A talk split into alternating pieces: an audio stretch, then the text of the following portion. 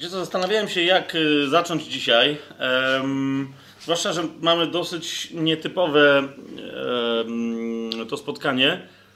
W takim sensie, że jak ostatnio już było dosyć nietypowe, mówię o pierwszej części, czyli prawda Słowa Bożego kontra e, kult maryjny w Kościele Rzymskim. E, tak dzisiaj po- powiedziałbym, że temat jest. O, oczywiście, że też będzie Słowo Boże, ale z pewnych względów, o których za chwilę, temat raczej przedstawiłbym prawda historyczna kontra e, kult maryjny w Kościele Rzymskim. E, Dlaczego tak jest? W jakim sensie prawda historyczna? Przecież wiemy, że to jest historyczny fakt, że o co mi chodzi. E, To o tym za chwilę. Natomiast e, już na wstępie muszę jedną rzecz powiedzieć, e, że to dzisiejsze spotkanie także ma na celu, wiecie, po, po ostatnim, jak żeśmy mówili, że tylko króciutko podsumuję, zwłaszcza dla tych, którzy nie, e, nie byli ostatnio, jeszcze nie widzieli nagrania, czy nie słyszeli nagrania e, z tamtego razu. Zasadniczo dotknęliśmy tylko trzech rzeczy.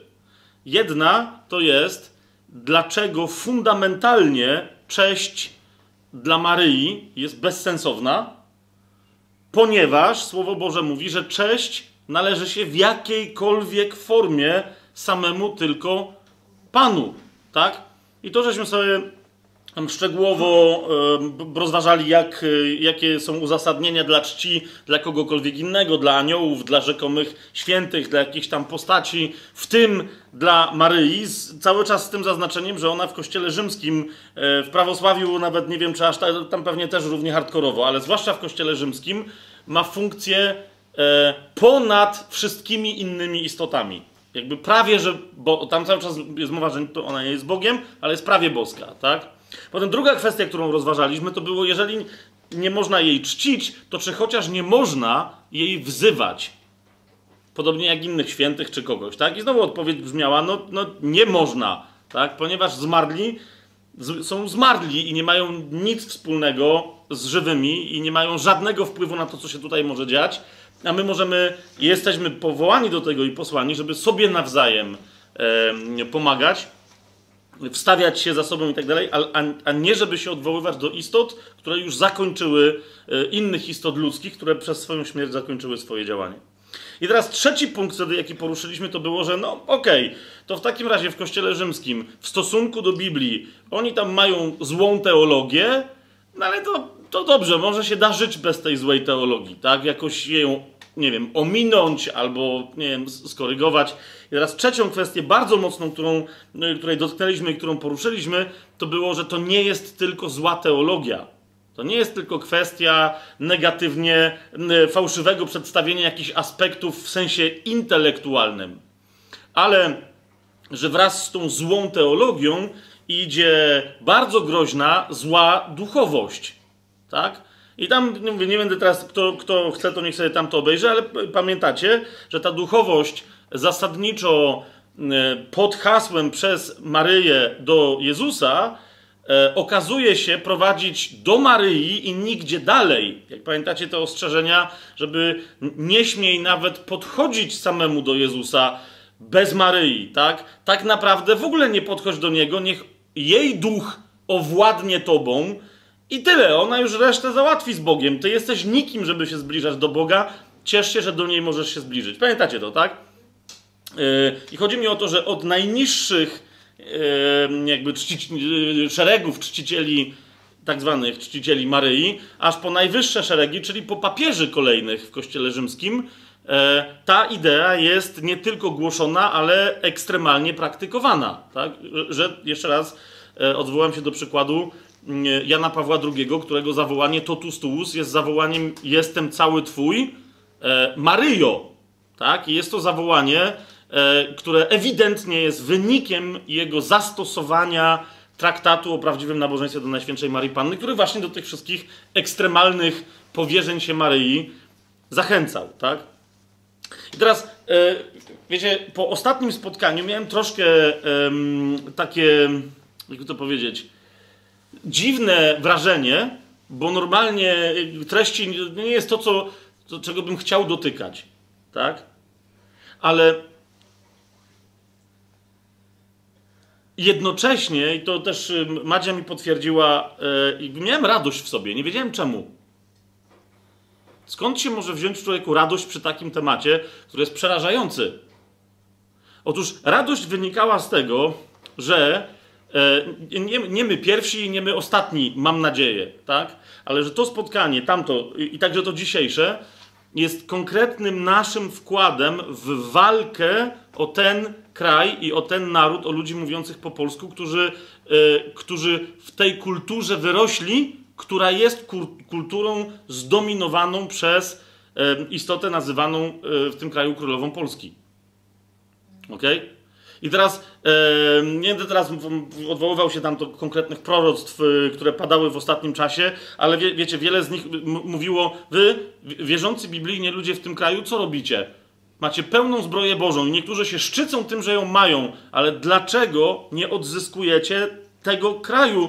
Dlaczego nie odzyskujecie serc? Dlaczego nie odzyskujecie dusz? Dlaczego nie prowadzicie ich do nowego narodzenia w tym kraju? Tylko cieszycie się, że macie swoje nowe narodzenie, stoicie z tarczami, z mieczami opuszczonymi i, i tyle. Tam, gdzie jesteście, tak? W Krakowie, w Częstochowie, w Trójmieście, na Mazurach i w Tatrach i tak dalej. Po prostu tam, tam gdzie jesteście, sól ziemi ma działać dla tej ziemi a wy jesteście solą ziemi, wy jesteście światłem tego świata, to Pan do nas mówi, więc macie świecić temu światłu. Światło jest nie po to, żeby je stawiać pod korcem, ale na wierzchu, żeby świeciło wszystkim.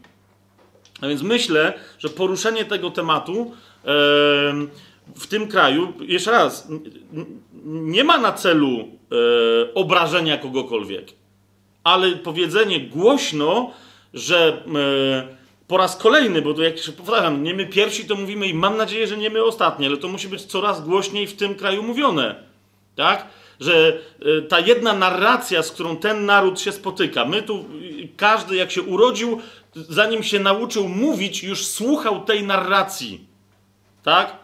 Że ten kraj jest poświęcony królowej Polski, która jest królową nieba i ziemi, i że myśmy ją ukoronowali, że my jej wszystko zawdzięczamy. Co prawda, bida wszędzie piszczała i, i, i dalej zmagania, starcia wewnętrzne w tym kraju, nie ma żadnego pokoju, nie ma jedności, ale cały czas słyszymy, że to dlatego, że my wciąż jakichś ślubów wobec królowej nieba nie wypełniamy, a Jeremiasz parę tysięcy lat temu ostrzegał innych, chcecie wypełniać śluby dla Królowej Nieba, to ok, ale pamiętajcie, że wreszcie skończy się to tym, że nikt nie będzie w stanie wypowiedzieć imienia Jachwę. Tak? A zatem w tej narracji czas, żeby ktoś powstał i powiedział dosyć. Istnieje inna narracja, narracja, która jest autentycznie chrześcijańska, narracja, która jest prawdziwie biblijna. A ta narracja jest, jest, jest pogańska, jest bałwochwalcza i nie sprowadza na ten kraj, na ten naród, ani na duszę żadnego błogosławieństwa. Sprowadza jedynie strach, poczucie winy, e, poczucie bezwartościowości oraz w niektórych ekstremalnych sytuacjach nawet swego rodzaju psychologiczny terror. Ponieważ nawet ci, którzy odkrywają prawdę słowa biblijnego, boją się czasem oddać swoje serce Jezusowi, powiedzieć na głos: Jezu, jesteś moim Panem, ponieważ boją się, że robią coś nie tak. Właśnie pytanie brzmi: wobec kogo? Nagle boją się Jezusa, do którego prowadzi ta rzekoma jego matka. Powtarzam, rzekoma po raz kolejny, ponieważ y, ostatnio już sobie to stwierdziliśmy, że Maryja i to, to, ta cała teoria i ta istota, która jest przedstawiona w kulcie maryjnym rzymskim, jest istotą w, naj, w najdelikatniejszej wersji wymyśloną tam i fikcyjną, a w gorszej wersji jest istotą czy ideą, za którą stoją konkretne działania y, duchowe i są to niestety, bardzo mi przykro to stwierdzić, działania demoniczne. Tak? I teraz chodzi mi o to, że także ze względu na te działania, tak? Także ze względu na te działania, e, dzisiaj to, to nasze spotkanie musi się odnieść do historii. Dlaczego? Ponieważ bardzo wiele osób w Kościele Rzymskim e, jest wychowywanych tak od małego. Ja pamiętam, że mając dobre wykształcenie jako jezuita e, na filozofii i na teologii katolickiej, ale rozumiecie, na jezuickich wydziałach, tak? wciąż pewnych rzeczy nie widziałem, aż dopóki na przykład przygotowując się do tego dzisiejszego spotkania, ostatnio rozmawiałem z innym e, moim byłym tak zwanym współbratem, byłym już jezuitą, ale y, porozmawialiśmy sobie, mówię mu człowieku, nigdy w życiu, jak żeśmy studiowali teologię, nie studiowałem tak dogłębnie historii tego, co się tam działo, bo mnie to w ogóle nie interesowało. Byliśmy szybko przepychani w poważniejsze, jak ktoś mówił, tereny teologiczne, tak? Tu to jest oczywiste. Bach, bach, bach, przechodzimy dalej, tak? E, a, ty, a, te, a teraz, patrząc na historię, nagle odkrywam, no nie, to nie jest wcale takie oczywiste, to nie jest takie proste, to, to nie układa się tak ładnie jak w mitologicznej historii E, Kościoła rzymskokatolickiego, w której nie tylko, że ludzie są wychowywani po kościołach, tak, e, powierzchownie, ale też wychowywani są księża na przykład w tym kraju, nie tylko w tym kraju, e, dowiadując się, jak ta historia wyglądała, tak? Pokrótce rzecz ujmując, mit Kościoła rzymskokatolickiego brzmi tak. Jeżeli się nie zgodzicie, to mi powiedzcie, tak? Że może są. Oczywiście, że są różne niuanse, ale zasadniczo ten mit brzmi tak. Najpierw jest wszystko to, co jest napisane w Biblii. Oczywiście nie wnikamy w to za bardzo, co jest napisane w Biblii, bo kto by tam czytał szczegółowo Biblię. Czyli, że przyszedł Pan Jezus, oczywiście najważniejsza w tym wszystkim jest Matka Boska, bo go urodziła, tak? Ona do końca była najważniejsza, bo ona również króluje w Apokalipsie jako królowa nieba i ziemi z, z gwiazdami nad sobą i tak dalej. To w ogóle nie jest postać e, Maryjna, ale to, to kiedyś już o tym mówiłem i jeszcze będziemy o tym mówić przy okazji Apokalipsy. Potem Pan Jezus e, umarł, zmartwychwstał, w niebo wstąpił, e, a apostołowie zasadniczo od razu byli biskupami. Wyznaczali diakonów, księży, odprawiali mszę świętą. E, i, I, nawet jeżeli nie za bardzo od razu wiedzieli, no, rozumiecie, e, Piotr poszedł do Rzymu, ponieważ e, niektórzy nawet uważają, że Jezus zrobił go, Pan Jezus zrobił go papieżem, Podczas gdy no, znam paru, którzy na teologii katolickiej się wyłożyli na tym prostym pytaniu, kto był pierwszym papieżem. Papieżem nie był Piotr, ale pierwszy następca Piotra. Tak? No niemniej, niektórzy żyją w takim złudzeniu, że nawet w kościele rzymskokatolickim, że Piotr był pierwszym papieżem, poszedł do Rzymu, z którego pamiętacie, chciał uciec, ale tu pomaga nam Pismo Święte, e, księga Henryka Sienkiewicza. Yy no tak. Nie, powiedzcie mi, że nie ma niektórych ludzi w Polsce, którzy nie wierzą, nawet nie wiedzą, że to pochodzi z Quo Vadis, tak? W Quo Vadis yy, stary mit, którego to jest po prostu jakaś tam wymyślona historia, że Piotr uciekał z Rzymu i wtedy zobaczył Jezusa, który szedł do Rzymu, tak? I on go y, zapytał Quo Vadis Domine, czyli gdzie idziesz, panie? A on mówi, że no ja idę do Rzymu, bo jak ty tam nie chcesz umrzeć, to ja muszę znowu umrzeć za ciebie. I Piotr mówi, to ja jednak tam wrócę. Okay? No i wrócił i tak dalej, i tak dalej. Teraz chodzi o to, że od samego początku no, yy, z tego, ja już dawno Quo Vadis nie czytałem, bo to trochę nie mogłem, ale pamiętam, że w Quo Vadis między innymi macie opis mszy odprawianej bodaj przez samego yy, świętego Piotra. Tak? Takiej normalnej katolickiej, w zasadzie trydenckiej mszy, że oni tam tak trochę uproszczonej, bo to były jeszcze takie pierwotne czasy, ale zasadniczo, wiecie, tak? Normalna msza święta rzymskokatolicka. Więc i niektórzy potem mówią, no i potem, i potem, no od początku tak wyglądał Kościół, jak dzisiaj wygląda rzymskokatolicki. Taka jest myśl. Co prawda, co i róż powstawali heretycy, i ci heretycy mówili straszne rzeczy, i wtedy Kościół musiał, chociaż cały Kościół rzymskokatolicki to było prawdziwe chrześcijaństwo, ale wobec tych heretyków musiał ustalać B. Musiał ustalać, świnie jesteście i chamy bezczelne i przypominać im, że jak wierzy naprawdę Kościół. Tak? I tak to trwa aż do dzisiaj, włącznie z tym, że niektóre dogmaty Kościoła e, rzymskokatolickiego, na przykład w niebowzięciu Najświętszej Marii Panny, Kościół jakiś heretyków upomniał w XX wieku. Nie, nie, pamiętam, którzy heretycy wystąpili z twierdzeniem, że Matka Boska nie była w niebo wzięta w kościele rzymskokatolickim. Tam nie takie rzeczy się głosiło przed Soborem Watykańskim II, tak? Ale chodzi mi o to, że cały czas jest taka narracja właśnie, że Kościół katolicki ustanawia, rzymskokatolicki ustanawia sobie dogmaty, ponieważ zawsze cały lud święty w nie wierzy, tylko heretycy przeszkadzają i trzeba przypomnieć im, jak brzmi prawowierna wiara, tak? I teraz sęk w tym, że cała ta opowieść, którą teraz wam przedstawiłem, to jest czysta mitologia, to jest kompletna nieprawda. Okay? Kościół rzymskokatolicki w takiej formie, jak istnieje dzisiaj, istnieje zaledwie od jakiegoś tysiąca lat. Tak? Niektórzy mówią, zaraz czekaj, kiedy był Konstantyn? Pamiętajcie, że w okolicach tysięcznego roku rozszedł się Kościół Zachodni z Kościołem Wschodnim, które jeszcze wtedy cały czas się kłóciły, ale wyglądały w miarę. Szef Wschodu, czyli dzisiejszych tak zwanych kościołów prawosławnych, obrzucił anatemami i ekskomunikował papieża rzymskiego i cały jego kościół.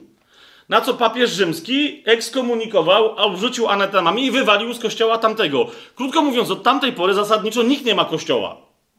O ile się nie opowiesz po którejś ze stron. Rozumiecie o co mi chodzi? Tak? Ten kościół, który się tak pokłócił i tak się zbluzgał nawzajem, do paręnaście czy tam parędziesiąt lat temu się dopiero, nie za Jana Pawła II się dopiero tam wstępnie pogodzili, tak? Ten kościół funkcjonował w takiej formie aż do tego pokłócenia się od czasów nie Konstantyna, ale de facto Teodozjusza i o tym jeszcze powiem. Ale my tu mówimy, yy, kapujecie, o końcu IV wieku naszej ery, tak?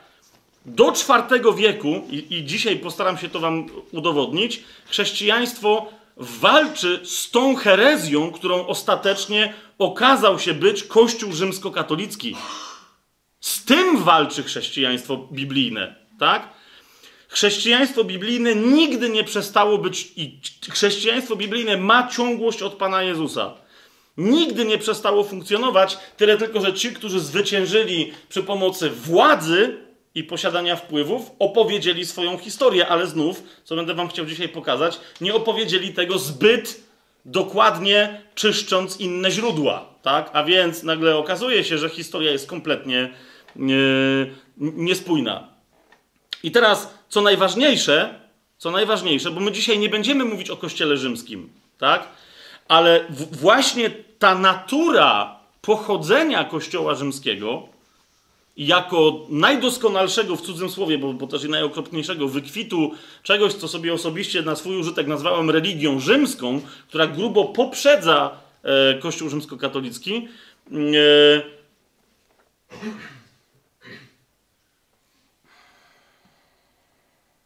jakby to powiedzieć? Nie, nie, bo chciałem. Za, za, za, bardzo się rozpędziłem. E, tego, tego na razie nie powiem. Więc być może kiedyś będę miał siłę, żeby o, tej historii Kościoła, tak, tak jak ja ją teraz widzę po, po, studiach teologicznych swoich, ale potem po niezależnych studiach, że tak powiem, swoich, tak? Ze względu na, na dostrzeżenie, że to, co mówi Biblia, się kompletnie nie zgadza z wieloma rzeczami w Kościele Rzymskim, tak? Ehm... Dzisiaj nie będziemy o tym mówić tylko o tyle, o ile jest to istotne, żeby pokazać, że powstanie tego kościoła de facto najważniejszym jego celem i nurtem było udoskonalenie czegoś, co wydawało się być w starożytności już doskonałe, i to wam dzisiaj pokażę, czyli kultu, e, kultu Wielkiej Macierzy. Po prostu, tak? E, którym de facto coraz bardziej okazuje się być kult E, tak zwanej Matki Boskiej, czyli Maryi w Kościele e, katolickim. Ponieważ właśnie bardzo często w naszych rozmowach e, z, z rzymskimi katolikami, tak, pada ten, ten temat, że a, Biblia, wy macie swoją Biblię, poza tym Biblia, no właśnie, tam wychodzi cały czas niewiara w Biblię, jeżeli wiecie o co mi chodzi. Natomiast pada argument, E, co tam Biblia? Historia potwierdza, że mamy rację, mamy ciągłość, mamy coś tam, coś tam. Tak? Dlatego dzisiaj chciałbym się skupić na historii, żeby wam pokazać, e, i, i, będzie bardzo dużo dokumentów, znowu, ale już nie tylko kościelnych, tylko różnych dokumentów, które mają pokazać, że no nie, historia musiała wyglądać inaczej niż to oficjalnie Kościół Rzymski e, chciałby, żeby było widziane. Ale teraz, ponieważ okay, to jest kolejny krok e, w, w, po, po prostu, tak, w ogóle krok w stronę odzyskiwania ludzi i mam nadzieję, niezależnie od tego, że będziemy dużo o historii mówić, że to będzie krok e, duchowy, to chciałbym Was na początku zaprosić do modlitwy mm, e, na bazie listu Judy. E, list Judy, jak wiecie, jest krótki, więc nie, nie podam Wam żadnego rozdziału, tylko po prostu list Judy, e, werset czwarty. W wersecie czwartym swojego listu apostoł ten pisze tak. Wkradli się pomiędzy was jacyś ludzie, na których od dawna wypisany został wyrok potępienia. Bezbożni, którzy łaskę Boga naszego obracają w rozpustę i zapierają się naszego jedynego władcy i Pana, Jezusa Chrystusa. Chciałbym, żebyśmy dzisiaj dla odmiany e, pomodlili się krótko, ale jednak konkretnie, nie do Ojca, ale, e, ale wyznając jedynowładztwo Pana Jezusa Chrystusa. W nas, w tym zgromadzeniu, we wszystkich, którzy słuchają tego nagrania, w całym tym kraju. Tak? Nie musimy jakichś specjalnych łamań, jakichś wpływów duchowych, po prostu. My jesteśmy światłością świata, my jesteśmy światłością tego kraju. Jezus Chrystus jest jedynym Panem, jedynym Zbawcą, Królem Królów i Panem Panów. Nie ma żadnej, żadnego innego króla, żadnej innej królowej, ani na niebie, ani na ziemi, nigdzie. Więc chciałbym, żebyśmy to e, wyznali, aby od początku to, co dzisiaj robimy, e, było gromieniem i rozrywaniem tej władzy duchowej, która została zarzucona na ten kraj i na ten naród. O, która jest, wiecie, to nie jest, to, to, jest jak pajęczyna rzucone na Polskę, ale chodzi mi o to, że jeżeli, y, do, dopóki ludzie w tym kraju wierzą, że to są łańcuchy, to mogą się nie podnieść z kolan. Okay? Jak zobaczą, i o to mi chodzi, że to są tylko i wyłącznie śmieci, że, że, to, jest, że, to, jest, że to jest po prostu jak, jak łańcuch z choinki bożonarodzeniowej, papierowy, to, to, to wtedy będą w stanie zerwać te, te więzy, powstać, a mogą to zrobić tylko i wyłącznie w mocy Królestwa Bożego, w mocy imienia Jezus. Więc to teraz yy, zróbmy. Jezu wraz z moimi siostrami i braćmi wyznaję Twoje panowanie. Ogłaszam w mocy Ducha Świętego i na chwałę Ojca, że tylko Ty jesteś Panem, tylko Ty jesteś Zbawicielem, tylko Ty jesteś Królem Królów, Ty wcielone Słowo Boże, tylko Ty jesteś Panem Panów i nie ma innego. Ty jesteś jedyny, Ty władasz wszystkim, na dźwięk Twojego imienia musi się zgiąć wszelkie kolano istot niebieskich, ziemskich i podziemnych i wszelki język musi wyznać, że Ty, Jezus Chrystus, jesteś Panem ku chwale Boga Ojca. Panie Jezu, to dzisiaj, to dzisiaj wyznajemy, wyznajemy w naszych sercach, wyznajemy w kościele, który jest Twoim ciałem, wyznajemy tutaj w Krakowie, wyznajemy w tym kraju, w Polsce i w tym narodzie. Nie ma żadnego innego władztwa, ponieważ nikt nie ma prawa od czasu, kiedy ty na krzyżu na Golgocie krzyknąłeś, wykonało się, nikt nie ma prawa do rządzenia tymi, którym się należy odkupienie, bo ty umarłeś za wszystkich ludzi na całym świecie. Nawet jeżeli ktoś jeszcze w tym kraju, a jest mnóstwo takich ludzi, nie przyjął zbawienia od ciebie, Panie Jezu, to wciąż ty za niego także umarłeś a więc nad tymi wszystkimi ludźmi Twoje władztwo, Twoje panowanie ogłaszamy i moc Twojego królestwa rozlewającą się. Amen. I teraz, wobec tego wszystkiego, co powiedziałem, potrzebujemy sobie przedstawić trzy rzeczy. Po pierwsze, jak wyglądała, w jakim kontekście wzrastało chrześcijaństwo, żeby zobaczyć, jak wyglądała historia później Kościoła chrześcijańskiego i skąd się wziął Kościół rzymskokatolicki, i skąd w ogóle w tym wszystkim wziął, wziął się kult Maryi, tak? Jakim cudem? Może że to nie był żaden cud, ale no, no właśnie.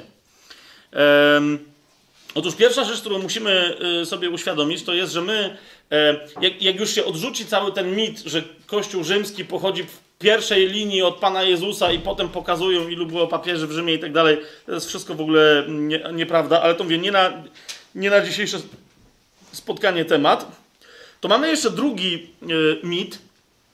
Niektórzy czytając Pismo Święte też myślą, e, że on jest tam potwierdzony. Otwórzcie sobie dzieje apostolskie, 18 rozdział.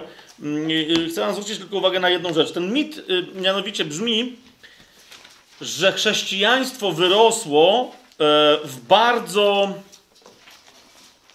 świeckiej kulturze rozpasania seksualnego, e, wolności e, religijnej, e, kompletnej. E, zobaczcie, dzieje apostolskie, 18 rozdział, 12 werset. E, tam mniejsza o to w każdym razie, jak Paweł był w Koryncie, Żydzi się, jak w wielu innych miejscach, zgadali przeciwko niemu i zaprowadzili go do Galiona, który był prokonsulem y, Achai, czyli Grecji. No i tam go zaczęli oskarżać. A gdy Galion był prokonsulem Achai, powstali jednomyślnie Żydzi przeciwko Pawłowi i stawili go przed sądem, mówiąc: Człowiek ten namawia ludzi, aby oddawali cześć Bogu niezgodnie z zakonem. Gdy Paweł miał już usta otworzyć, w sensie, żeby się obronić, rzekł Galion do Żydów: Gdyby chodziło o jakieś bezprawie albo niegodziwy czyn, ująłbym się, rzecz zrozumiała, za wami Żydzi. Ciekawe, że Biblia Tysiąclecia tłumaczy w tym miejscu: Zająłbym się wami Żydzi jak należy. Brzmi to troszeczkę inaczej, ale niezależnie od tego, e, co tu jest, zostawmy to na razie. Bo Galion kontynuował: Skoro jednak spór dotyczy słów, nazw i waszego własnego zakonu, sami się tym zajmujcie. Ja nie chcę być sędzią w tych sprawach i przepędził ich z sądu. Wtedy inni, pochwyciwszy Sostena, przełożonego synagogi, bili go przed krzesłem sędziowskim, ale Galion wcale na to nie zważał. Niektórzy, między innymi powołując się na ten fragment, mówią, że Rzymian w ogóle nie interesowała religia. O ile ktoś nie łamał prawa państwowego, to, to, to ich nie interesowało. Teraz powiem rzecz, która Was może zdziwić, ale jest bardzo fundamentalna dla zrozumienia historii, także tej. Otóż e, kluczem do zrozumienia tego fragmentu, kluczem do zrozumienia Cesarstwa Rzymskiego jest zrozumienie, że było to najbardziej religijne państwo, jakie istniało kiedykolwiek.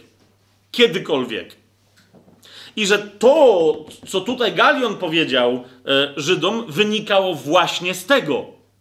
Tyle tylko, że rozumienie religii w Rzymie było nieco inne niż dzisiaj się pojmuje religię uduchowioną. Tak? E, Cyceron e, w swoim dziele o naturze bogów w drugim tomie 3.8 pisze w ten sposób.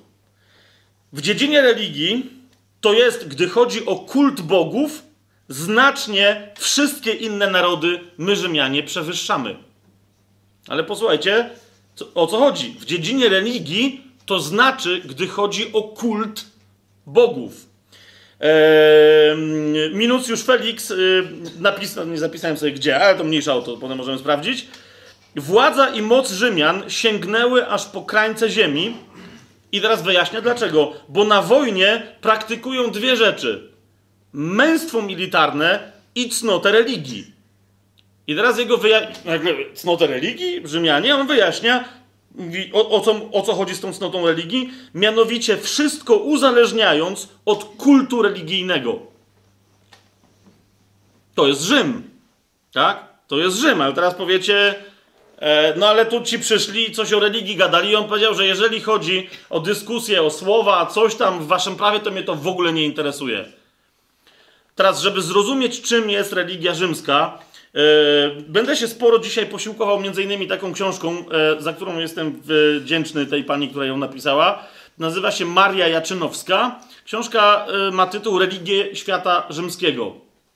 W ogóle świat rzymski, gdy chodzi o jego religijność, jest słabo opracowany, a tu mamy dzieło w dodatku napisane po polsku, wydane już w 1987 roku przez Państwowe Wydawnictwo Naukowe. Świetna rzecz. Nie wiem, czy to był czyjś doktorat, czy może nawet habilitacja. Świetna rzecz. Zwłaszcza, że... Zwłaszcza... Słucham? Okej, okay, no nie jest istotna informacja teraz, ale tak. Um, zwłaszcza, że y, mówi ta książka o czterech wiekach, które nas najbardziej interesują. Tak? Mianowicie od II wieku zasadniczo przed narodzeniem Chrystusa do II wieku po narodzeniu Chrystusa, jak wyglądała religia rzymska. I teraz, e, o co mi idzie? E, jasne, e, że ja mam pewną tezę i nie będę tego ukrywał, ale teza ta wynika dziś już z tego, czego się dowiedziałem, zgłębiając jeszcze kiedyś na, na studiach teologicznych, ale też i ostatnio cały czas zgłębiając historię, gdzie byli prawdziwi chrześcijanie, skąd się wzięły jakie kościoły i o co w ogóle biega. Tak?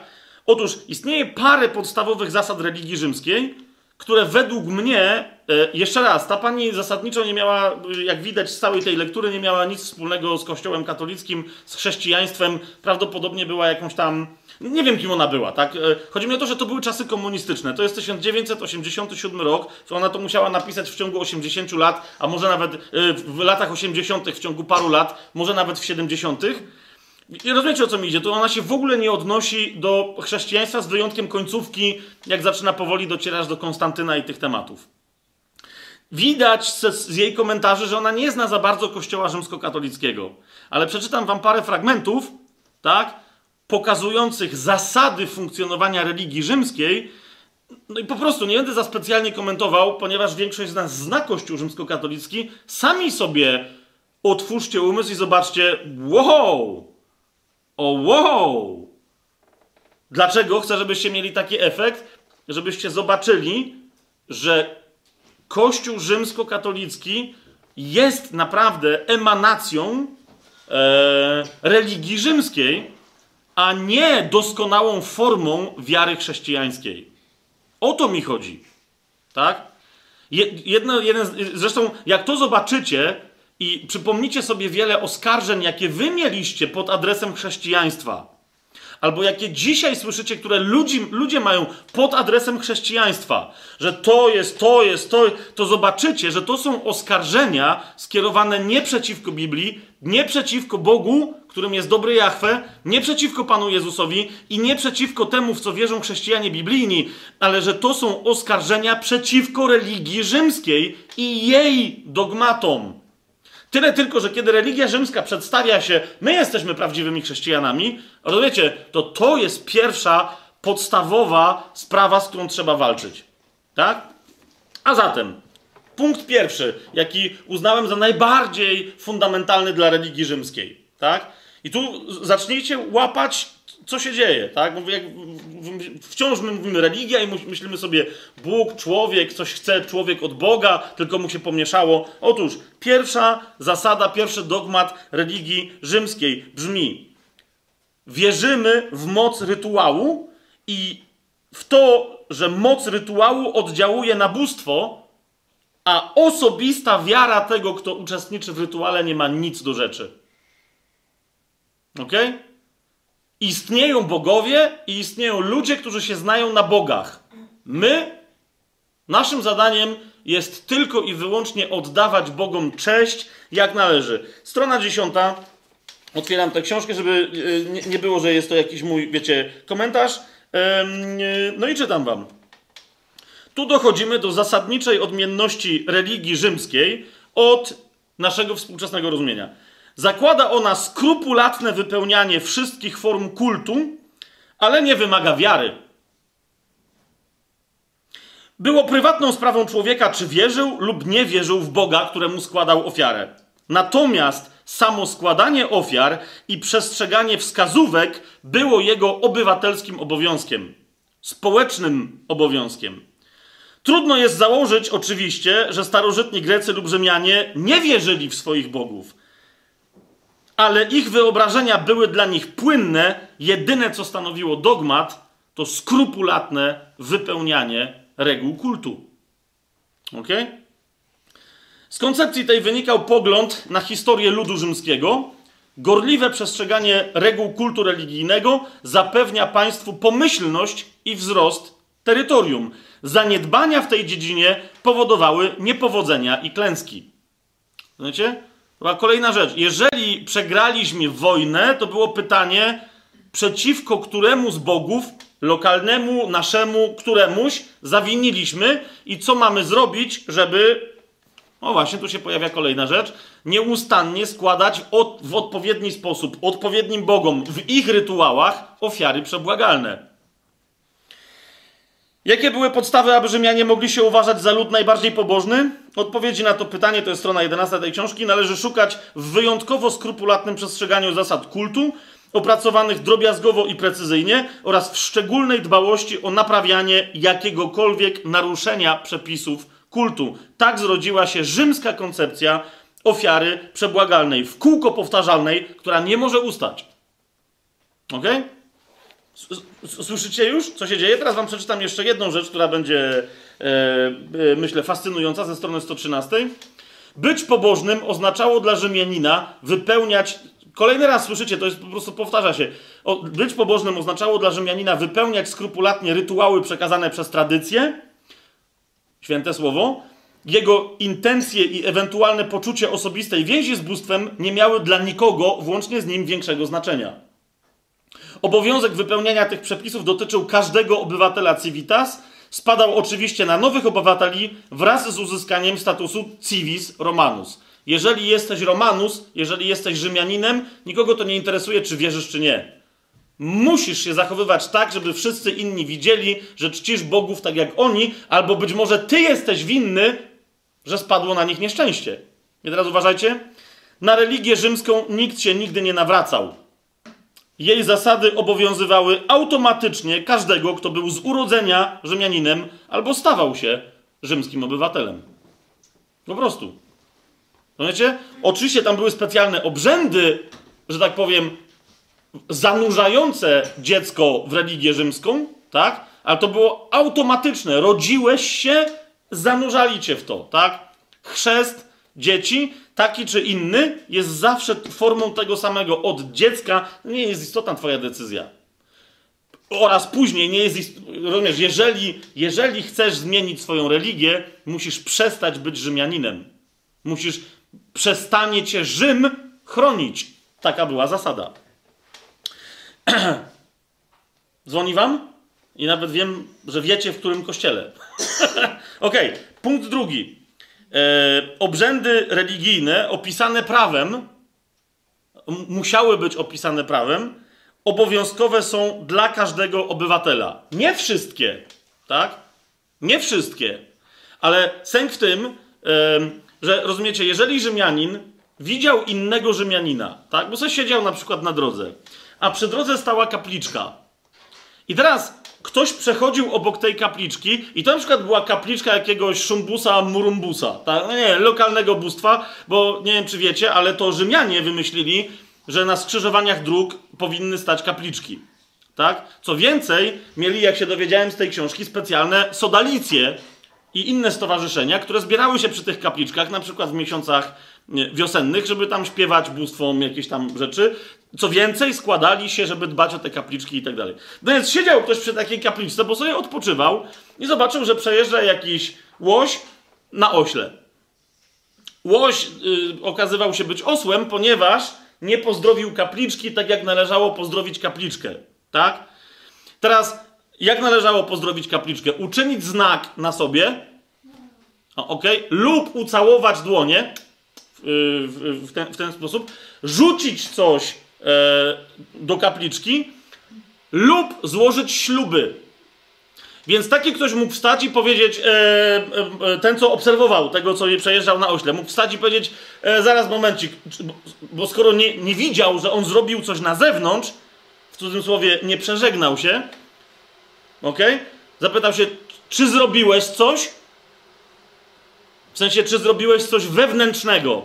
I ten lepiej, żeby odpowiedział typu tak, obiecałem Szumburowi Mumburowi, którego tutaj minąłem, że jak tylko dojadę do najbliższego miasta, to na jego cześć najbliższemu spotkanemu żebrakowi dam mały pieniążek, tak?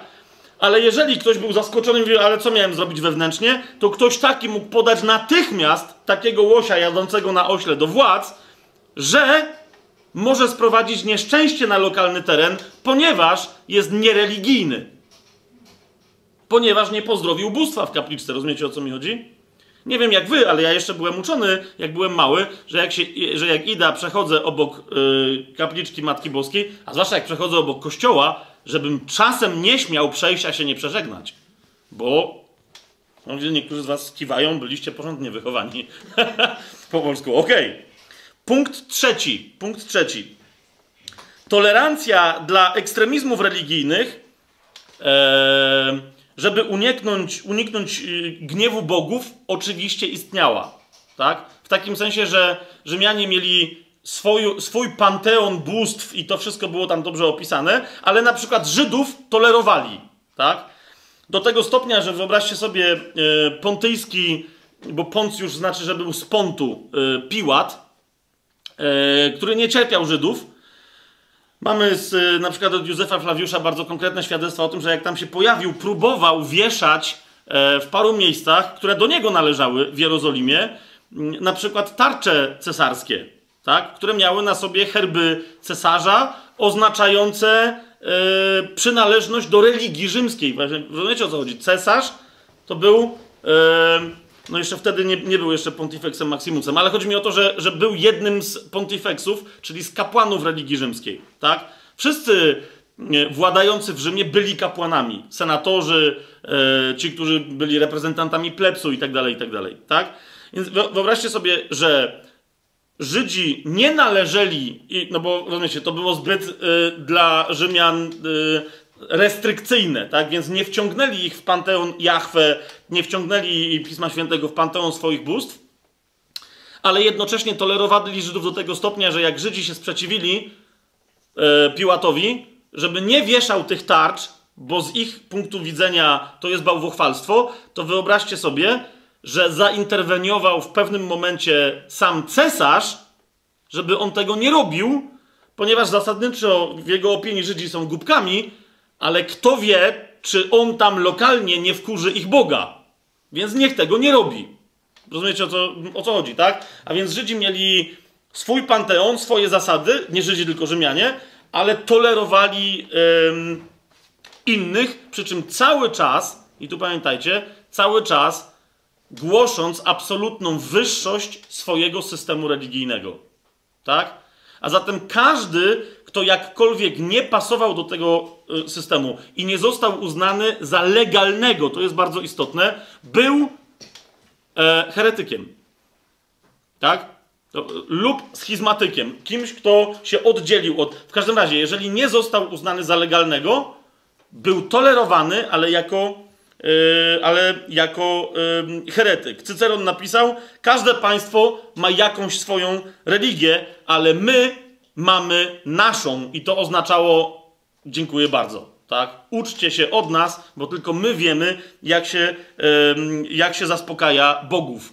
I teraz widzicie, dlatego właśnie Paweł w ogóle mógł y, pojechać do, święty Paweł, mówi apostoł, tak? Mógł pojechać do Rzymu i głosić, ponieważ do tego się odwołał. Tak? Jeżeli ktoś był heretykiem, nie wyznawał religii rzymskiej, to był tylko poddanym w Rzymie, ale niższej kategorii, tak jak na przykład Żydzi. Tak? Ale jak sobie otworzycie dzieje apostolskie, yy, 22 rozdział, to zobaczycie e, Pawła, który, który jest Żydem, ale nagle zaczyna korzystać ze swojego obywatelstwa rzymskiego. Tak? I w momencie, kiedy się odbywa właśnie jakaś debata religijna i Rzymianie chcą go zostawić na pastwę Żydom, to nagle zobaczcie sobie 22 rozdział um, Dziejów Apostolskich, 22 werset. Żydzi zaczęli krzyczeć na temat yy, Pawła, słuchali go aż do tego słowa, on do nich po hebrajsku w ogóle przemawiał, więc z początku byli, wiecie, a potem mówią, okej, okay, to jednak jest chrześcijanin. Yy, zaczęli krzyczeć, mówiąc, zgładź z ziemi tego człowieka, nie godzi się bowiem, żeby taki żył. No i jak wiecie wcześniej, jak przycisnęli Piłata, to Piłat, pamiętacie, umył ręce właśnie, żeby było nie wiem od jakiego Boga jest ten człowiek, ale ja umywam ręce, żeby na mnie to nie spadło. Zwłaszcza, że jego żona miała sen, jeżeli pamiętacie żona Piłata, i mówi: Ten człowiek jest od jakiegoś Boga. Nie, daj spokój, nie, rób mu nic.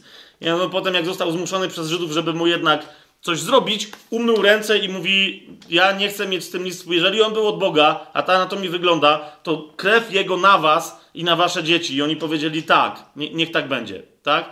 Natomiast więc Paweł, wiedząc, że się może tak tu skończyć, co robi? Zobaczcie 25 werset. A gdy go skrępowano rzemieniami, rzekł Paweł do setnika stojącego obok: Czy wolno wam biczować obywatela rzymskiego i to bez wyroku sądowego? Bo do tej pory się nie przyznawał. Rozumiecie? Ale jak widział, że to się źle skończy, no to wtedy nagle, gdy setnik to usłyszał, przystąpił do dowódcy, aby mu o tym donieść i powiedział, co chcesz zrobić. Człowiek ten jest przecież obywatelem rzymskim. Aha. To nie możemy się poddać. Jezus był sądzony jako król żydowski, tak? No wiecie, to była prosta sprawa.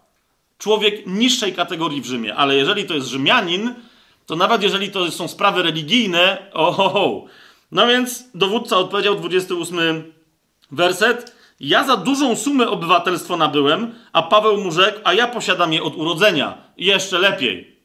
Rozumiecie o co chodzi? A więc okej, okay, czemu jesteś taki głupi, że wyznajesz żydostwo, będąc obywatelem rzymskim, ale masz swoje prawa? 29 werset. Zaraz też odstąpili od niego ci, którzy go mieli przesłuchać, czyli po prostu pobić, takie to miało tam być przesłuchanie. A dowódca, gdy się dowiedział, że jest obywatelem rzymskim, przeląkł się i kazał go związać, ale nic mu nie zrobili, tak? Potem Paweł cały czas odwołuje się do, do mówi, ja jestem obywatelem rzymskim. Jak nie rozumiecie, co ja głoszę, do końca dziejów apostolskich, tak? Kolejni go przesłuchują, coraz wyżsi urzędnicy y, rzymscy, a on mówi, ja jestem, jak nie rozumiecie o co chodzi, to ja się odwołuję do cesarza. I musieli to ze względów e, funkcjonującej w prawie rzymskim religijności, musieli to respektować. Po prostu, tak? Niemniej, co jest istotne, dopóki Paweł się odwoływał, to jest bardzo interesujące, do, na, powoływał na swoje żydowskie obywatelstwo, e, rzymskie obywatelstwo, wszystko grało. No ale ktoś powie, dobra, no ale w końcu w Rzymie zginął. No bo w końcu w Rzymie musiało się okazać, że jest obywatelem rzymskim, ale reprezentuje coś, co Rzymianie w pewnym momencie nazwali superstitio no, novum et maleficorum. Nie, nie pamiętam. Każdym, moja łacina teraz wyszła. W każdym razie przesąd nowy i bardzo złośliwy. Tak? Tym przesądem było chrześcijaństwo, nazywane w Rzymie ateizmem. Ok? Okazało się, że Paweł, podobnie jak ty, siostro, podobnie jak ty, bracie, podobnie jak ja, okazało się, że yy, Paweł y, jest ateistą. E, słuchajcie, otwieram tu zupełnie na razie niechrześcijańskie źródła, tak? Yy, kompletnie niechrześcijańskie źródło 14, mianowicie opis jednego Rzymianina, jak rozumie, że chrześcijanie, ma znajomego chrześcijanina, Emiliana, i, i jak on go oskarża o jego ateizm. To jest Apulejusz, pisze to w Apologii. I pisze o nim tak. On, tu by należało dodać ten ateista, nigdy w życiu nie modlił się do żadnych naszych bogów i nie bywał w żadnej świątyni. Kiedy przechodzi obok jakiegoś świętego miejsca, nie dotyka rękami warg na znak czci, bo uważa to za grzech. Nawet bogom pól, którzy go karmią i ubierają, nie ofiarowuje nigdy pierwocin ani ze żniw, ani z winnicy, ani ze stada. W posiadłości jego nie ma żadnej świątynki, ani żadnego miejsca poświęconego, ani nawet aszery. Więc, no, musi być ateistą. Co on czci? Otóż, kochani, ja już kiedyś o tym mówiłem przy, przy innych okazjach. Niemniej, sami widzicie, tak? Nikogo w Rzymie nie interesowało, czy ten ktoś znał Boga. Ich tylko interesowało, żeby był religijny, funkcjonując na zewnątrz jako osoba, jako osoba religijna. I teraz tu jest bardzo istotne to, żeby podkreślić. Pierwsze, mamy świadectwo od samych Rzymian, że chrześcijanie byli ludźmi, którzy nigdy nie mieli wspólnego, nic wspólnego po pierwsze, z jakimkolwiek wielobóstwem.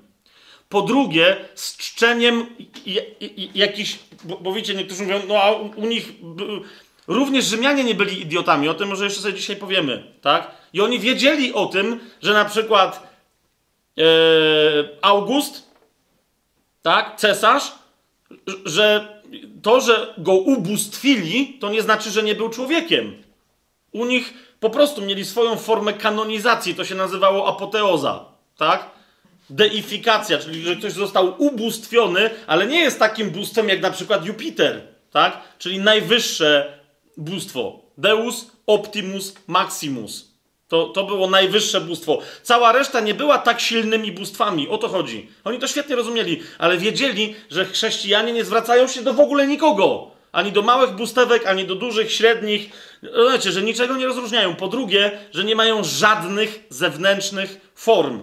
Tak? kiedyś przy innej okazji to cytowałem, ale myślę, że warto to podkreślić. Mamy z II wieku fantastyczne świadectwo anonimowego chrześcijanina piszącego do e, właśnie wyznawcy religii rzymskiej, do Diogneta.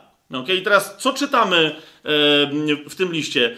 Zero obrazów, zero jakiejkolwiek idolatrii, zero, co jest najważniejsze, religii pod jakąkolwiek postacią, zero obchodzenia świętych dni, zero obchodzenia świętych czasów, zero stosowania jakiejś specjalnej diety, która się Bogu podoba. Zero, zero, zero jakiejkolwiek religii.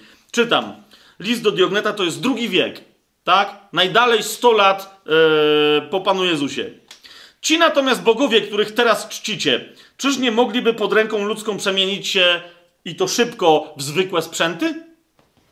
Czyż nie są oni wszyscy głusi, ślepi, pozbawieni życia, czucia i możliwości ruchu? Czyż wszyscy nie gniją i nie niszczeją? Oto co nazywacie bogami i czemu służycie, oto czemu cześć oddajecie. I dlatego nienawidzicie chrześcijan, że takich bogów jak wy nie uznają. Żeby tego było mało, odnosi się do tych, którzy byli dziwni, bo też nie mieli takich bogów, czyli do Żydów. I mówi tak.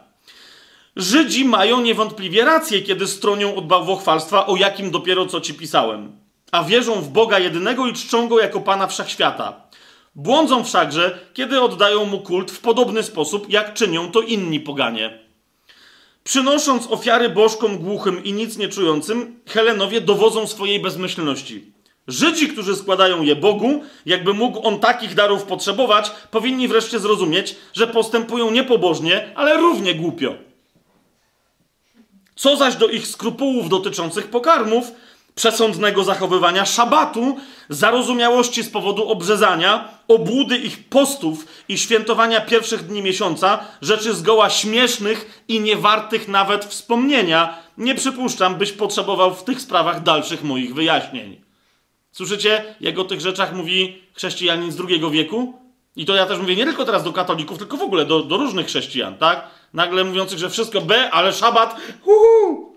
Jeszcze raz, rzeczy zgoła śmiesznych i niewartych nawet wspomnienia, mówi chrześcijanin z II wieku. Czyż bowiem spośród tego, co Bóg stworzył na użytek człowieka, godzi się wybierać jedno jako dobre, dobrze stworzone, inne zaś odrzucać jako niepotrzebne i zbyteczne? Czyż nie jest bezbożnością spotwarzać Boga, twierdząc fałszywie, że nie pozwala on czynić dobrze w dzień szabatu? Rozumiecie, jaki był prosty argument chrześcijański, tak? Czyż nie jest śmieszne chlubić się okaleczeniem ciała, tu chodziło o obrzezanie, jakby to był jakiś znak wybrania, który sprawia, że niektórzy są szczególnie mili Bogu?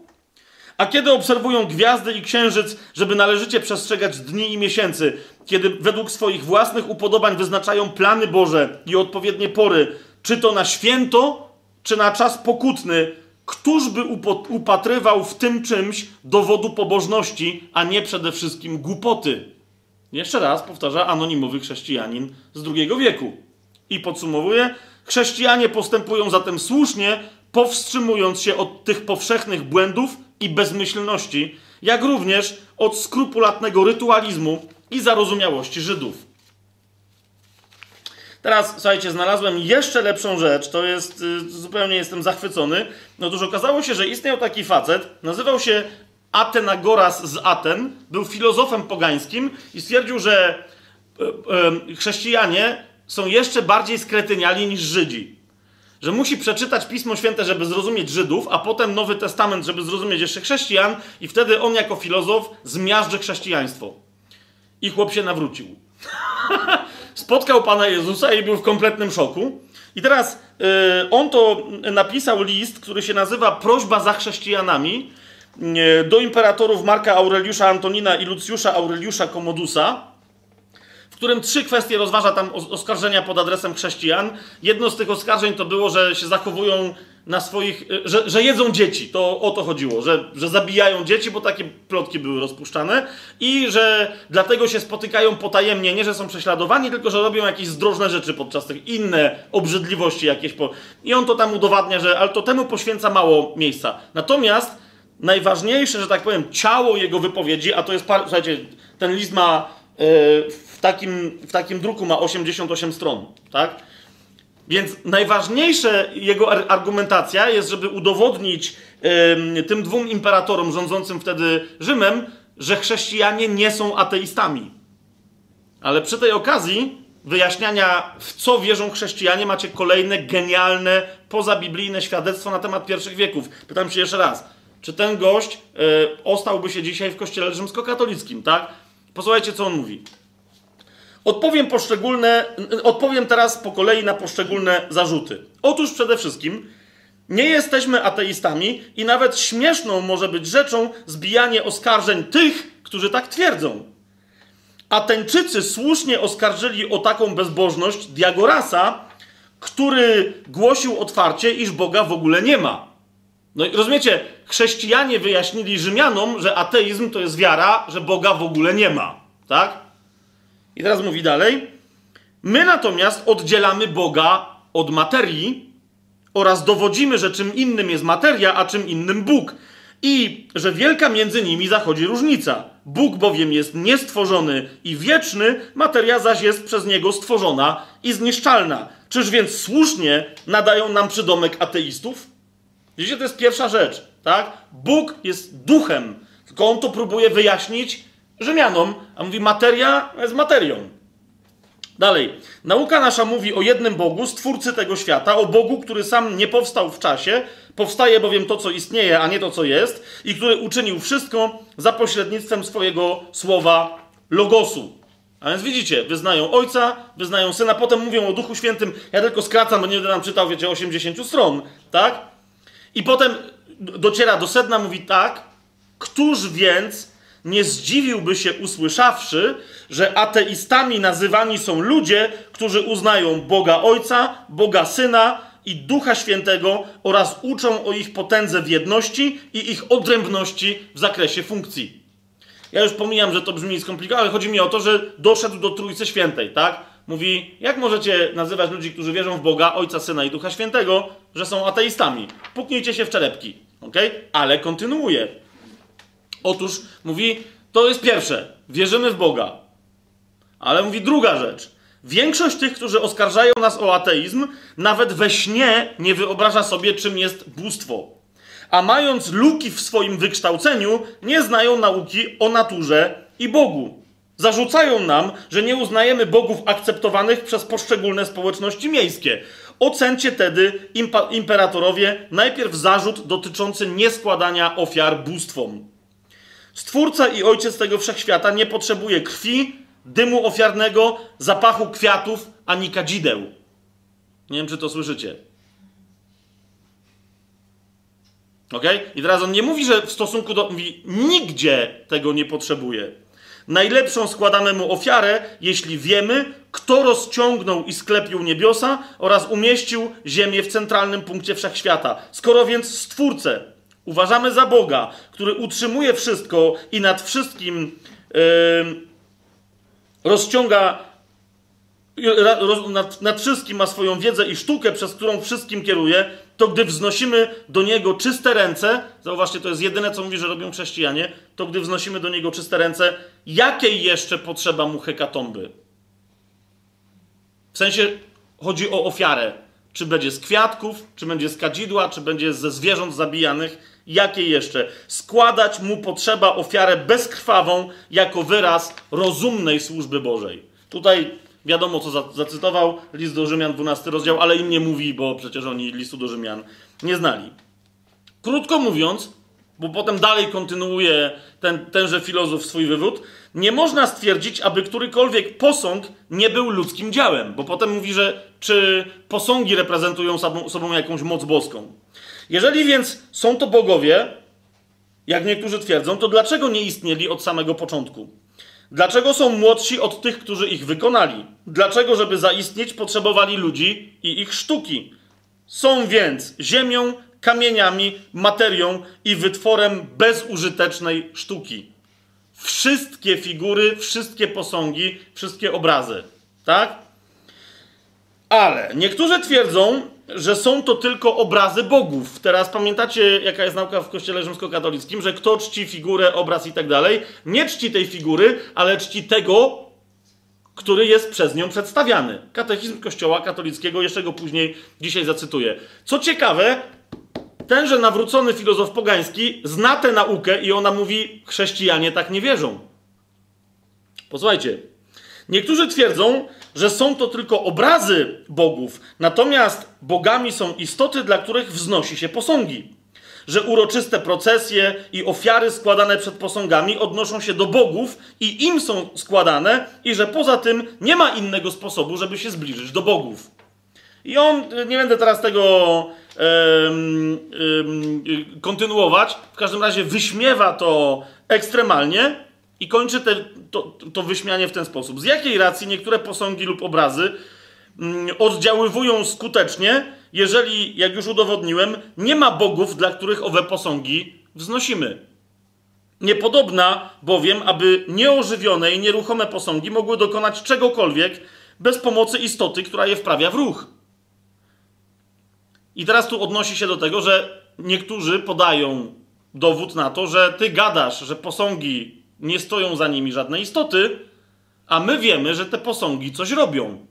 Jedne płaczą krwią, inne się pocą balsamem, itd., itd., itd., tak? I teraz uwaga, na to również pierwsi chrześcijanie mieli jasną odpowiedź. Czytam, co mówili chrześcijanin z tamtego czasu. Nawet i my nie przeczymy, że w pewnych miejscach, w pewnych miastach i wśród niektórych ludzi dochodzi do jakichś skutecznych oddziaływań za sprawą posągów. What? Skoro jednak niektórzy ludzie, czytam dalej, skoro jednak niektórzy ludzie utrzymują od nich, otrzymują od nich wsparcie, a inni doznają ale cierpień, to nadal nie możemy uważać za bogów istot, które działają w tych obydwu kierunkach.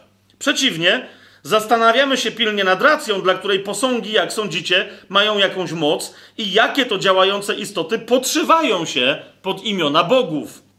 Oho! Chcąc wskazać, jakie istoty działają w posągach i dowieść, że nie są one bogami, muszę powołać się na świadectwa niektórych filozofów. Nie cytuję Pisma Świętego, ale odwołuję się do filozofii greckiej i tam jeszcze paru autorów rzymskich, żeby powiedzieć, że wy nawet wiecie, że istnieją demony. Tak? I dochodzi do konkluzji. Istotami, które przyciągają ludzi ku posągom, są wspomniane wyżej przeze mnie demony. One to lgną do krwi ofiarnej i zlizują ją. Ci zaś, których szerokie kręgi uważają za bogów i którzy udzielają swoich imion posągom, byli niegdyś tylko ludźmi, a dzisiaj ich nie ma. Krótko mówiąc, odpowiedź chrześcijan brzmiała tak: niektóre posągi działają, ale je, dzia, jeżeli działają, to jest tylko i wyłącznie oznaka, że działa demon, który za tym posągiem stoi. Czy to jest jasne? Gdy demon gotuje człowiekowi zgubę, najpierw rozum mu miesza, pisze e, tenże pan. Bóg zaś jako istota doskonale dobra zawsze robi tylko to, co dobre. Doskonały dowód na to, że inne istoty działają, a innym wznosi się posągi, znajdujemy w Troadzie i w Parium, i tam opowiada o tym, że nie będę teraz tego czytał, że posągi zostały wzniesione raz, nawet człowiekowi, który jeszcze żył, a niektórzy tam nie przyjarzyli, że on jeszcze żyje, tak? I zaczęli czcić posąg i on coś zaczął robić, a chłop jeszcze nie umarł, któremu ten posąg, posąg był wystawiony. I teraz jest, jaka jest ostateczna konkluzja tego naszego autora? Cóż wtedy? Powiada, kiedy delikatna i uległa dusza, nieświadoma i nieobeznana z potężnymi naukami, ignorująca prawdę oraz nieznająca Ojca i Stwórcy Wszechrzeczy, otrzymuje pieczęcie fałszywych wyobrażeń, i tu chodzi o wszystkie idole, rozumiecie? Wówczas demony, które krążą wokół materii, które pożądają woni ofiarnej i krwi ofiarnych zwierząt oraz oszukują ludzi, przyjąwszy owe błędne poruszenia wielu dusz, wstępują w umysły ludzi i sprawiają w nich wrażenie, jakby jakieś obrazy płynęły do nich duchowo od posągów. Ok? To jest świadectwo, jeszcze raz powtórzę, Atenagorasa z Aten, oficjalne pismo, potężna książka, prośba za chrześcijanami i wyjaśnienie, dlaczego chrześcijanie nie są ateistami. Widzicie? Kolejne świadectwo: zero religii, zero figur, zero obcych bogów, zero obrazów, zero tego typu historii. Kolejna rzecz, yy, która jest charakterystyczna dla religii rzymskiej, i tu już sobie szybko polecimy, żeby dojść do właściwych punktów, to są kapłani. Ok? Teraz niezależnie od tego, jak ci kapłani e, funkcjonują w jakich miejscach. Nie będę teraz się na ten temat rozwodził. Pamiętajcie, że z dawien dawna wśród kapłanów rzymskich najważniejsi to byli tak zwani pontifices, tak? a najważniejszy z nich, z nich to był pontifex maximus. Tak? Najważniejszy z nich. W pierwszym wieku naszej ery tytuł ten przejmuje e, od ludzi, którzy mogli dowolnie nim szastać, przejmuje cesarz i od tej pory zawsze cesarz, a więc władca rzymski, jest jednocześnie głową religii rzymskiej. Czy tytuł Pontifexa Maximusa przestał być kiedykolwiek używany? To jest moje pytanie do Was. Nigdy.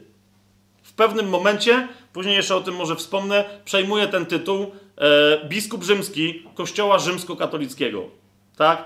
I do tej pory, e, zresztą wtedy zaczyna być e, co, coraz, e, mieć coraz większą władzę e, w zachodnich pozostałościach Cesarstwa Rzymskiego i jest coraz śmielej nazywany papieżem, ponieważ wcześniej tak e, nie było. To jest też tytuł głowy religii rzymskiej. Od niego, bo tam, jest, tam są cztery kręgi. Nie, nie, nie, będę teraz tego dzisiaj rozważał, ale zobaczycie, przy, jeżeli dojdzie do tego innego rozważania, tak? Że cztery kręgi wpływu kapłańskiego w religii rzymskokatolickiej de facto pochodzą z religii rzymskiej, tak? A więc biskupi, a więc po drugie księża, zwani prezbiterami, po, po, Biblii, ale to jest bez związku z Biblią. Po trzecie, diakoni, ale jeszcze do tego dochodzi ciało, które się nazywa kardynałami, tak? które ma prawo wybierać Pontifexa Maximusa. Nie będę więcej o tym mówił, ale zobaczycie, jak wyglądała religia rzymska.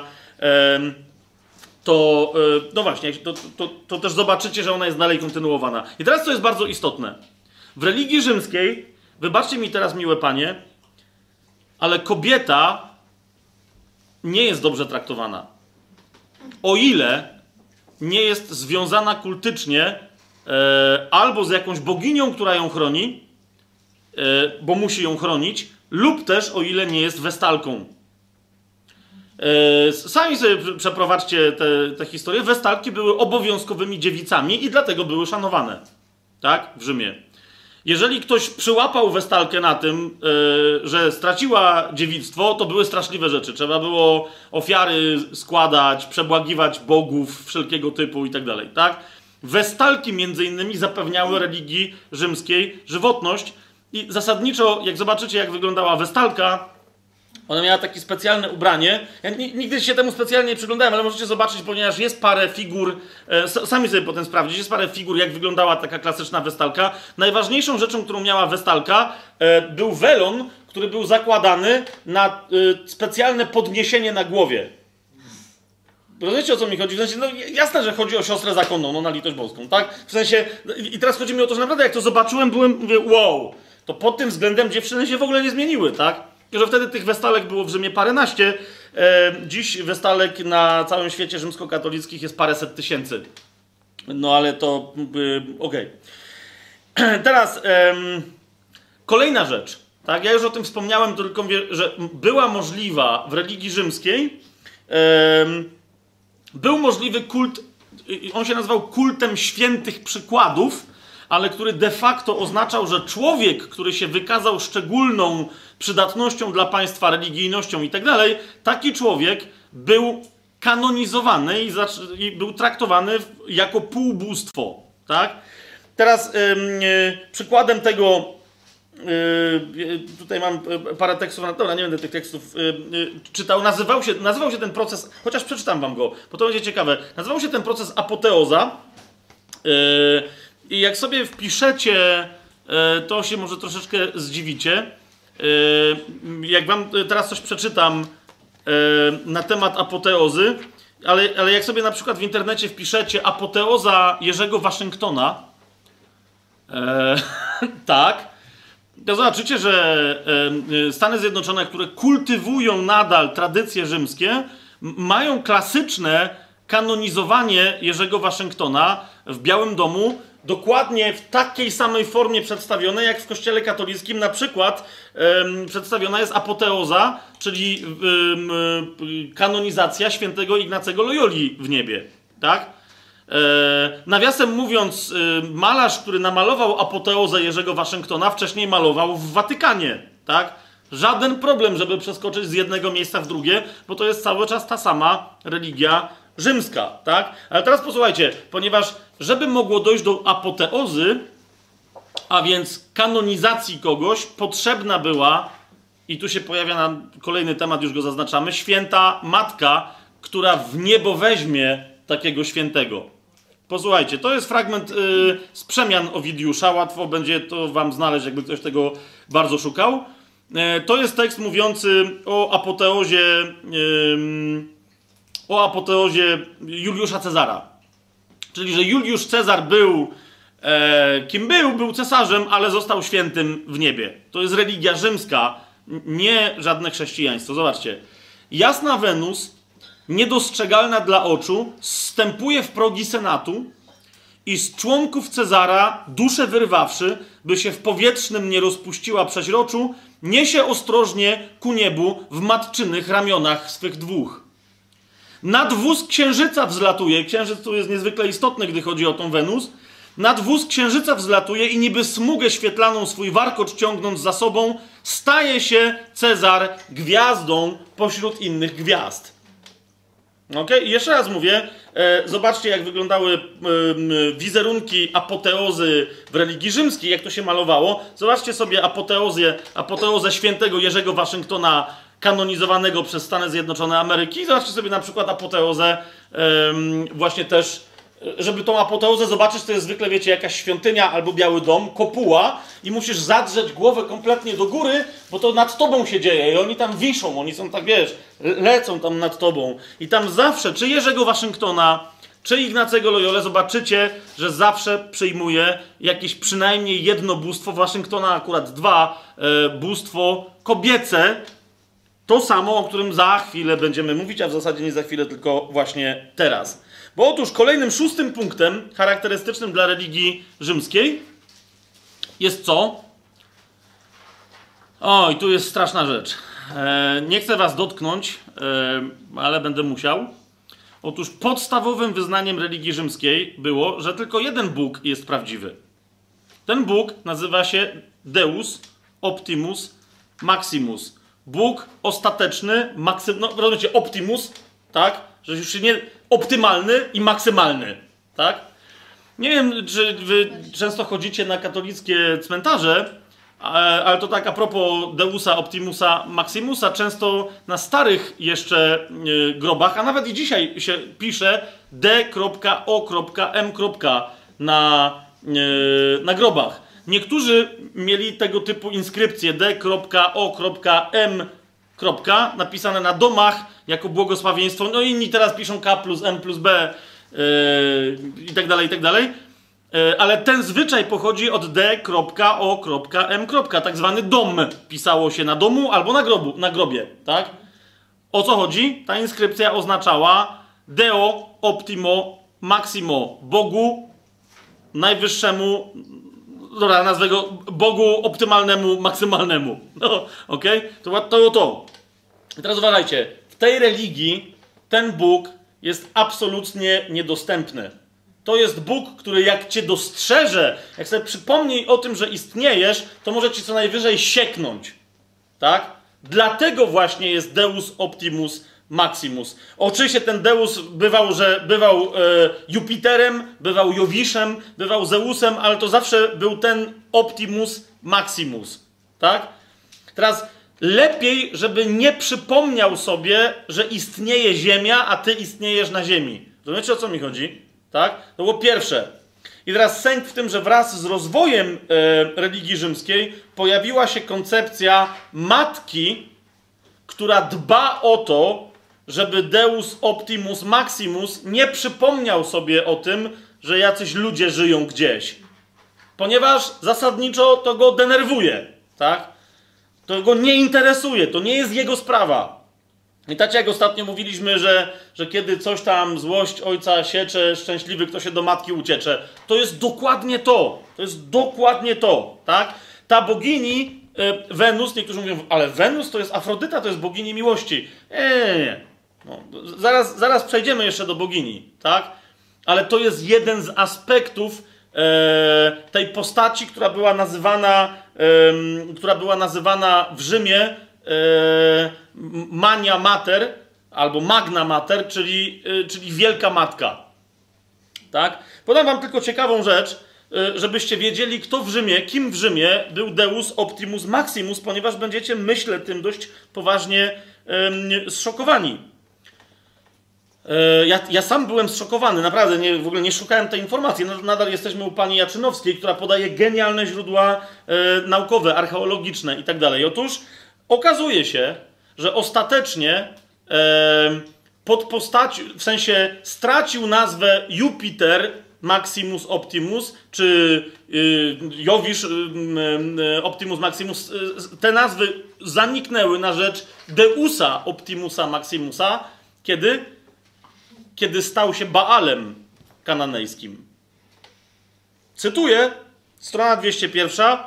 Baal Hadad, kananejski Bóg światła. Dokładnie ten sam, ona tutaj pisze, przed którym cały czas przestrzega Biblia. Czytam dalej, to jest strona 201, podrozdział zatytułowany Jupiter Dolichenus. Niespodziewaną, w cudzysłowie, karierę w świecie rzymskim zrobił Jowisz, Baal z Doliche, którego kult szybko rozpowszechnił się w Rzymie i wszystkich prowincjach zachodnich. I czytam wam jeszcze stronę 164, celowo to podaję, gdyby ktoś akurat miał książkę i yy, chciał sobie coś pobadać. To przede wszystkim, z, dlaczego, bo chodzi o to, że dlaczego ten Bóg był taki straszny. No bo Baal był straszny. Jak nie pamiętacie, dlaczego był Baal straszny, nie będę teraz wam cytował Biblii, tylko zacytuję zupełnie, wiecie, niewierzącą ym, prawdopodobnie w Biblię tutaj panią, tak? To przede wszystkim z imieniem Baala, Baala Hamona, kananejskiego, łączą się najbardziej groźne z ofiar składanych punickim bogom. Były to bowiem ofiary ludzkie, przede wszystkim z dzieci oddanych na całopalenie. Ofiara mogła być skuteczna temu Bogu, jeśli oddawało się mu to, co najcenniejsze dla człowieka, czyli życie dziecka. Tak?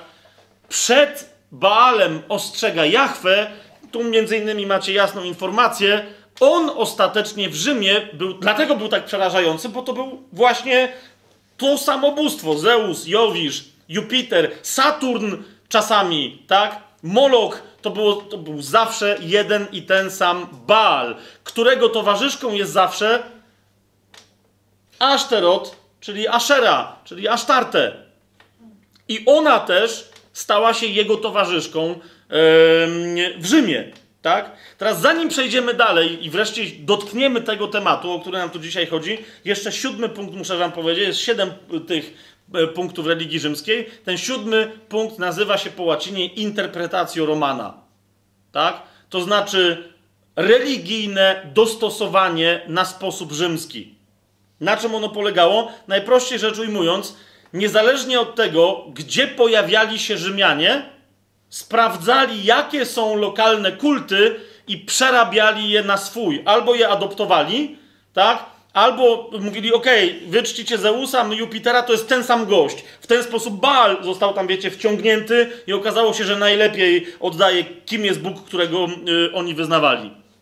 Ale, co jest istotne, interpretacjo Romana pozwalało de facto pod imionami różnych bogów, bo to jest to, co cały czas się mówi o Rzymie, tak? Że oni mieli tyle tych bogów, że gdzie się kto nie ruszył, to na jakiegoś boga kolejnego wpadł.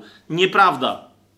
Nieprawda. Istnieje wiele yy, dokumentów, naprawdę mnóstwo dokumentów pisanych, które mówią, kto jest kim w religii rzymskiej. Tyle tylko, że rządząc tyloma ludami, Rzymianie po, po prostu nie chcieli komuś zmieniać nazwy. I, I za chwilę wam to pokażę, tak?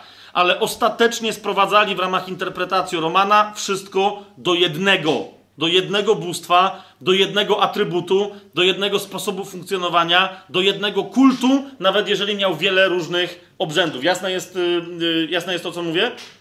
Widzicie, powiedziałbym, yy, jak, jak, jak, zacząłem to zgłębiać, powiedziałbym, że, że taka, taka rzecz mi się przed oczami pojawiła. Że to, o czym pisze Daniel yy, w księdze Daniela w Biblii, tak? E, jak mu Bóg pokazuje kolejne przychodzące królestwa. To, de, to jest de facto historia religii rzymskiej. Tak jakby Pan chciał powiedzieć, wszystko zaczęło się w Babilonie. Tak?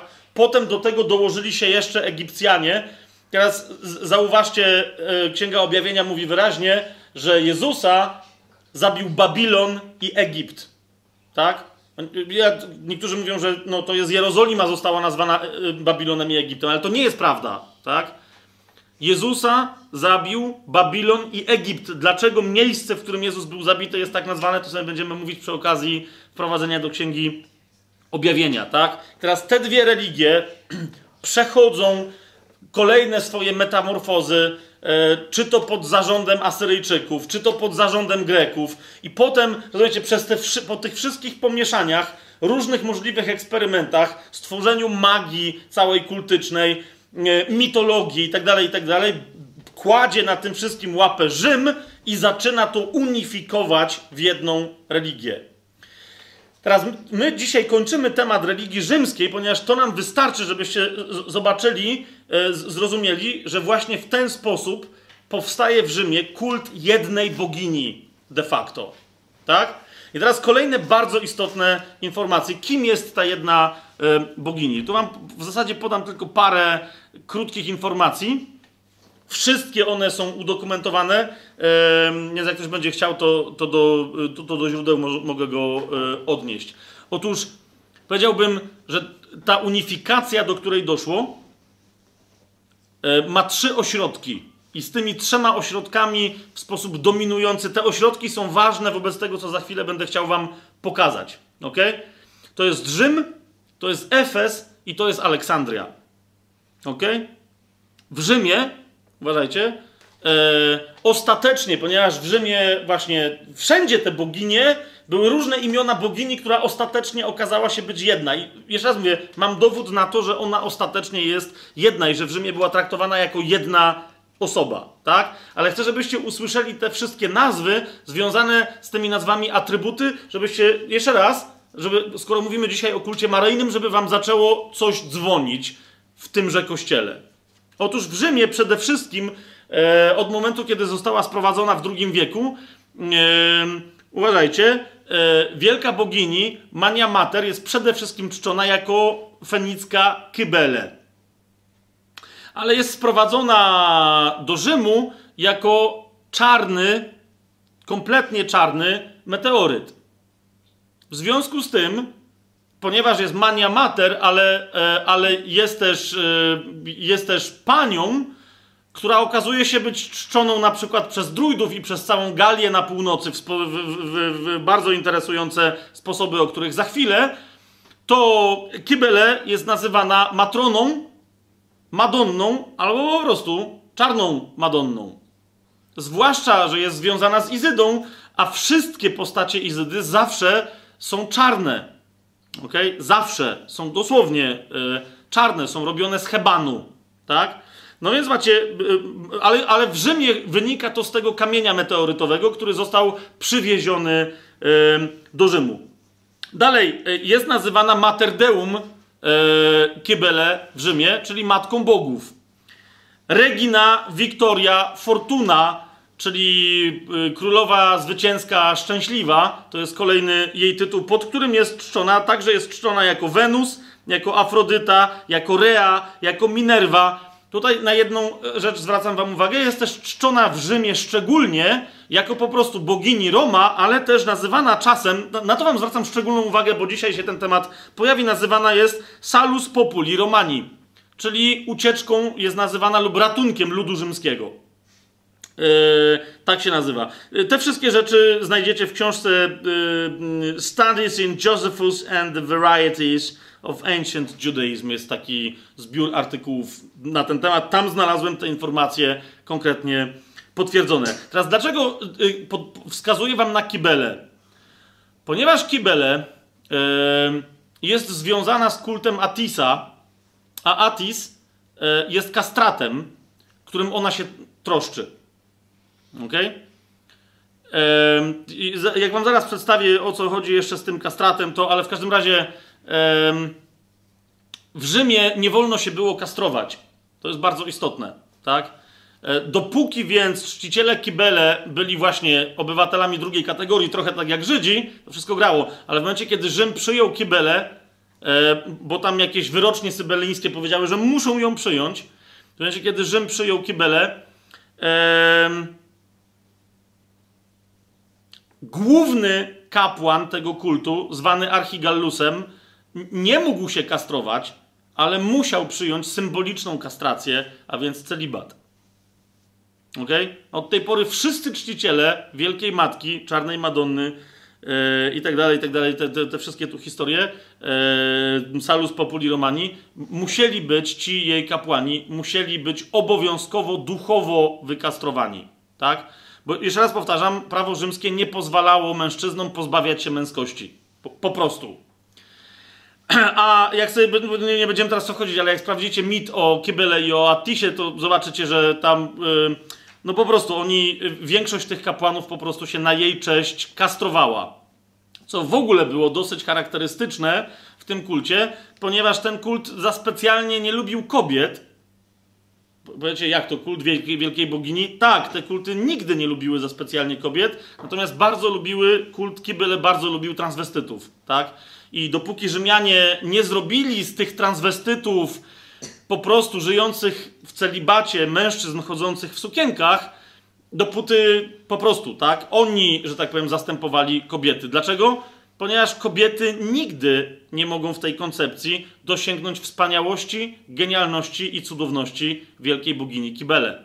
Wielkiej matki, która jednocześnie, no właśnie, i tutaj przechodzimy do Efezu, to był drugi ośrodek e, kultu e, bogini, która tam początkowo była znana, bo to byli głównie Grecy, jako Artemida albo Diana.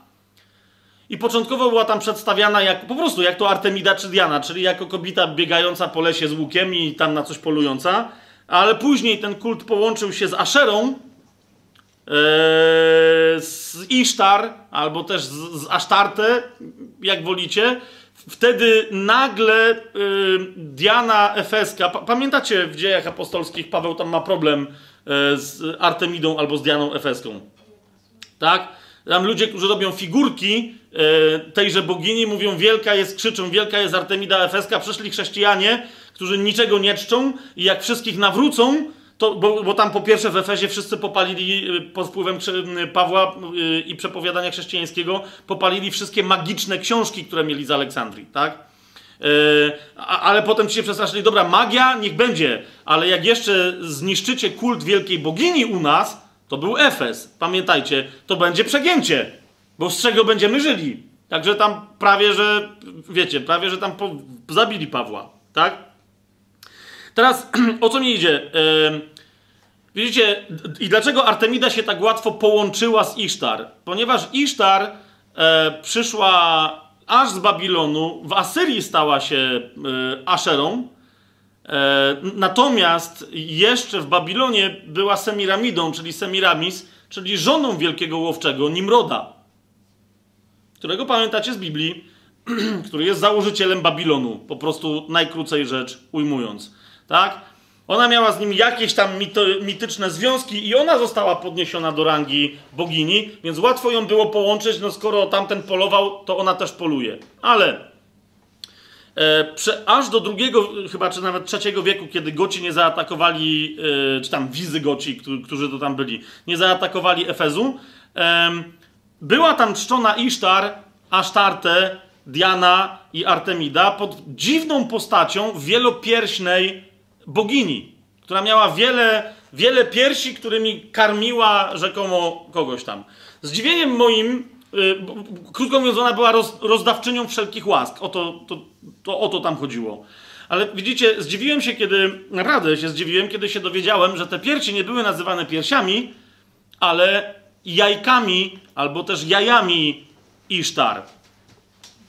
Ponieważ yy, z oryginalnego jej kultu yy, ona, się, ona wyszła z jajka pod postacią zająca. Jeżeli sobie przypomnicie, jak po angielsku nazywa się y, rzekome wspomnienie zmartwychwstania Pana Jezusa, czyli Wielkanoc, czyli Easter, to dokładnie tak w Babilonie wymawiało się imię Isztar, czyli Easter. E, I to oni pierwsi e, na cześć przyjścia Isztar chowali dzieciom jajka, w których były niespodzianki, albo po prostu zwykłe jajko. I to oni czcili i malowali jajka i robili pisanki, i to oni święcili pokarmy, i to oni cieszyli się z zająca i, i tych wszystkich koncepcji. Tak? W języku angielskim ta nazwa przetrwała do dzisiaj. E, ale o, o tym jeszcze powiem, o, o tych e, obchodach e, powiem za chwilę. Co, co więcej, to jest tak mocny kult, że my go do dzisiaj mamy w Polsce. o tym nie wiedziałem, ale o, o tym też będzie, też będzie za chwilę. Tak? Jak chcecie sobie sprawdzić Asztartę, przed którą Biblia ostrzega, i Aszerę, to wam tylko podam namiary. To jest piąta Mojżeszowa, pierwszy rozdział, czwarty werset. Yy, tam yy, zobaczycie, kto czcił, yy, kto, kto czcił Asztartę, tak?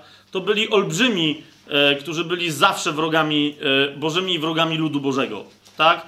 Og, który był szefem wszystkich tych bandytów, którzy jakoś tam przetrwali, ich geny przetrwały potop, pochodził z miasta, które jego miasto królewskie nazywało się Asztarot na cześć tej bogini, tak? Potem Asztarta się pojawia w wielu miejscach, ale tylko żebyście sobie sami sprawdzili.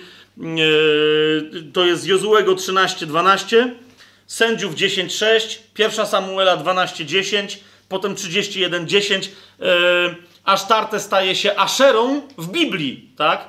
Po prostu jak się rozwija historia, to Biblia pokazuje, że staje się Aszerą yy, w pierwszej królewskiej 14-15. Potem, o, to możemy sobie przeczytać u Izajasza, ponieważ to jest bardzo ciekawy fragment w 17 rozdziale pojawia się w następującym kontekście.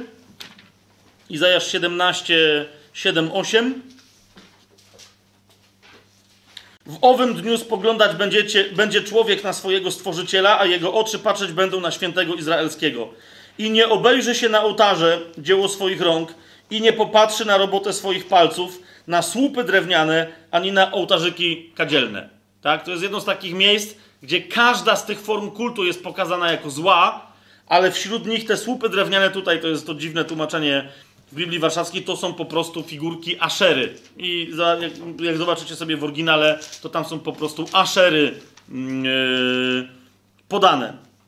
W 27 yy, rozdziale u Izajasza, bo niektórzy mówią, że Izajasz o niej nie wspominał, a, a wspomina, w dziewiątym wersecie E, mamy stwierdzenie i zobaczcie, jakie ono jest definitywne. Dlatego też tylko tak będzie zmazana wina Jakuba. I to mówi Słowo Boże. Tylko tak będzie zmazana wina e, Jakuba. I wtedy będzie pełny skutek jego rozgrzeszenia. Uwaga, kiedy co się stanie? Gdy doprowadzi do rozbicia wszystkich kamieni ołtarza, jak się rozbija kamienie wapienne, gdy, się, gdy nie podniosą się już pomniki asztarty, ani ołtarze kadzielne. Rozumiecie? To jest tak mocny kult, że Biblia cały czas wskazuje na niego. Są, oddajecie cześć różnym bóstwom, ale Asztarte, Ashera e, to jest coś, czego obok Baala Pan mówi cały czas najbardziej, e, najbardziej nienawidzę. Otóż e, z tym kultem, e, jest bardzo interesujące, z tym kultem Aszery są związane gaje specjalne, drzewa specjalne, w których się robi figurki Aszery, ale też, i tu bardzo interesujące, Mm, e, jednymi z takich, którzy czcili Aszerę, byli tak zwani dendroforoi, czyli ci, którzy robili jej figury z drzewa i którzy, którzy je obnosili. I raz, rozumiecie, ja byłem zdumiony, jak odkryłem w ogóle co innego tam badając i ktoś mi podesłał informację, że przecież Słowianie do dzisiaj Aszerę obnoszą. Ja mówię, dobra, to fajnie mają, a wtedy dostałem informację, ale u was, w Polsce, i mówię, tak, fajnie, okej, okay, u nas obnoszą aszerę, to znaczy co? Po czym sprawdziłem i szczęka mi opadła, ponieważ tak rzeczywiście, ym, tak rzeczywiście jest. Jak sobie, nie, nie będziemy teraz, no bo ja nie mam teraz, wiecie, możliwości, żeby cokolwiek tu wyświetlić, ale jak sobie wpiszecie w internecie, najlepiej na Google'ach, na grafice, żeby od razu zdjęcia się pojawiły, jak sobie wpiszecie wodzenie kusta, to nagle wodzenie kusta. Nie wiem, to jest starodawna nazwa, co prawda tam oczywiście figurki Maryi też chodzą i tak dalej, i tak dalej, ale jedna najładniejsza dziewczyna we wsi jest wybierana jako najładniejsza dziewczyna we wsi i jest ubierana w drzewo. Rozumiecie? W liście, w jakieś takie rzeczy i jest obnoszona po wsi dla błogosławieństwa.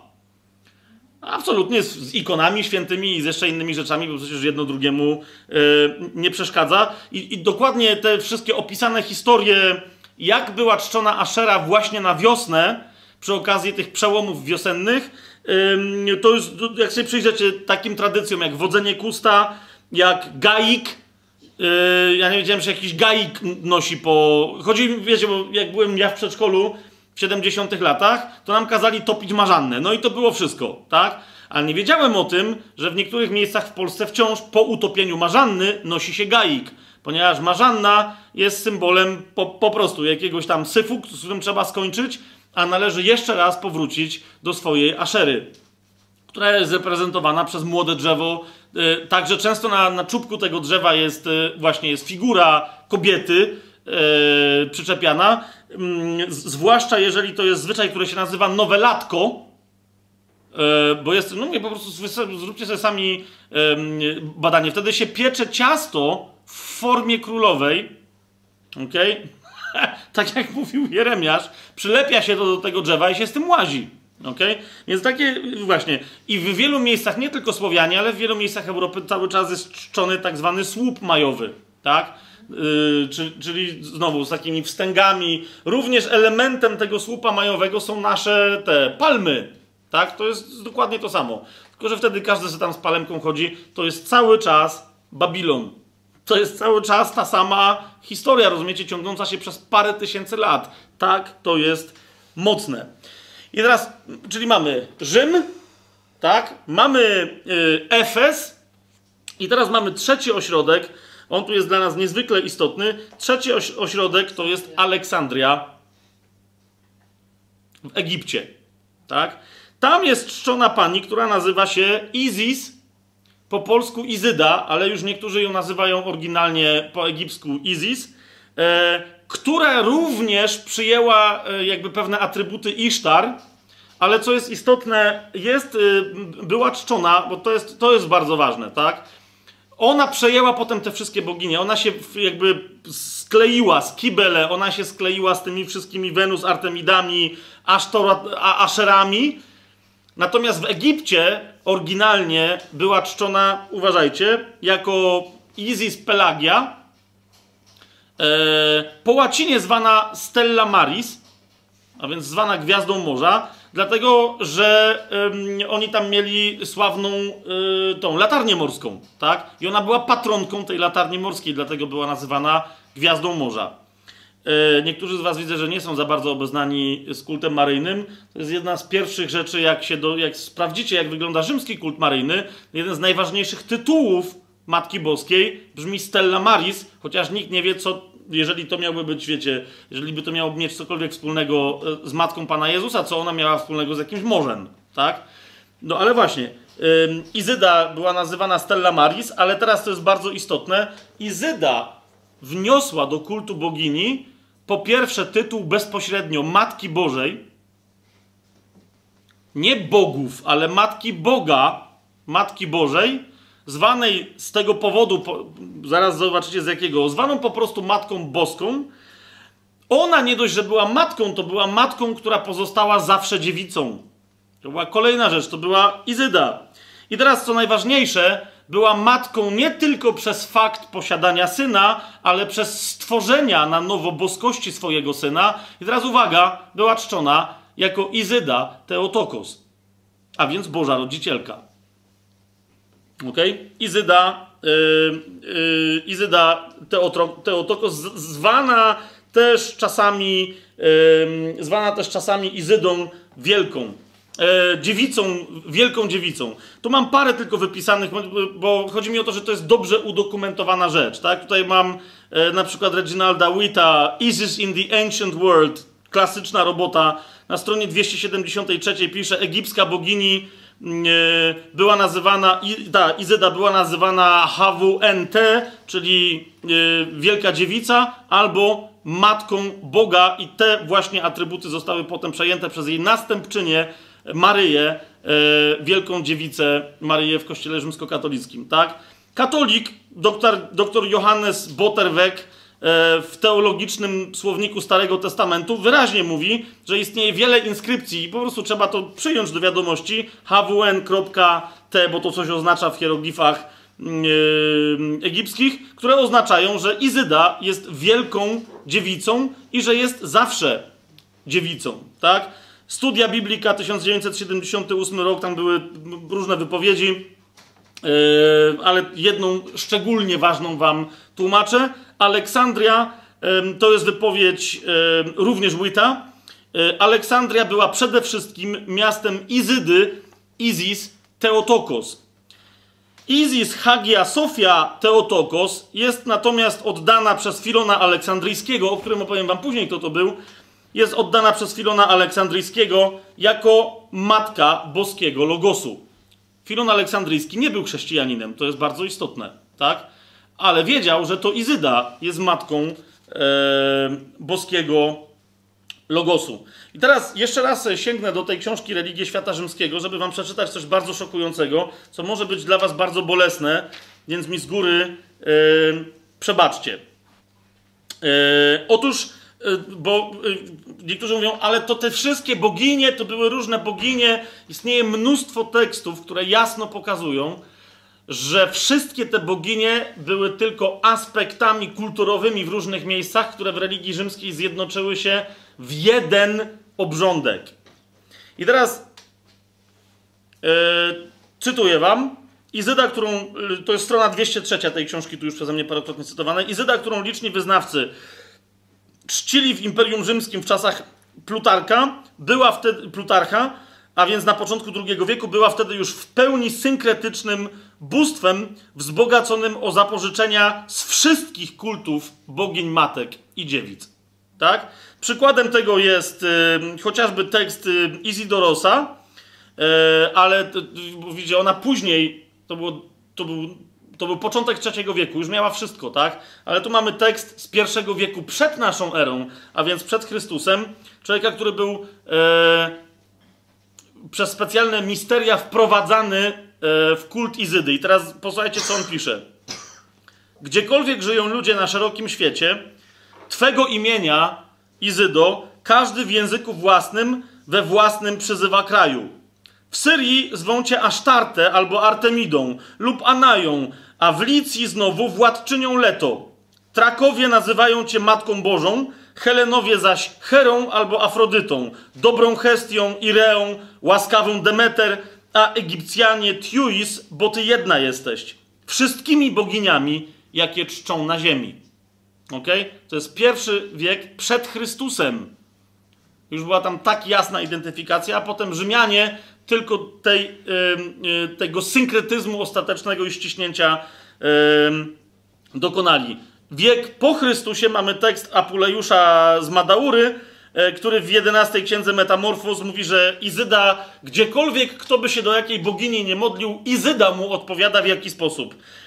Yy, prośby twoje, prośbami twoimi ubłagana, przychodzę ja, macierz wszechświata, ja z bóstw największa, ja cieni podziemnych królowa, spośród niebian pierwsza, ja, której twarz obliczem jest pospólnym bogów, i bogini wszystkich, której skinienie rządzi świetlistymi sklepieniami nieba, rozpaczliwym piekieł, milczeniem, ja, której jedno, jedyne bóstwo, cały czci świat w wielorakim kształcie, w różnym obrządku i pod różnorakim imieniem. Jakim? Isis Regina. Królowa Isis, zwana też po prostu królową nieba. Ok? Te wszystkie imiona, jakby ich tu jeszcze było mało, otrzymujemy dodatek, że w ramach interpretacji Romana, w związku z tym, na przykład ludzie sobie nazywali, my mamy boginię Re, to jest bogini Rea, a wy macie, a my mamy Artemidę, a wy macie, to jest w sumie Diana, a wy to jest Wenus, a to jest Afrodyta, a to jest Kibele. Ale w zapiskach rzymskich należało zapisywać, i potem ostatecznie tak się stało, że wszędzie to jest Izyda z przydomkiem miejsca. A więc Izyda kapitolińska, Izyda ostiańska, Izyda pelagiańska, Izyda efeska, Izyda aleksandryjska, Izyda częstochowska i tak dalej. Rozumiecie o co mi chodzi, jaka jest, jaka jest idea. Tak? Dokładnie taka sama idea funkcjonuje dzisiaj przy okazji kultu wszelkiego rodzaju świętych objawień, no, tej samej zawodniczki. Yy, absolutnie tej samej zawodniczki, według mnie. Jeszcze jedna rzecz, yy, ta z tych bolesnych, które chciałem wam przeczytać. Co prawda, jeszcze raz, to nie jest temat na, jakby nie do końca na dzisiaj, tak? Ale jednocześnie, kiedy, jeśli nie dzisiaj? Widzicie, jedną z pierwszych rzeczy, które Kościół rzymskokatolicki zrobił, yy, to był atak na Pismo Święte. Chrześcijanie, którzy twierdzili, że jeżeli w ogóle mamy obchodzić zmartwychwstanie Pana, to ono powinno być zawsze związane z 14 dniem miesiąca Nisan. Dlaczego? Bo 14 dnia miesiąca Nisan co roku jest Pascha, tak? Pan Jezus przed Paschą umarł, trzeciego dnia zmartwychwstał. Jasna sprawa, tak?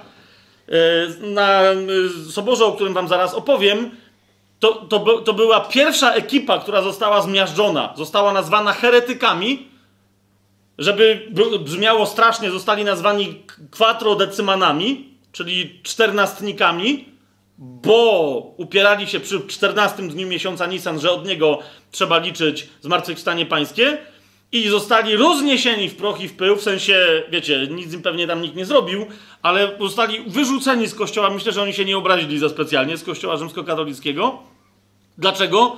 Ponieważ Konstantyn bardzo nienawidził Żydów. To było pierwsze. Po drugie, był czcicielem Mitry połączonego z Sol Invictusem, czyli tym bogiem optymalnym, e, słońcem niezwyciężonym. Tak? A słońce niezwyciężone było obchodzone w dzień, który my po polsku nazywamy niedzielą. A który na przykład po angielsku nazywa się Dniem Słońca Niezwyciężonego, czyli Sunday. Tak? Ehm, I teraz uważajcie nie miało absolutnie żadnego znaczenia, że Pan Jezus, że on był Żydem, że kiedy on umarł i kiedy zmartwychwstał. ok? Musiał się podporządkować, ponieważ był tworzony nowy kult, musiał się podporządkować e, pod kult, który był zatwierdzony, który był rzymski na zasadzie interpretacji Romana. Ok? A co to oznacza? A to oznacza, że nieważne kiedy jest 14 dzień miesiąca Nisan, Jezus, czyli Atis, czyli Horus, czyli Ozyrys, czyli Mitra, czyli Słońce Niezwyciężone, urodził się zawsze 25 grudnia, ale czczony jest zawsze w Dzień Słońca, czyli w niedzielę. A zatem Dzień Zmartwychwstania również musi być obchodzony w niedzielę. Po drugie, i to jest jeszcze gorsza sprawa, ponieważ ja wiem, że dotykam teraz nie tylko kultu maryjnego, ale w ogóle rozumiecie czegoś, co nawet w kościołach protestanckich funkcjonuje, ale umówmy się, Triduum paschalne, tak zwane, istniało grubo przed tym, zanim ktoś nazwał je Triduum paschalnym. I było związane z kultem wielkiej bogini, która opłakuje Tamuza, czyli Atisa, czyli biednego Horusa, który jest cierpiący, bo wykastrowany, który jest złożony do grobu, który jest tam adorowany, a następnie przez swoją matkę wskrzeszony. Jeśli mi nie wierzycie, czytam teraz jeden z tego rodzaju dokumentów, po prostu na temat tego, jak wyglądał oryginał tak zwanego Triduum Paschalnego. Po dniach obowiązkowej wstrzemięźliwości, a więc najpierw był post, 22 marca, i to zawsze był 22 marca w kulcie Kibele, 22 marca świętowano pierwszy akt. Dendroforii, czyli ci, wiecie, noszący aszery, ścinali i przynosili do świątyni na Palatynie sosnę, która była przystrojona, aby symbolizować w ten sposób ciało zmarłego Attisa. Tak? To było pierwsze. Przynosili ciało zmarłego Attisa. Eee, to był jeden dzień. Po dniu żałoby następował drugi akt. 24 marca odbywał się pogrzeb Attisa, celebrowany ze szczególną gwałtownością. Wierni ranili swoje ciało, a niektórzy nawet dokonywali dobrowolnej samokastracji. W każdym razie, a nawet jak już byli wykastrowani, to się bili, aż musiała się polać krew, tak? E, dzisiaj w czasie Wielkiego Piątku, znaczy dzisiaj, w sensie w dzisiejszych czasach na Filipinach na przykład, e, jest dokładnie to samo, tak? E, parunastu Chrystusów przynajmniej się pojawia, których się przybija normalnie fizycznie e, do krzyży. Wiecie o tym. E, Okej. Okay. Ale to, co my mamy w Polsce, złożenie Pana Jezusa do grobu, tak? Po, po nim następuje co? Adoracja tak, całonocna. No to teraz uważajcie, po, y, odbywał się pogrzeb Atisa, celebrowany ze szczególną gwałtownością. Potem przychodziła noc misteryjna.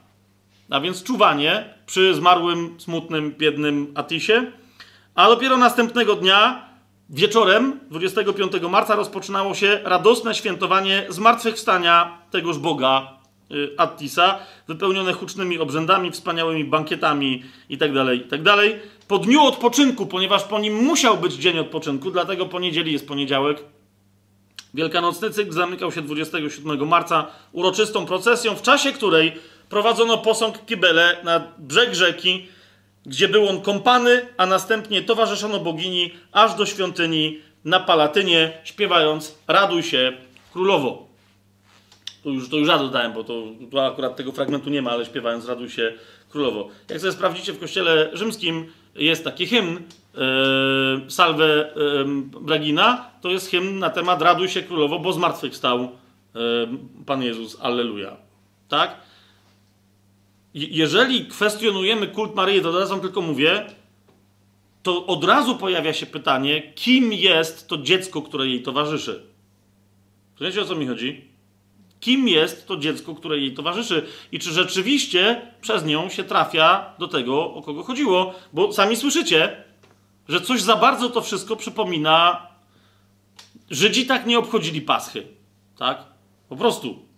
A chrześcijanie tym bardziej. Oni tylko mówili, że te, jak mamy coś wspomnieć, to trzeba liczyć trzy dni i trzy noce od 14 dnia miesiąca Nisan. Co jest grane?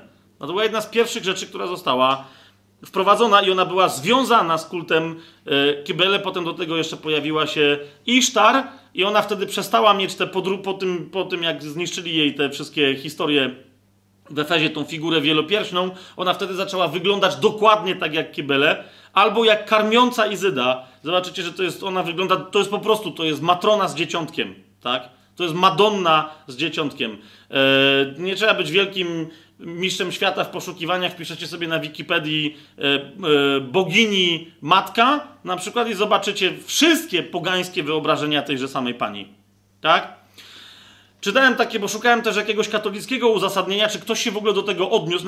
Oczywiście Amerykanie tylko mają jakąś taką apologetyczne takie zacięcie, oni się do tego odnieśli, ale argument, który tam przeczytałem, nie zmiażdżył zupełnie, w sensie intelektualnie był nie do podważenia, mianowicie brzmiał: Cóż w tym dziwnego, że czcimy Maryję jako Matkę Boską, tak samo jak wszyscy inni poganie. Ludzie po prostu wpadają na takie same pomysły. Jeżeli wszędzie na świecie masz piramidy, to dosłownie. To, to, nie dlatego, że przyleciało UFO i nauczyło ludzi, jak się to robi, ale dlatego, że wszyscy ludzie na to wpadli. Naturalne wyjaśnienie. Znaczy, rozumiecie, to jest, znaczy są dwa wyjścia. Albo rzeczywiście ludzie na to wpadli, ale wtedy kult Maryi w kościele katolickim jest wymyślony przez kogo? Przez ludzi, a nie objawiony przez Boga. Albo rozważymy, że piramidy mogą pochodzić z inspiracji jeszcze przedpotopowej, albo może popotopowej, ale babilońskiej, tak? I pojawiły się w różnych miejscach, e, no, no, właśnie, jako elementy również dziwnego wpływu, tak? Ale w każdym razie, nawet jeżeli by tu nie tworzyć żadnych teorii spiskowych, tylko po prostu to był wymysł ludzki, no to to jest żaden argument, który broni cokolwiek w kościele rzymsko, e, w kościele rzymskokatolickim.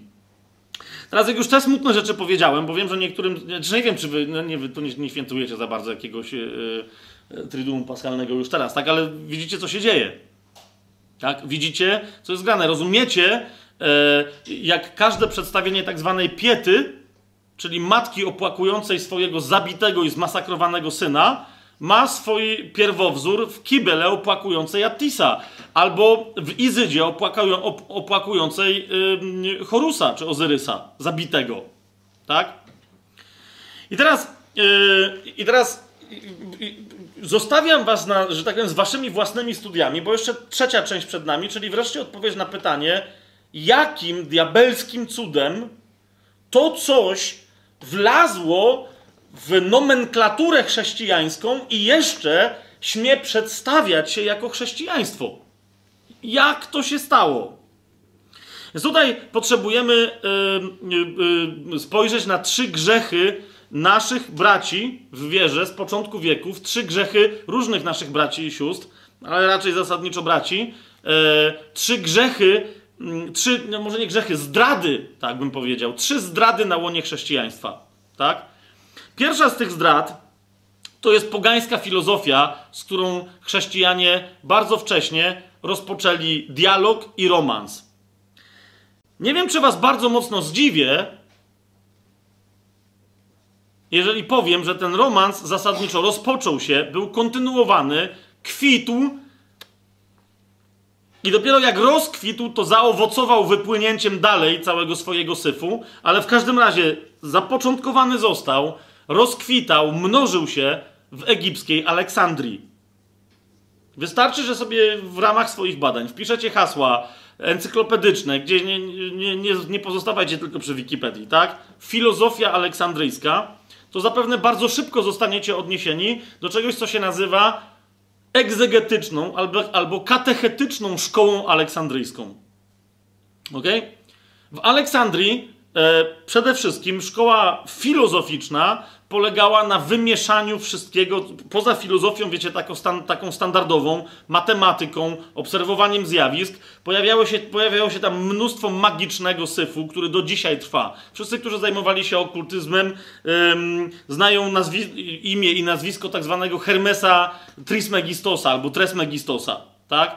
Y, współcześni twórcy, włącznie z satanizmem Alistera Crowley'a, y, Elifasa Lewiego i tak dalej, wszyscy się powołują na tę mityczną postać. Skąd ta mityczna postać pochodziła? Z Aleksandrii w Egipcie, tam gdzie czciło się Izydę Teotokos. Tak? Dalej.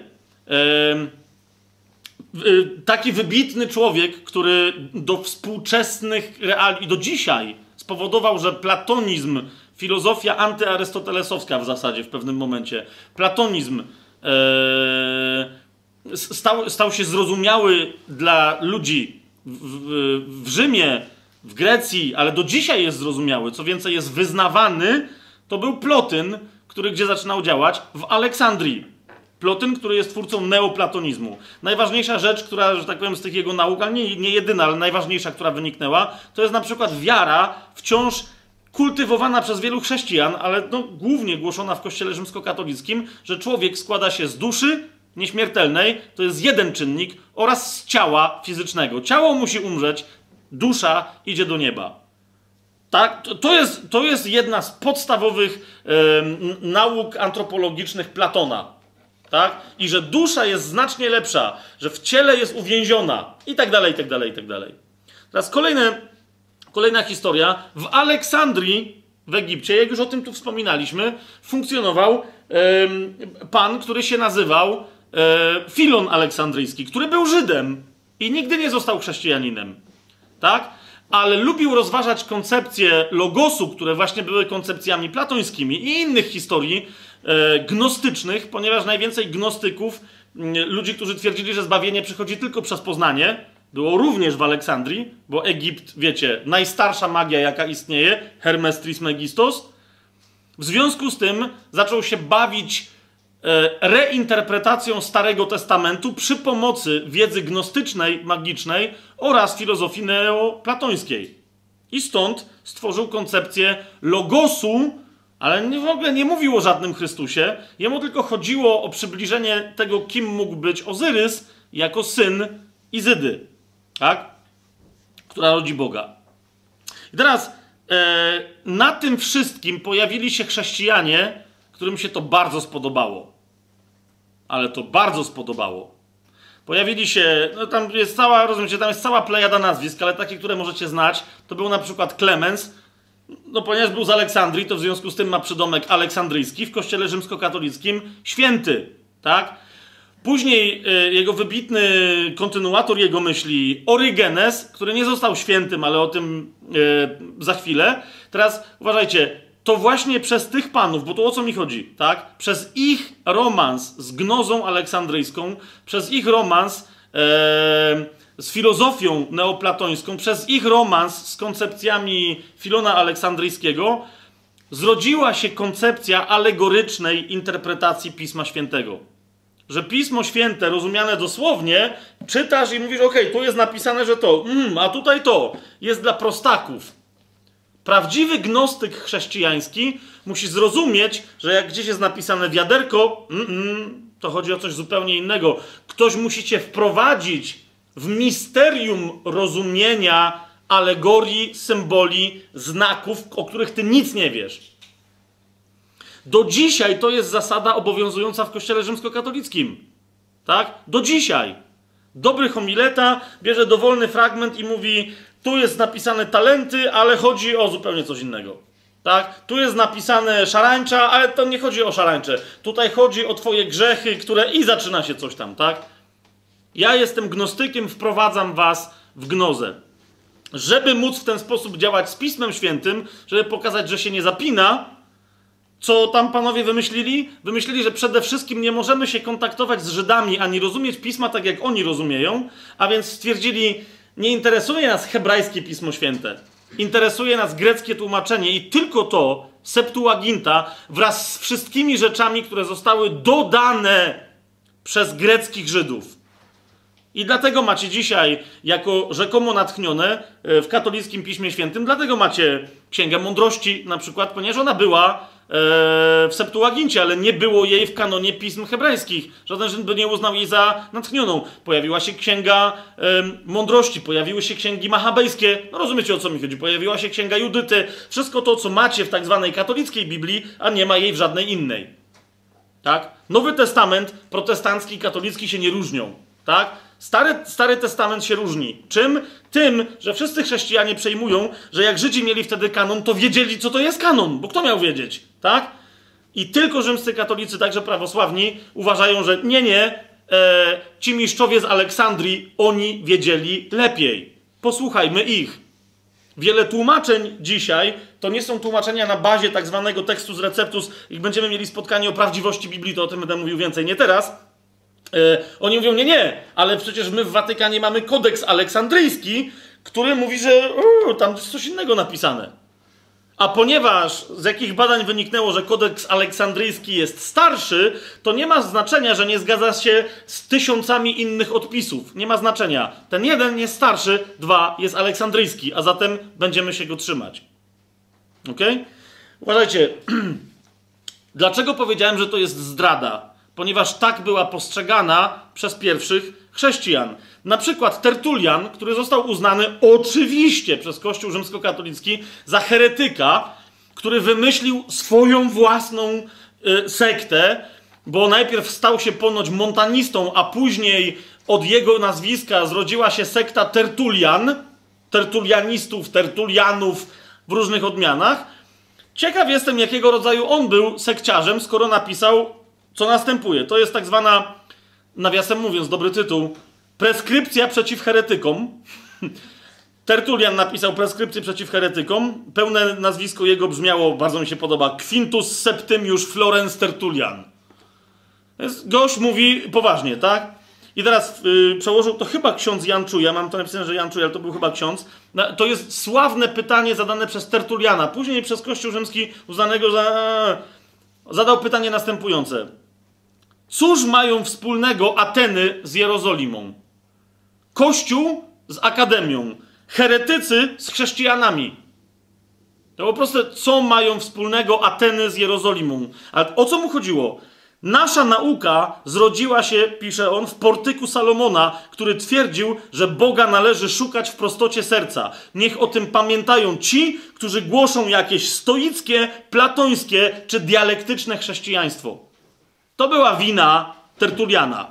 Teraz y, czytam dalej, to jest y, 38 fragment tej preskrypcji przeciw heretykom. On mówi, że, y, że są dwa grzechy, które się pojawiły, tak? Jeden heretycki bardzo, ale drugi jeszcze bardziej, chociaż wygląda na nieheretycki. Uważajcie, mówi tak. Czym jesteśmy, my, prawdziwi chrześcijanie w domyśle, tak? Czym jesteśmy, tym jest od samego początku i Pismo Święte. To jest jego deklaracja wiary. Wyrośliśmy z Pisma Świętego, przedtem nie byliśmy innymi niż teraz jesteśmy. Tylko Pismo Święte. Rozumiecie o co chodzi? Nie ma momentu, kiedy nagle ktoś odkrywa, że dobra, Pismo Święte, ale tradycja. Nie. Czym jesteśmy, tym jest od samego początku i Pismo Święte. Wyrośliśmy z Pisma Świętego. Przedtem nie byliśmy innymi niż teraz jesteśmy. I teraz mówi tak. Przez was natomiast zostało sfałszowane. I tu podaję dwa sposoby fałszowania. Zauważcie. Jeden, powiada, i to jest oskarżenie pod adresem niejakiego Marcjona, jeden fałszował Pismo Święte ręką, inny zaś interpretacją sensu Pisma Świętego. Otóż, co znaczy, że ten manipulował ręką? Mówi, Marcjon posłużył się nożem, ażeby przez okrojenie Pisma Świętego zbudować swój dziwny system. Czyli mówi, rozumiecie, powyrywał z Pisma Świętego cosik i mówi, między innymi powiedział, że trzeba odciąć Stary Testament, bo tam są jakieś dziwne rzeczy. Bóg, którego objawił Pan Jezus, to nie jest Bóg Starego Testamentu, ale te, tego typu historie, tak? Marcjoniści tak mieli. Tertulian mówi, nic nie wycinacie z Pisma Świętego, nic. Nikt nie śmie ruszyć tej księgi. Ale teraz uważajcie. Mówi, Walentyn zaś oszczędził Pismo Święte, a jednak on ci jest większym złodziejem. Dlaczego? Otóż, pisze on, bo zabrał nawet właściwości poszczególnych słów.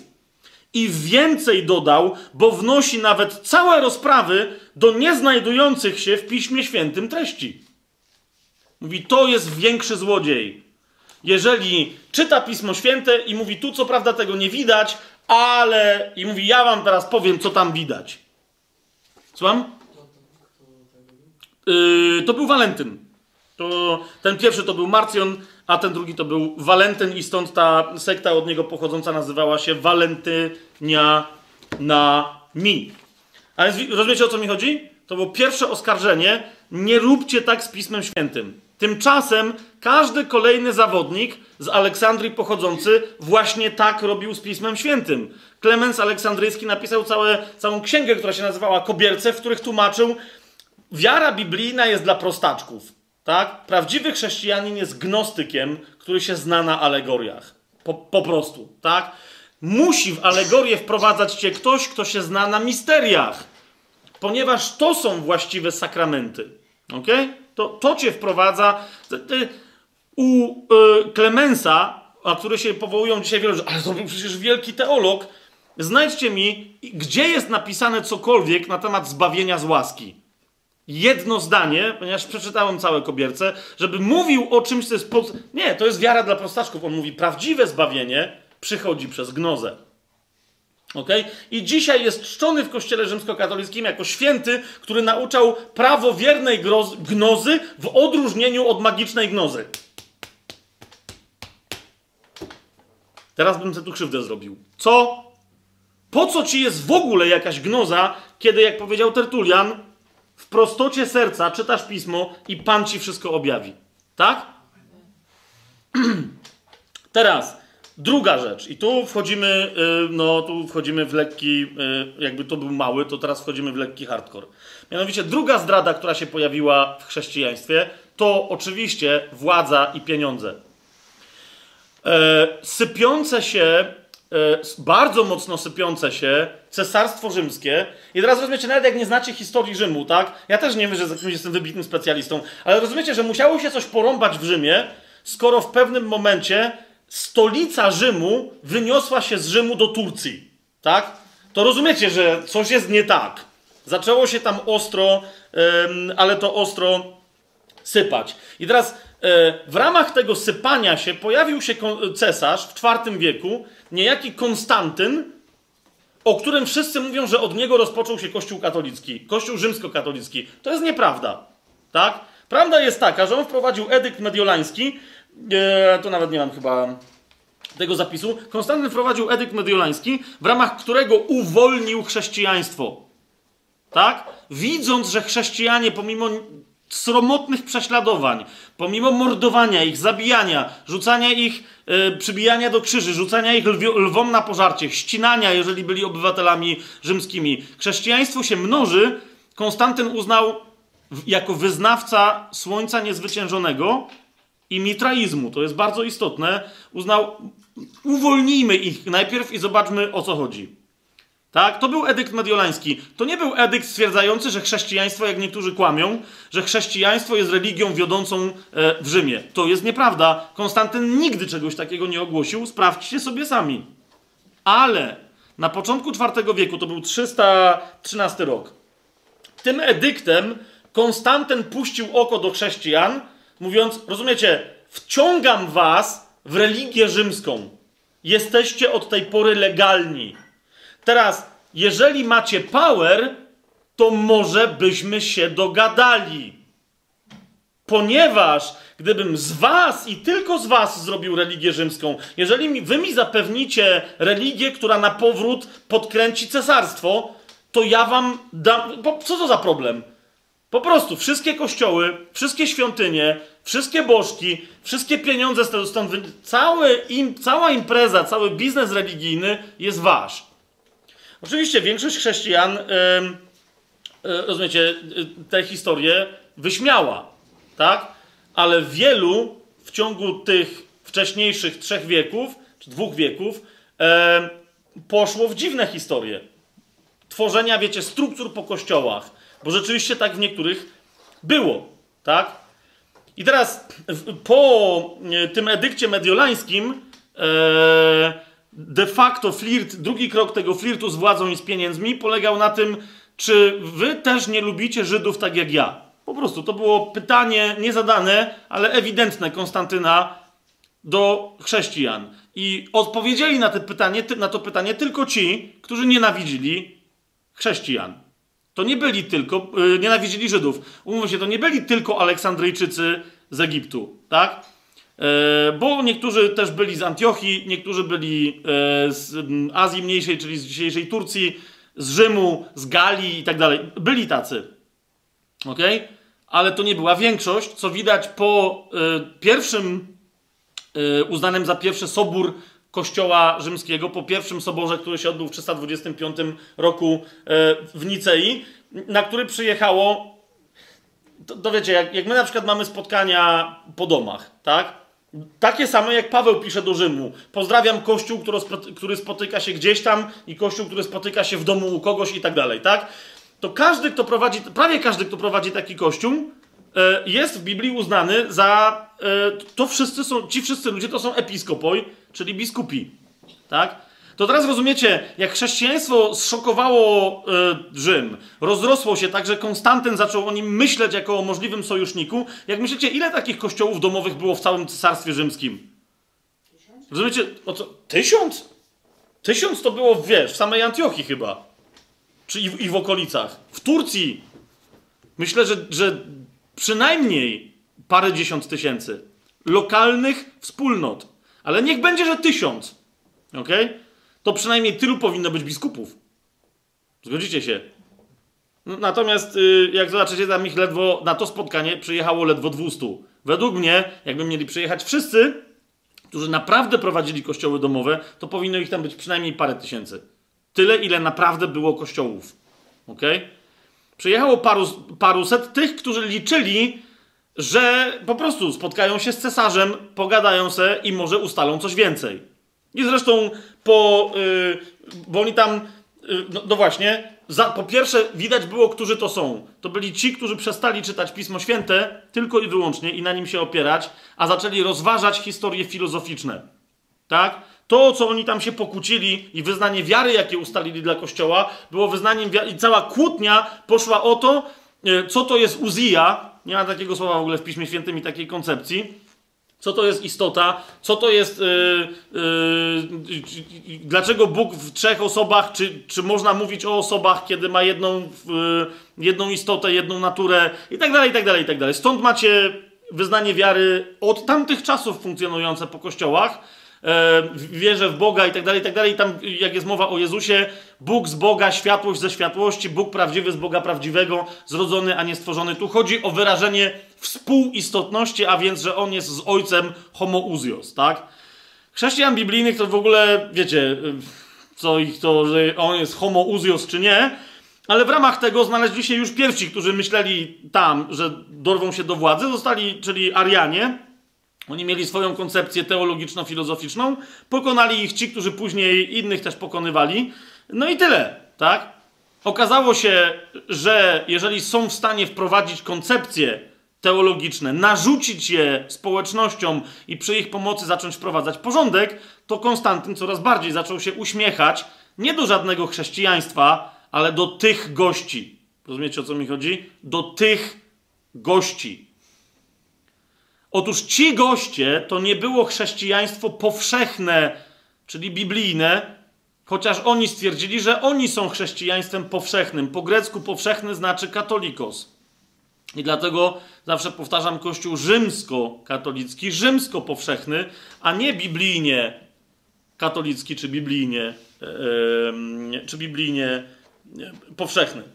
I teraz o, o, co chodzi? Bo tam się potem jeszcze jakieś, yy, jakieś inne historie pojawiły, ale już nie będziemy w to wnikać. Otóż gościem, który dopiero widząc, że chrześcijaństwo jest w stanie dać mu jakiś power, a cesarstwo naprawdę się sypało, był niejaki Teodozjusz. I teraz to jest bardzo istotne, żebyście to usłyszeli, eee, bo tu się zaczyna największa ściema, tak? 28 lutego 380 roku, czyli słyszycie, to jest parę dziesiąt, to jest, to, to jest drugi koniec wieku, tego na początku którego był edykt, mediolański, tak?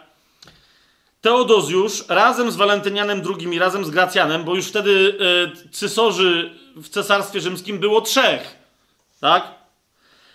Wprowadzili następujący edykt, który rzeczywiście oddawał władzę w cesarstwie rzymskim chrześcijanom. Ale uwaga, jakim? Bo to jest, bo to, jest to, co cały czas ja słyszę od wszystkich przeciwników chrześcijaństwa tak? Że chrześcijaństwo wtedy zniszczyło pogan, coś tam zrobiło chrześcijaństwo, chrześcijaństwo. Cytuję wam, jak został ten edykt sformułowany. Jest naszym pragnieniem, by wszystkie w rozmaitości swojej, a podlegające naszej łaskawości i władzy narody, wyznawały tę religię, którą dostarczył Rzymianom boski apostoł Piotr, religię, która została zabezpieczona przez wierną tradycję, a która jest obecnie wyznawana przez Pontifexa Damazego w Rzymie oraz Piotra w Aleksandrii. Kropka. Jeszcze raz wam przeczytam. To była definicja tego, co zostało nazwane katolicyzmem albo chrześcijaństwem, które ma prawo rządzić w cesarstwie rzymskim. To jest religia wyznawana przez Pontifexa Damazego w Rzymie oraz Piotra, biskupa z Aleksandrii. Ci dwaj goście. Czujecie, co jest grane? Aleksandria, to już Aleksandrię wam opisałem, tak? To, to tam, e, wtedy, pod koniec IV wieku, to już był odlot, o którym zaraz wam powiem, co tam się w Aleksandrii działo, tak? A w Rzymie też wam zaraz powiem, co się działo. Niemniej, czytam dalej edykt tesaloński Teodozjusza wszystkim pozostającym w zgodzie z tą ustawą. Rozumiecie? To jest ustawa o nowym obliczu religii rzymskiej. Tak? Wszystkim pozostającym w zgodzie z tą ustawą dajemy prawo nazywania się chrześcijanami katolickimi. W oryginale Christianorum Catholicorum. A więc, jeżeli wyznajesz, tak jak Pontifex Damazy, tak, czyli papież rzymski, lub jeżeli wyznajesz, tak jak y, biskup aleksandryjski, wtedy możesz się nazywać powszechnym chrześcijaninem. A jeżeli nie, co się zaś tyczy wszystkich pozostałych, skoro według naszego mniemania są ogłupiałymi szaleńcami, zarządzamy, bo określani byli haniebnym mianem heretyków. Będą oni cierpieć w pierwszej kolejności karę wiecznego potępienia, w drugiej zaś ucisk naszej władzy, który zgodnie z wolą nieba zdecydujemy zastosować. Okay? komu z ludzi, którzy nie chcieli ulec kolejnym prześladowaniom, wtedy zależało, żeby się rzucać. Chrześcijanie zaczęli się rzucać, więc wytykano ich palcami, wy jesteście takimi, wy takimi, a wy takimi heretykami. W imię czego? W imię chrześcijaństwa katolickiego. Tak? Teraz o Aleksandrii już wam coś mówiłem.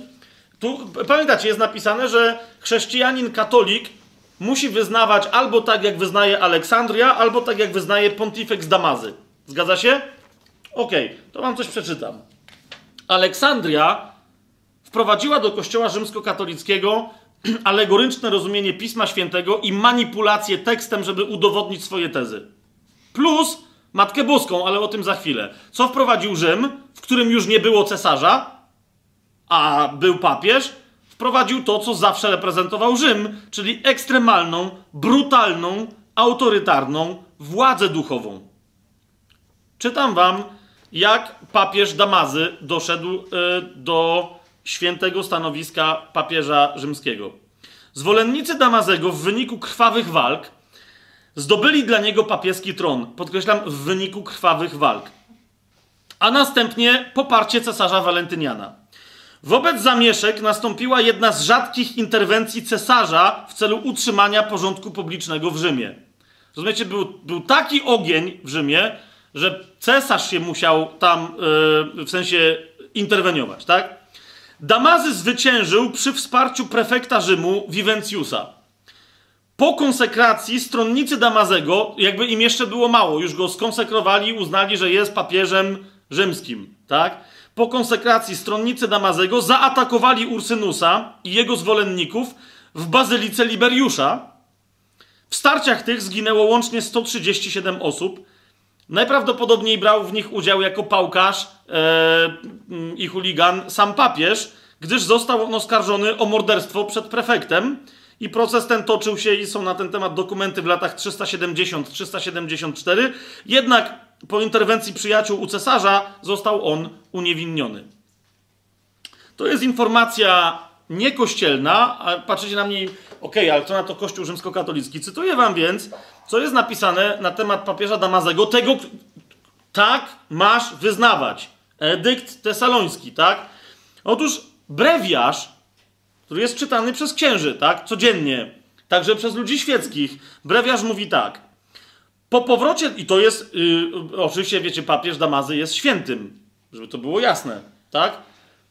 Myślicie, że ktoś w ogóle się postarał, żeby zrobić cenzurę tej historii? Czytam wam brewiarz, strona www.brewiarz.pl, czytelnia święci. Po powrocie do Rzymu Damazy poparł antypapieża Feliksa II. Antypapieża. Śmierć Liberiusza spowodowała jednak krwawe zmagania o godność papieską. Grupa zwolenników Liberiusza zgromadziła się w bazylice juliańskiej, wybierając i konsekrując diakona Ursyna. Większość jednak ówczesnych kapłanów i wiernych opowiedziała się za Damazem. Doszło do krwawych walk. Brewiarz. Damazy zajął bazylikę na Lateranie i w 366 roku został konsekrowany. W ciągu 18 lat swojego pasterzowania uczynił wiele dobra. Teraz jeszcze bardzo istotna informacja na koniec. Damazy był pierwszym papieżem, który nazwał biskupstwo rzymskie stolicą apostolską. Dlaczego? Bo mógł. Ok? Bo mógł. Nikt by nie zrobił stolicą naczelnego kultu rzymskiego Aleksandrii, a były wskazane tylko dwa ośrodki: Rzym i Aleksandria. Kto wyznaje, tak jak Damazy, biskup Rzymu, tak? Ja tam przegiąłem z tym pontifeksem, bo on jeszcze nie był pontifeksem oficjalnym. I tak jak. Yy, yy, jak on się tam nazywał? Ten, ten drugi? Yy, Piotr z Aleksandrii. Oni w zasadzie no, nie było nieistotne, co on tam robił w tej Aleksandrii. Rozumiecie o co mi chodzi? Z jednej strony Aleksandria ze swoim mistycyzmem i alegoryzmem gnostyckim, i z drugiej strony Rzym z pałkarzami, którzy tłumaczą, kto tu jest szefem. Ok? Teraz yy, chcę, żebyście zrozumieli jedną kwestię.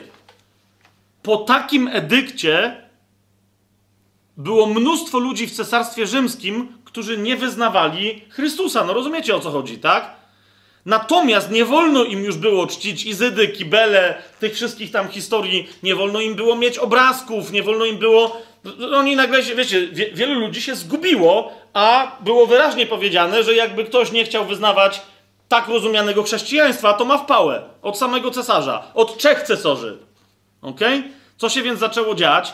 Ludzie zaczęli robić figurki i obrazki Pana Jezusa, ale przede wszystkim tych, których czcili najbardziej, czyli rozmaitych mniejszych i większych świętych na czele z Matką Boską.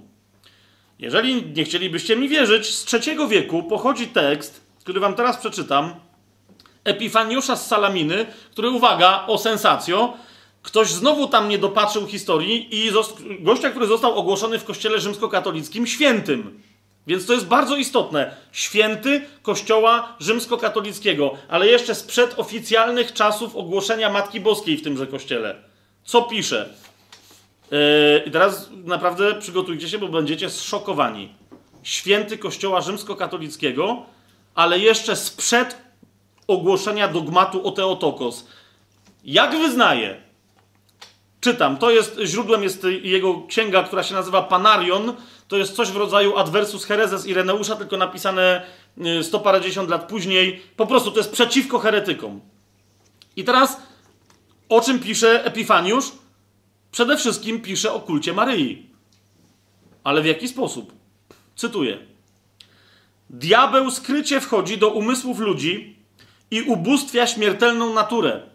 To diabeł kształtuje posągi, które mają ludzkie podobieństwo, po to, aby ludzie mogli czcić zmarłych i wprowadzać obrazy dla uwielbienia, popełniając cudzołóstwo z umysłem przeciwko jednemu i jedynemu Bogu. W jakim kontekście mówi to Epifaniusz Salaminie? To jest 79 punkt jego księgi Panarion. Uwaga, Epifaniusz mówi tak. Tak, z pewnością ciało Marii było święte, ale nie była ona Bogiem. Tak, istotnie, dziewica była dziewicą i to czcigodną, ale nie została nam dana po to, żeby ją wielbić. Co robicie? Ona uwielbiała tego, którego urodziła ze swojego ciała, tego, który jest z nieba i pochodzi z łona Ojca. Słowo, którym jest Bóg, przybrało ciało z Marii, jednak nie po to, żeby dziewica mogła być adorowana, ani też, by on mógł uczynić z niej boginię. Niechaj Maria będzie poważana, ale niech Ojciec i Syn i Duch Święty będą czczeni, a niech nikt pod żadnym pozorem nie czci Marii. Niech te rzeczy zostaną wymazane, które zostały błędnie zapisane w sercach tych, którzy zostali najwyraźniej zwiedzeni. Niech pożądanie posążków będzie wytępione z ich oczu. Niech stworzenie znowu powróci do swojego mistrza. Niechaj Ewa i Adam powrócą do oddawania czci samemu tylko Bogu i niech nikt nie będzie już więcej prowadzony głosem tego węża. Chociaż Maria jest święta, powtórzę to raz jeszcze, i ma być poważana, jednakże nie jest przeznaczona, żeby ją czcić. I teraz, czyli tu mamy jedno, widzicie, tak? Gość, który jeszcze nie wie, yy, że jest niezgodny z katechizmem Kościoła katolickiego, ale jest świętym w tymże kościele. O dwóch rzeczach nie wie. O tych dwóch. Otóż, kochani, mam drugi tekst. On też pochodzi z Panarionu, tylko że ten Panarion, jak się domyślacie, jest trudny do znalezienia.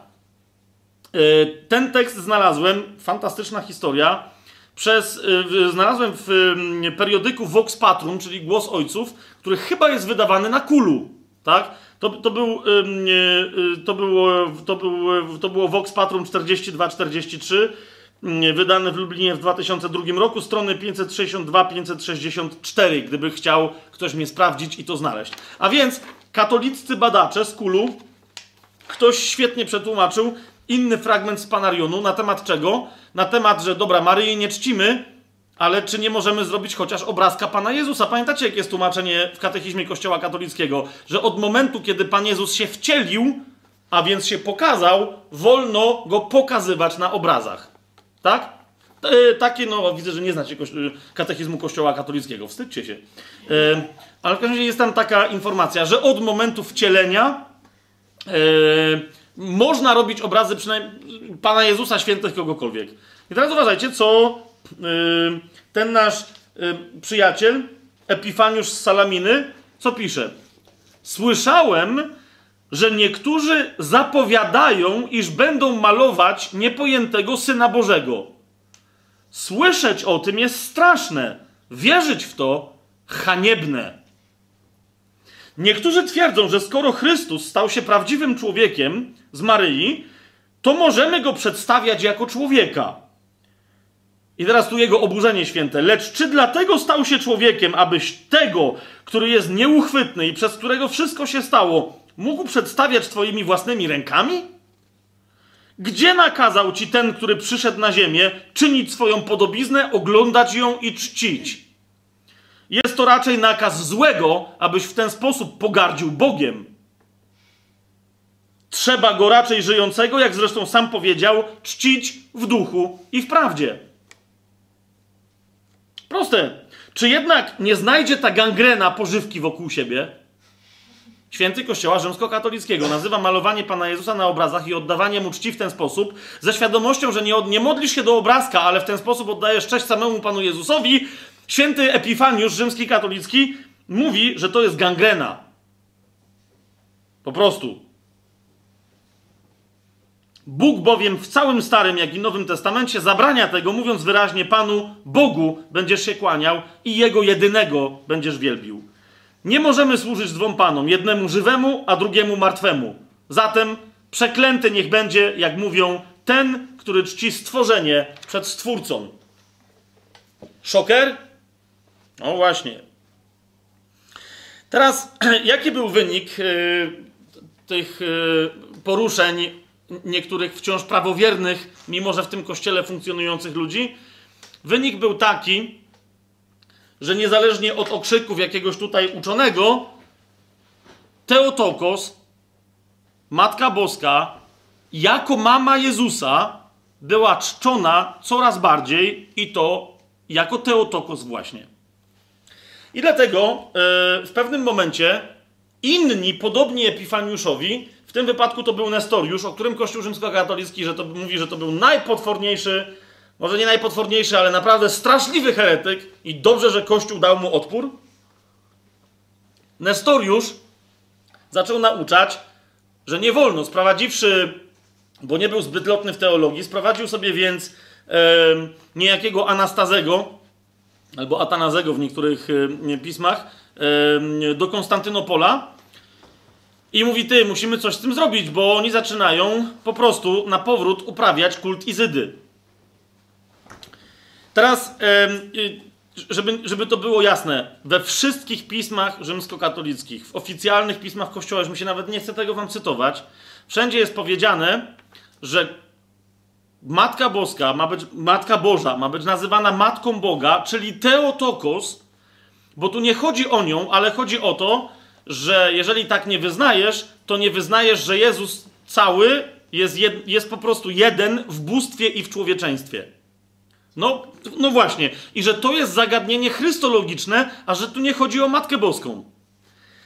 Okej, okay, ale Nestoriusz, a razem z nim Anata, Anastazy tak głosili, niech nikt nie nazywa Maryi Boga rodzicielką, Maryja bowiem była człowiekiem, a jest niemożliwością, żeby był zrodzony przez człowieka Bóg. Czy, czy dla was jest to zrozumiałe, co głosił Nestoriusz? Nie może być. I teraz niektórzy mówią, no ale przecież ona, przecież Elżbieta wita Marię i mówi, to mówi, skądże mi to, że matka mojego Pana? A zatem oni mówią, no a ten Pan, co znaczy, że Jezus jest Bogiem, a więc matka Boga. Otóż, kochani, pierwsza podstawowa rzecz, matka Boga po grecku, to nie jest Teotokos, ale Teometer, ponieważ matka to jest meter, tak? Yy, matka Bogu, Teo meter. Również y, y, po łacinie, tak, to, to Matka Boga nie ma niczego wspólnego y, z Teotokos, ponieważ Teotokos po łacinie brzmi genitrix albo genetrix było wtedy, a teraz genitrix dei, czyli ta, która urodziła Boga, genitrix, wygenerowała Boga, tak? I o to chodziło Nestoriuszowi, że Teotokos nie jest właściwym tytułem, bo wam niby chodzi o Chrystusa, a skończy się na tym, że zaczniecie czcić Maryję jako Izydę.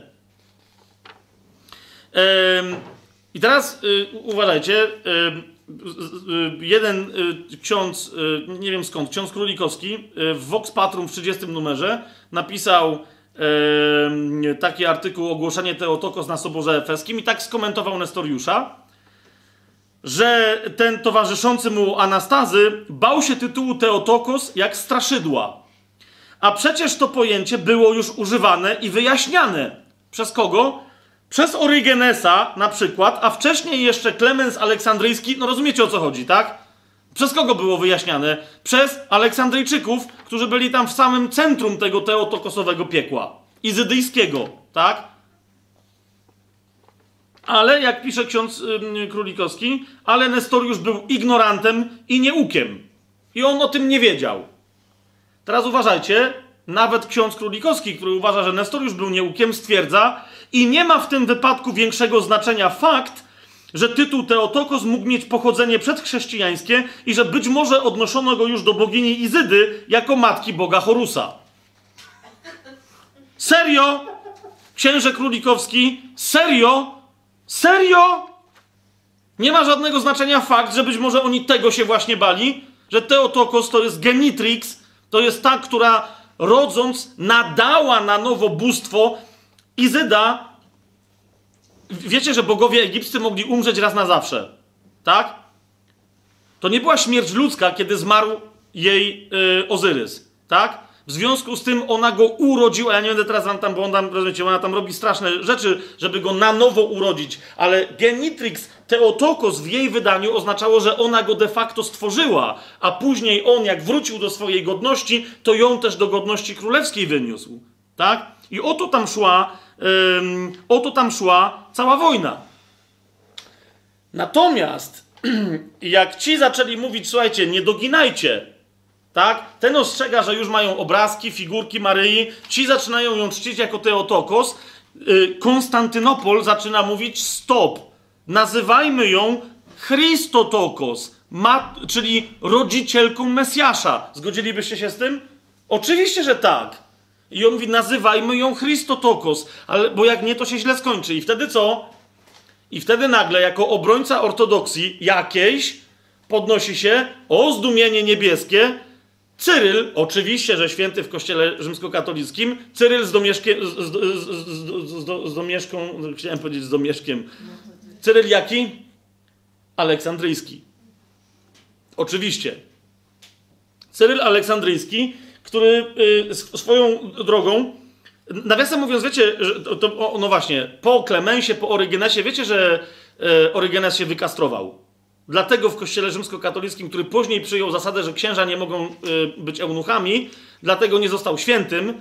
Niemniej kapujecie, co jest grane, tak? Bo już o, o kastratach i o, o, eunuchach, czcicielach wielkiej bogini już żeśmy mówili, tak? E, ale ale okej, okay. Cyryl jest z Aleksandrii. Cyryl e, już się nauczył od Rzymu, jak się rządzi ma kupę pieniędzy, ma potężne biznesy, handluje zbożem i innymi egipskimi rzeczami z całym morzem, z, z całymi, z, z, wszystkimi brzegami Morza Śródziemnego. Gdzie tylko się da, tam handluje. Ma pieniądze, ma ludzi.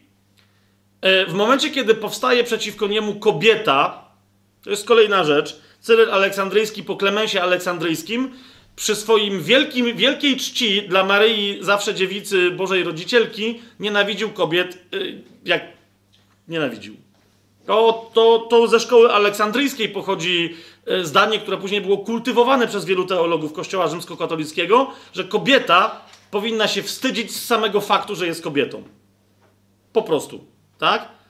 Jeszcze raz, macie ten sam aspekt. Im więcej czczona jako matka i jednocześnie dziewica, jakaś bogini, tym bardziej nie dorasta jej do pięt żadna kobieta. No bo jak miałaby dorastać. A więc podnosi się Cyryl, pisze do Nestoriusza, że a ty ty, bo cię upomnę, a Nestoriusz mu odpisuje, sam się upomni, a on mu mówi, że a jednak cię upomnę i jeszcze wezwę do tego papieża rzymskiego, bo Aleksandria z Rzymem, rozumiesz, trzymają sztamę. A Nestoriusz mówi, ale ja się nie cofnę. Chyba was powaliło, że będziecie nazywać Matkę Jezusa Teotokos. Wtedy de facto, i to jest ten sławetny Sobór Efeski w 431 roku, a teraz zmierzam do sensacyjnej informacji. Cyryl Aleksandryjski sam sobie zwołuje sobór. Sprawdźcie to we wszystkich możliwych dokumentach. Yy, niby robi to cesarz, ale de facto na no, po prostu pod wpływem pieniędzy, władzy i, i wpływów cesarz zwołuje sobór, na który przyjeżdża sam Cyryl Aleksandryjski jest biskupem Aleksandrii, wszystko gra, ale z nim przyjeżdża, niektórzy mówią, że 50, niektórzy mówią, że nawet 100 innych biskupów, którzy mają power w głosowaniu. Rozumiecie o co chodzi? Sęk tylko w tym, że tam nikt poza tym nie przyjeżdża, nie ma Nestoriusza z Konstantynopola, nie dojechał, nie przyjechał nikt z Antiochii, nie mówiąc już nikt o tym, że nikt z Jerozolimy, oni nawet chyba nie wiedzieli, i nie przyjechał nikt nawet z zaprzyjaźnionego z Aleksandrią Rzymu. Teraz uważajcie.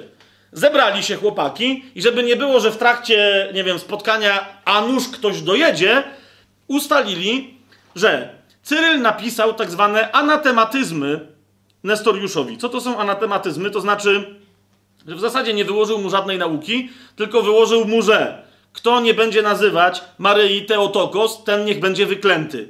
I tak dalej, i tak, rozumiecie, to była taka nauka, no nie? Na którą Nestor już odpowiedział, idę, idę, podyskutujmy teologicznie, a nie... Ale oni się zebrali i ogłosili, że kto nie wyznaje w ten sposób, niech będzie przeklęty. Bez przedstawienia jakiejkolwiek nauki, rozumiecie? Jakiej na, filozoficznie czy jakkolwiek. I cała ekipa zagłosowała, super, okej. Okay. Skoro zagłosowali super, to wykleli e, Nestoriusza, nazwali go heretykiem, złożyli go z urzędu, nakazali jego uwięzienie, wygnanie i zagarnięcie całego jego majątku oraz przejęcie jego kościoła i rządów w tym kościele przez kogoś innego. Sęk w tym, że parę dni później, naprawdę, jeżeli mi nie po prostu sprawdźcie, to mi się nie chce teraz, wiecie, czytać wam tego wszystkiego, ale zobaczcie sobie sami, bo to była po prostu czeska komedia, ok? Parę dni później przyjechali goście z Antiochii, którzy uczyli Nestoriusza, biskupa Konstantynopola i stwierdzili, serio? Nie przedstawiliście żadnej nauki, ale powiedzieliście, że skoro on się nie zgadza z tymi anatematyzmami, to anatema w takim razie na niego, to my w takim razie anatema na Cyryla. Krótko mówiąc, tamci wykleli Nestoriusza, a ci przyjechali i wykleli Cyryla. I powiedzieli, że on jest heretykiem, on jest ekskomunikowany, on ma być uwięziony i ma, ma, kto inny ma być w ogóle biskupem w Aleksandrii, tylko że on stwierdził, dobra, fajnie macie, wsiadł na, wsiedli na okręty i odpłynęli. E, w tym wszystkim się nie mógł połapać nawet cesarz, który pisał, mówi, że ej, ale, mówi, ale co się stało, bo ja nie bardzo, mówi, yy, coś się, o co chodzi? Kapujecie, dwa lata później, po ty, bo naprawdę to tam było jeszcze, chodzi o to, że po prostu oni ustalili nie wiadomo co, tak? Dwóch gości, którzy dyskutowali, czy to otokos, czy nie, było po prostu wzajemnie przez różne ekipy wyklętych. Nie wiadomo o co biega, czeska komedia. Dwa lata później, to jest 433 rok, próbował biskup Antiochii pogodzić Nestoriusza z Cyrylem i napisał tak zwaną formułę pogodzeniową albo formułę unifikacyjną. Tak? Niezależnie od tego, co on tam popisał, Cyryl już miał dawno pozałatwiane z papieżem, z cesarzem i z innymi, że no okej. Okay. On został na swojej stolicy, on został w kościele rzymskokatolickim świętym, Teotokos. No właśnie, rozumiecie, nikt nie wiedział, czy oni tam coś uchwalili, a papież, jak tylko się dowiedział, to jest interesujące, jak tylko się dowiedział, że udało się jakimkolwiek sposobem ogłosić, że Maria jest Teotokos, pierwsze co zrobił, to zaczął w Rzymie budować kościół. Dla niej. Ok? Potężny kościół na wzór efeskiej, no właśnie, zaraz do tego będę zmierzał, na wzór efeskiej świątyni Artemidy, tak jak oni to sobie wyobrażali. Do dzisiaj ten kościół stoi, potężna bazylika w samym środeczku Rzymu. Nazywa się Santa Maria Maggiore, czyli Bazylika Matki Boskiej Większej ale y, uważajcie, pamiętacie jak wam mówiłem, jak się nazywała ta. Y, bo, bo, ten kościół okazało się, że było dość łatwo zbudować, bo tam była świątynia niejakiej Salus Populi Romani, czyli u, ucieczki albo też ratunku ludu rzymskiego. Zgadnijcie, bo oczywiście dzisiaj, jak pojedziecie do Rzymu, to musicie zapytać, gdzie jest Matki Boskiej Śnieżnej albo Santa Maria Maggiore. No i wszyscy ci powiedzą, to jest tam. Ale jak przyjedziecie na miejsce, okazuje się, że tam Maryja jest czczona jako kto? Jako Salus Populi Romani. Nadal. Ok? 431 rok. Teraz uważajcie, gdzie to ogłoszenie rzekome dogmatu o Teotokos się odbyło? W Efezie.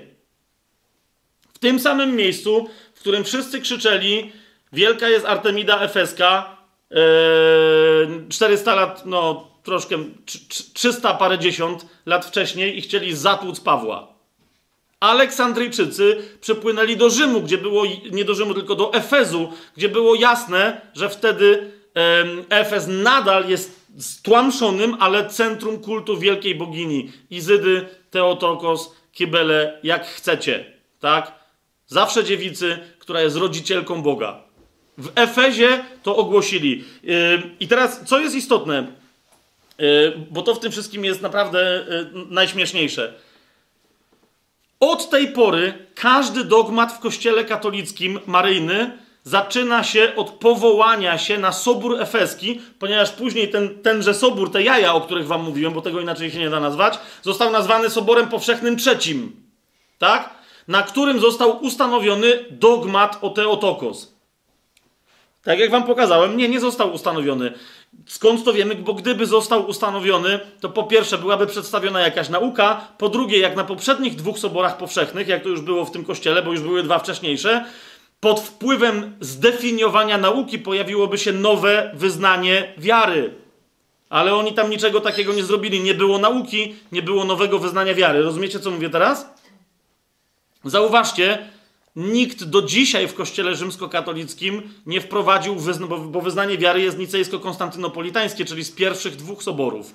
Zauważcie, jest mowa, że Chrystus jest, to jest światłość ze światłości, Bóg prawdziwy z Boga prawdziwego, zrodzony, a nie stworzony, współistotny Ojcu, a, je, a później jest tylko powiedziane, absolutnie tam ten Efes się nie znalazł, że narodził się, tak, wziął ciało z Maryi Dziewicy. I tyle. Tak? Że wziął sobie z niej ciało, a nie, że ona jest jego rodzicielką. To, to nauczanie nie zostało nigdzie wprowadzone. Teraz mówię coś szokującego, bo, bo rozumiecie, każdy następny dogmat w kościele rzymskokatolickim odwołuje się do tego. Skoro Maryja jest Bożą rodzicielką, to jest zawsze dziewicą. Skoro jest Bożą rodzicielką, to jest w niebo wzięta, to jest niepokalanie poczęta, to jest królową nieba i ziemi. Wszystkie te dogmaty bazują, punktem wyjścia dla nich jest dogmat, który w ogóle nie był ogłoszony. Patrzycie na mnie i mówicie, no nie, ja, ja, sam się na siebie popatrzyłem w lustrze i mówię, człowieku, co ty, no nie? Czytam wam aktualnie obowiązujący, e, nawiasem mówiąc, to właśnie była rzecz, która zdenerwowała tegoż księdza króliskowskiego, którego tu już wam cytowałem. Aktualnie obowiązujący podręcznik do dogmatyki w polskim kościele rzymskokatolickim, z którego księża uczą się w seminariach, tak? Drugi tom, e, w, drugim tomie tego, e, tejże, to się nazywa po prostu dogmatyka. W drugim tomie znajduje się traktat o Maryi. Więc rozumiecie, księża się z tego uczą, tak? I autorką jego jest pani chyba Elżbieta Adamiak, z tego co pamiętam. I teraz co ona pisze? Cytuję dosłownie, nie wtrącam nic. Anatematyzmy zostały, zostały uznane za prawowierne przez Sobór Konstantynopolitański w 553 roku. Teraz rozumiecie, to jest sto parę dziesiąt, sto ile? Yy, bo 431 to był Efes. Sobór Konstantynopolitański 553. To jest wiek później, tak? Ale co? Anatematyzmy, czyli jeżeli ktoś nie wyznaje, niech będzie przeklęty. Nie było żadnej nauki. Okej. Okay. Anatematyzmy zostały uznane za prawowierne przez Sobór Konstantynopolitański w 553 roku. Są zatem nauką, uważajcie, przyjętą w kościele, ale nie na Soborze Efeskim.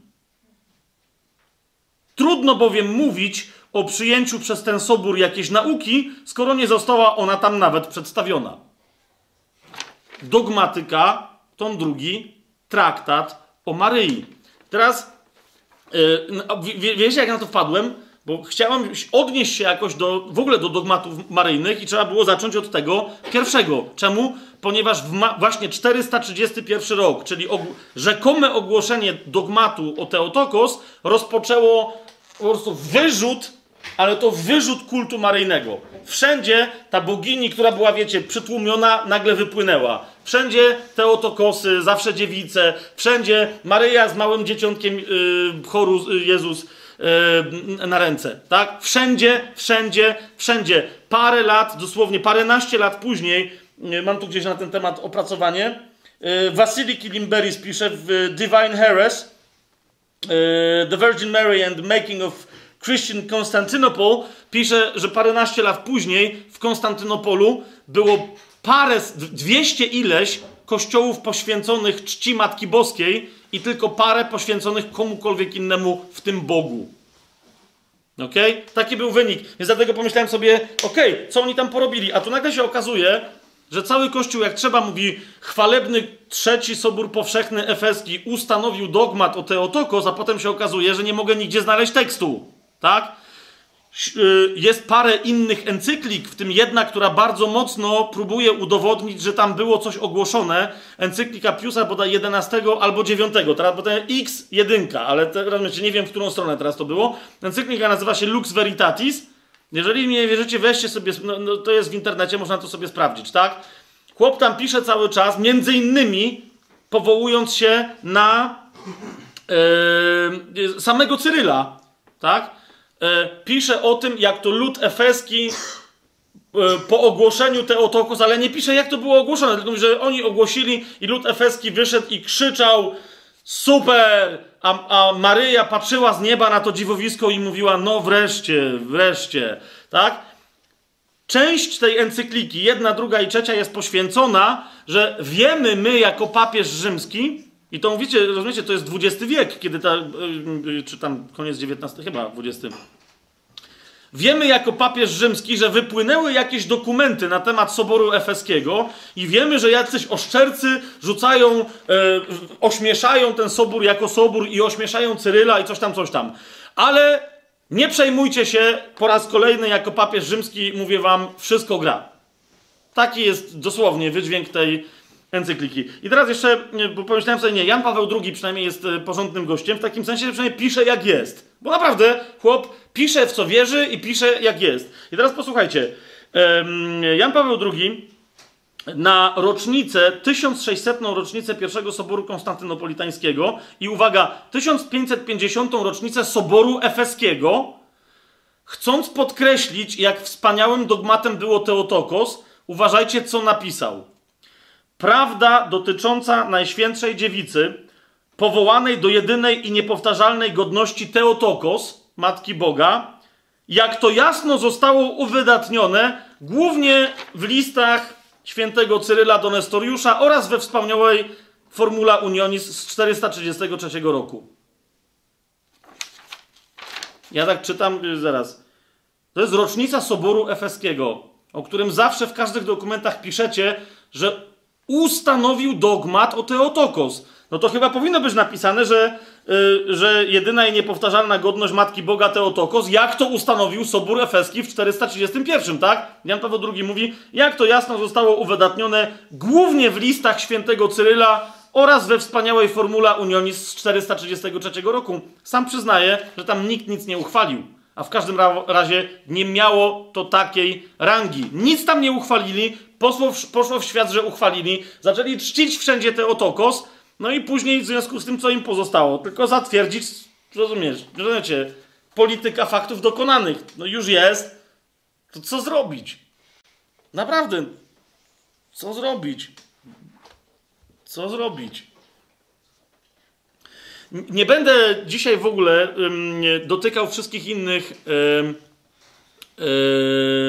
dogmatów maryjnych. A propos tylko tego Teotokos, E, gdyby ktoś z Was, bo, my będziemy o tym mówić, po prostu ja sobie postanowiłem, że będziemy mówić o Marii, Matce Jezusa i różnych związanych z nim e, kwestiach biblijnie, wtedy kiedy przyjdzie na, to czas e, z Biblii. Ale e, moglibyście, moglibyśmy sobie sięgnąć razem. Trzy, trzy fragmenty Wam wskażę, ok? Gdyby ktoś z Was był zainteresowany. Po pierwsze, a propos tego, o czym my tutaj mówimy. Ile my jeszcze mamy tekstu? Okej, okay, damy radę. Ehm, po pierwsze, otwórzcie sobie list do Galacjan, czwarty rozdział, czwarty werset. To w sensie chronologicznym, historycznym w Nowym Testamencie jest pierwsza refleksja, e, nie w Ewangeliach, ale refleksja, e, że tak powiem, kościoła, prawdziwego kościoła, biblijnie wierzącego, czyli refleksja Pawła na temat e, przyjścia Pana Jezusa. I teraz zauważcie, co się tutaj dzieje. Czwarty rozdział, czwarty werset. Kiedy nadeszło wypełnienie czasu, zauważcie, jaka jest kolejność i co kto robi. Zesłał Bóg swojego syna, który się narodził z niewiasty i podlegał zakonowi. Takie jest tłumaczenie e, w Brytyjce. Teraz e, sprawdźcie sobie, jakbyście chcieli to przestudiować bo to jest zdumiewające określenie, zdumiewające określenie. Po grecku ten tekst brzmi, kiedy przyszedł Kairos, a więc właściwy moment, właściwa chwila, zesłał Bóg swojego syna, uważajcie, który stał się z niewiasty, który stał się pod prawem. Ok? Stał się z niewiasty, stał się pod prawem. W tym samym liście nawet mówi, że y, Chrystus stał się przekleństwem e, za nas. Dokładnie tym samym sformułowaniem się posługuje. Nie ma, widzicie o co mi chodzi? Nie ma zaprzeczenia, że nie wziął ciała z Maryi. Jeszcze. Ok, ale jest, że on się stał. Zobaczcie list do y, Filipian. Tam widać wyraźnie, w liście do, do Filipian, to jest drugi rozdział, szósty werset. Zobaczcie, tam bardzo wyraźnie jest napisane, że inicjatywa jest po stronie Ojca, inicjatywa jest po stronie stępującego, wcielającego się zgodnie ze swoją wolą Słowa Bożego. To jest drugi rozdział listu do Filipian, szósty werset. Chociaż był w postaci Bożej, nie upierał się zachłannie przy tym, aby być równym Bogu, ale wyparł się samego siebie i przyjął postać sługi i stał się podobny ludziom.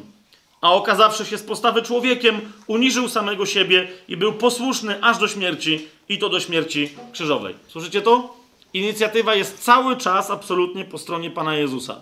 Ale teraz y, do studium i do rozważań naszych absolutnie powinien nam posłużyć także list do Hebrajczyków.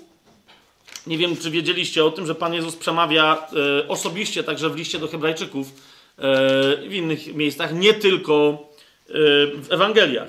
Otóż jak sobie dziesiąty rozdział listu do Hebrajczyków otworzycie, tam ze zdumieniem zobaczycie, co Pan Jezus mówi do Ojca w momencie na temat swojego wcielenia. To jest dziesiąty rozdział, piąty werset. To też przychodząc na świat, powiedział: Nie chciałeś ofiar krwawych ani darów, aleś ciało dla mnie przysposobił. A w innych tłumaczeniach jest po prostu powiedziane: Nie chciałeś ofiar krwawych ani innych darów, ale dałeś mi ciało.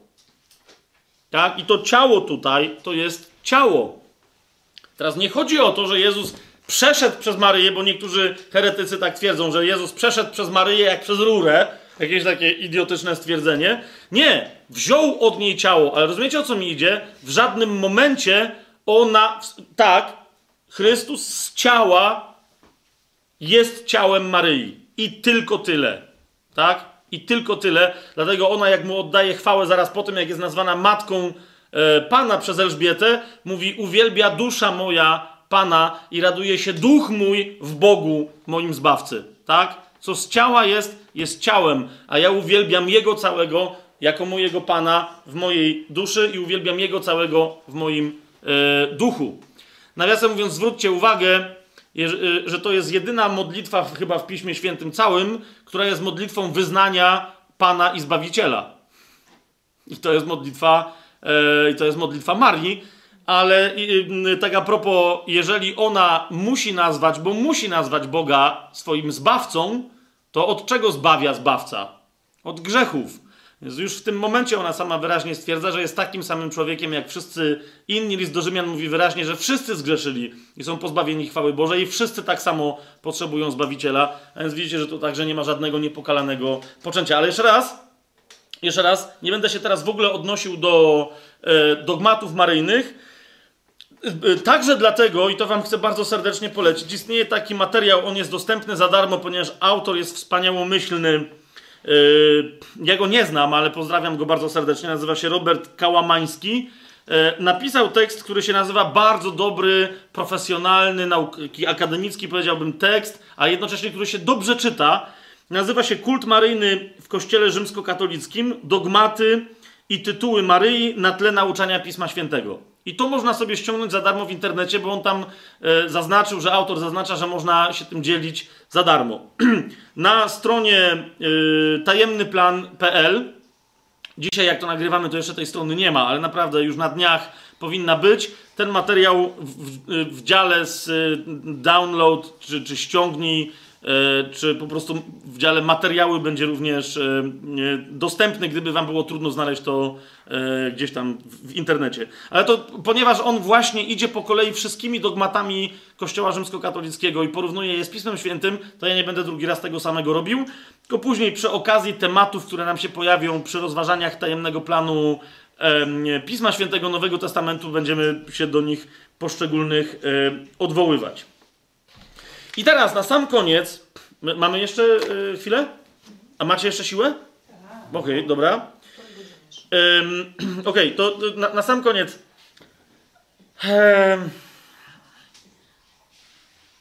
Nie wiem, jak się do tego w ogóle, wiecie, y, odnieść, ale y, no właśnie, bo, bo, już parokrotnie o tym mówiłem, y, ale po prostu trzeba, bo, bo ktoś tam mi mówi, że no ale naprawdę, naprawdę katolicy ktoś mi po ostatnim odcinku mówi, oni naprawdę, wiesz, naprawdę nie chcą czcić tych obrazów. A w każdym razie Kościół rzymski, hierarchia nie chce, żeby ludzie czcili obrazy czy figury. Oni tego nie chcą. E, I dlatego e, katechizm Kościoła katolickiego, to jest punkt 2132, ma napisane: chrześcijański kult obrazów nie jest sprzeczny z pierwszym przykazaniem. Ja już pomijam, że to jest drugie przykazanie, a nie pierwsze, ale niech będzie. Chrześcijański kult obrazów nie jest sprzeczny z tym przykazaniem, które odrzuca bałwochwalstwo. I teraz uważajcie, istotnie cześć oddawana obrazowi odwołuje się do pierwotnego wzoru i kto czci obraz, ten czci osobę, którą obraz przedstawia. Więc konkluzja jest taka, że cześć oddawana świętym obrazom jest pełną szacunku czcią, nie zaś uwielbieniem należnym jedynie samemu Bogu. A zaczyna się to wszystko od takiego dosyć interesującego wywodu, bo tu tym, którzy czytają katechizm Kościoła, na przykład właśnie wciąż ludziom siedzącym w Kościele katolickim, przypominam, że zaczyna się to od dziwnego wywodu, który mówi nakaz Boży, to jest katechizm Kościoła katolickiego, punkt 2129, który mówi nakaz Boży zabraniał człowiekowi wykonywania jakichkolwiek wizerunków Boga. To już znacie dobrze Pismo Święte i wiecie, że nie było nigdzie w Piśmie Świętym takiego zakazu. Tak? Bóg nigdzie nie zakazał wykonywania jakichkolwiek swoich wizerunków. On zakazał wykonywania jakichkolwiek wizerunków. Otwórzmy sobie piątą Mojżeszową, bo to widzę, że niekoniecznie wszyscy pamiętają. Piąta Mojżeszowa.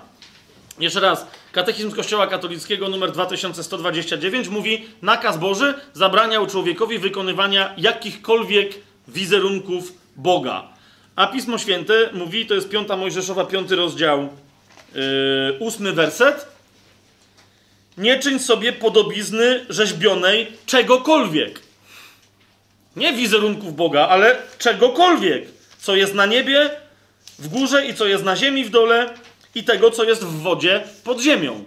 Co do kwestii, że my oddajemy pełną szacunku cześć, ale to nie jest uwielbienie należne jedyne, jedynie Bogu, dziewiąty werset mówi: Nie będziesz się im kłaniał, a więc nie będziesz oddawał czci wizerunkowi, ani też, uwaga, nie będziesz im służył, a więc nie będziesz niczego robił dla tej idei, która jest za tym wizerunkiem. Prosta sprawa, gdyż ja, Pan, Twój Bóg, jestem Bogiem zazdrosnym. Po prostu tylko mnie należy się cześć, e, mówi Pan. E, list do Rzymian też, jak już o tym mówimy, to jeszcze, to jeszcze to sobie wrzućmy. List do Rzymian wyraźnie mówi, że po prostu e, czczenie obrazów, wizerunków i tak dalej po prostu jest zwiedzeniem. Tak? Zobaczcie list do Rzymian, pierwszy rozdział, osiemnasty werset. Mówi Słowo Boże, na kogo może się gniew Boży wylać, jak nie będą uważać. Gniew Boży z nieba objawia się przeciwko wszelkiej bezbożności i nieprawości ludzi, którzy przez nieprawość tłumią prawdę. I teraz, yy, jacy to są ludzie? Zobaczcie 21 werset. Ci, którzy poznawszy Boga, nie uwielbili Go jako Boga i nie złożyli Mu dziękczynienia, ale znikczemnieli w swoich myślach. I dalej, mienili się mądrymi, a stali się głupimi i zamienili chwałę nieśmiertelnego Boga na obrazy przedstawiające śmiertelnego człowieka, a nawet ptaki, czworonożne zwierzęta i płazy. Nikogo i niczego Pan powiedział wyraźnie, ani człowieka, ani zwierząt, nikogo, ani niczego. 25 werset.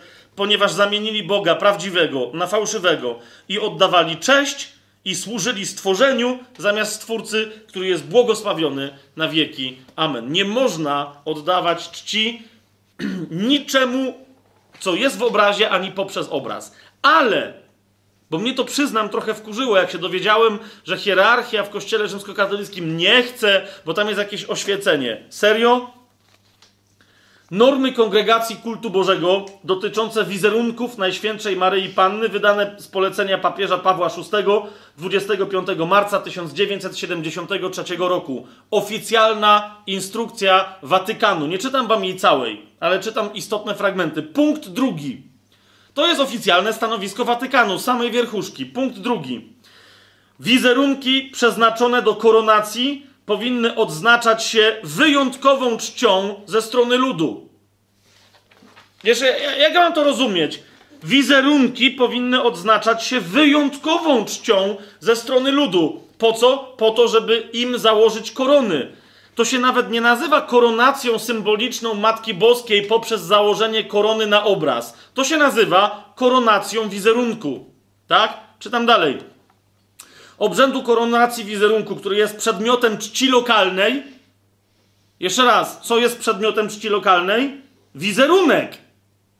Obra obrzędu koronacji wizerunku, który jest przedmiotem czci lokalnej, powinien dokonać biskup tej diecezji według obrzędów zawartych w pontyfikale rzymskim. Pontyfikał to jest właśnie to, co pisze Pontifex Maximus. Tak? Korona przeznaczona do nałożenia na wizerunek powinna być kunsztownie wykonana. Punkt czwarty.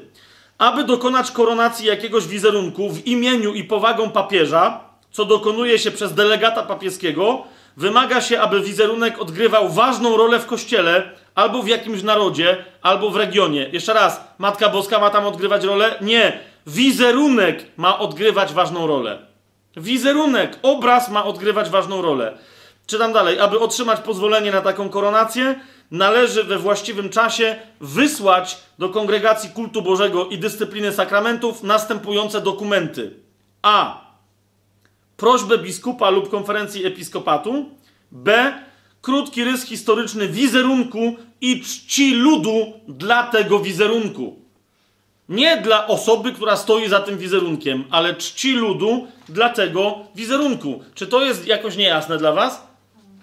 Więc jeszcze raz, jak ktoś mi będzie opowiadał takie bzdury, nie, to nie jest żadną wolą góry, żeby ludzie nie czcili wizerunków w kościele rzymskim. Absolutnie. Oni chcą, żeby byli, żeby te wizerunki były czczone.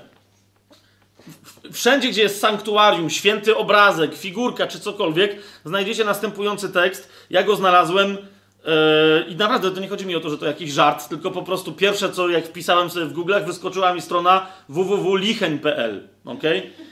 W Licheniu ja myślałem, że tam jest, wiecie, kopia yy, tego yy, Watykanu, po, znaczy Bazyliki Świętego Piotra, tak? Z, ze złota i tam jakieś rzeczy i tak dalej. Yy, ale okazuje się, że tam jest cudowny obraz.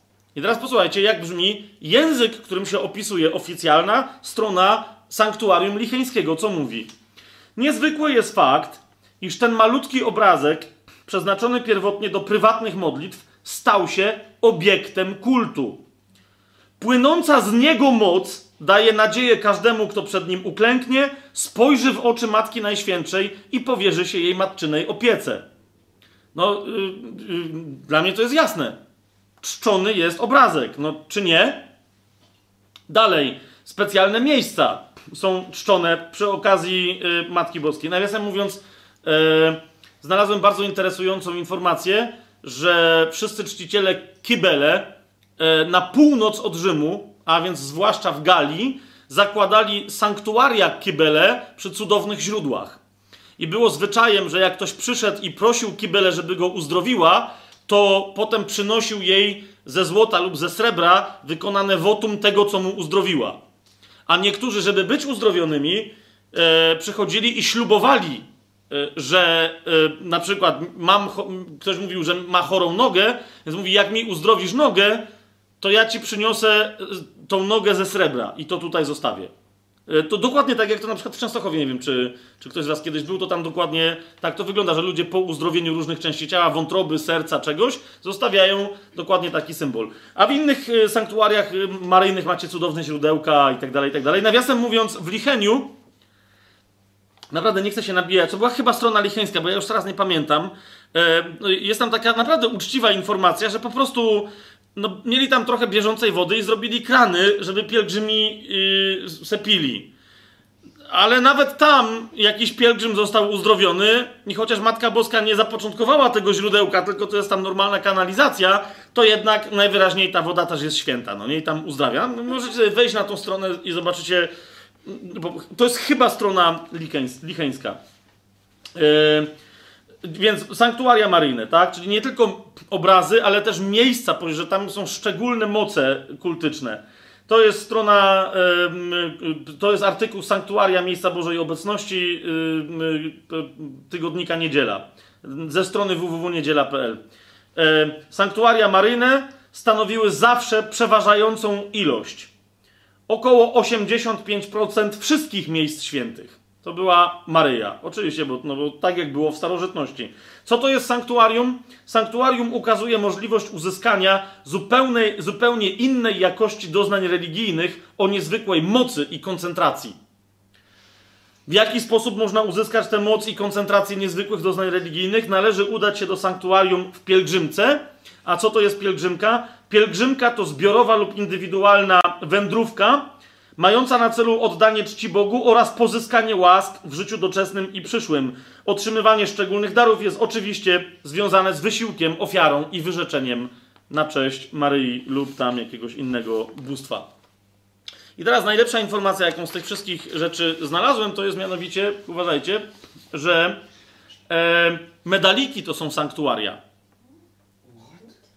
Lub świątynie maryjne. E, tak. E, tu jest, e, ktoś mi przysłał, a propos tych naszych tu różnych badań, ktoś mi przysłał stronę naszego dziennika z 27 listopada 2002 roku. Zaskoczyłem cię, że nasz dziennik cytuję. Co zrobić? O cudownym medaliku, to jest, y, widzicie, tu, tu jest ta strona i tutaj co czytamy, że tam y, objawiła się Maryja i powiedziała, y, że jej świątynią, w kręgu której mamy pozostawać, jest ten mały medalik, który czciciele Maryi mają nosić na szyi. Świąt... Absolutna obfitość łask wtedy na nich spadnie a więc to jest świątynia cudownego medalika, jak ktoś nosi cudowny medalik na szyi. Więc widzicie, że nie żartuję. Więc chciałem też sprawdzić, skoro to jest takie misteriozum, co to jest medalik, bo oczywiście wszyscy mówią, że to nie jest talizman, a na pewno nie amulet. To jest nie. nie. To nie ma chronić od złych rzeczy, ani nie ten. Więc na stronie opoka.org.pl znalazłem artykuł e, księdza Andrzeja Adamskiego zatytułowany Znak firmowy chrześcijanina. Wiecie, wiecie dlaczego mnie to tak denerwuje? Tak? nie chrześcijanina, tylko wyznawcy religii rzymskiej. Tak? Co jest tym znakiem firmowym? Krzyż lub medalik. Oczywiście noszony na sobie. Gdzie jaki chrześcijanin, z wyjątkiem wyznawcy rzymskiego, no rozumiecie o co mi chodzi, tak? Ale co on pisze? Że stanowi on coś w rodzaju znaku firmowego, przy pomocy którego człowiek mówi: Jestem chrześcijaninem. I teraz uwaga, z pewnością rzeczą niewłaściwą jest traktowanie medalików jak amuletów jak przedmiotów magicznych, których zadaniem dzięki czarodziejskiej mocy ma być ochrona nas przed nieszczęściami. I teraz autentycznie, bo ja nie pamiętam, co wpisałem w Google, ale patrzę, a pod tym artykułem jest drugi artykuł w wyszukiwarce, który brzmi: Czego się boisz, masz medalik. Z małego gościa niedzielnego. Więc tego otwarłem, no bo ten mówi, że absolutnie nie wolno traktować, że to ma czarodziejską moc, która cię chroni przed nieszczęściami, tak? I następny dla dzieci w kościele katolickim, co mamy? E, artykuł Czego się boisz, masz medalik. E, jest wywiadem z ojcem Stanisławem Jaroszem, Paulinem, proboszczem z Włodawy. Czyli profesjonalny zawodnik. Rozumiecie o co mi chodzi, tak? Proboszcz, naucza, yy, szanowany człowiek. I teraz co on mówi? Bez medalika jestem jak bez kamizelki kuloodpornej. Tak, więc ja mówię, okej, okay, ojcze Stanisławie Jaroszu, Paulinie, proboszczu z Włodawy, co to znaczy? I tu cytuję, ponieważ dostałem odpowiedź. To była pierwsza rzecz, którą zapamiętałem, że nosząc medalik, nic złego mnie nie spotka.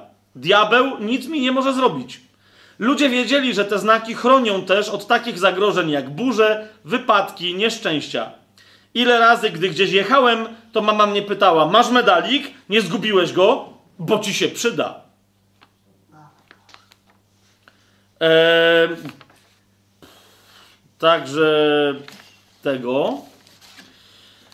Natomiast y, mieliśmy taką debatę, y, mieliśmy taką debatę, czy rzeczywiście w pobożności takiej, wiecie, że się ktoś nie angażuje po ostatnim spotkaniu w traktat o, na, o, o prawdziwym nabożeństwie Najświętszej Marii Panny, czy te sekrety Maryi, te inne historie, to czy rzeczywiście jest tak, że dzisiaj y, Maryja naprawdę stała się kibele, a więc najważniejszą boginią w kościele rzymskim.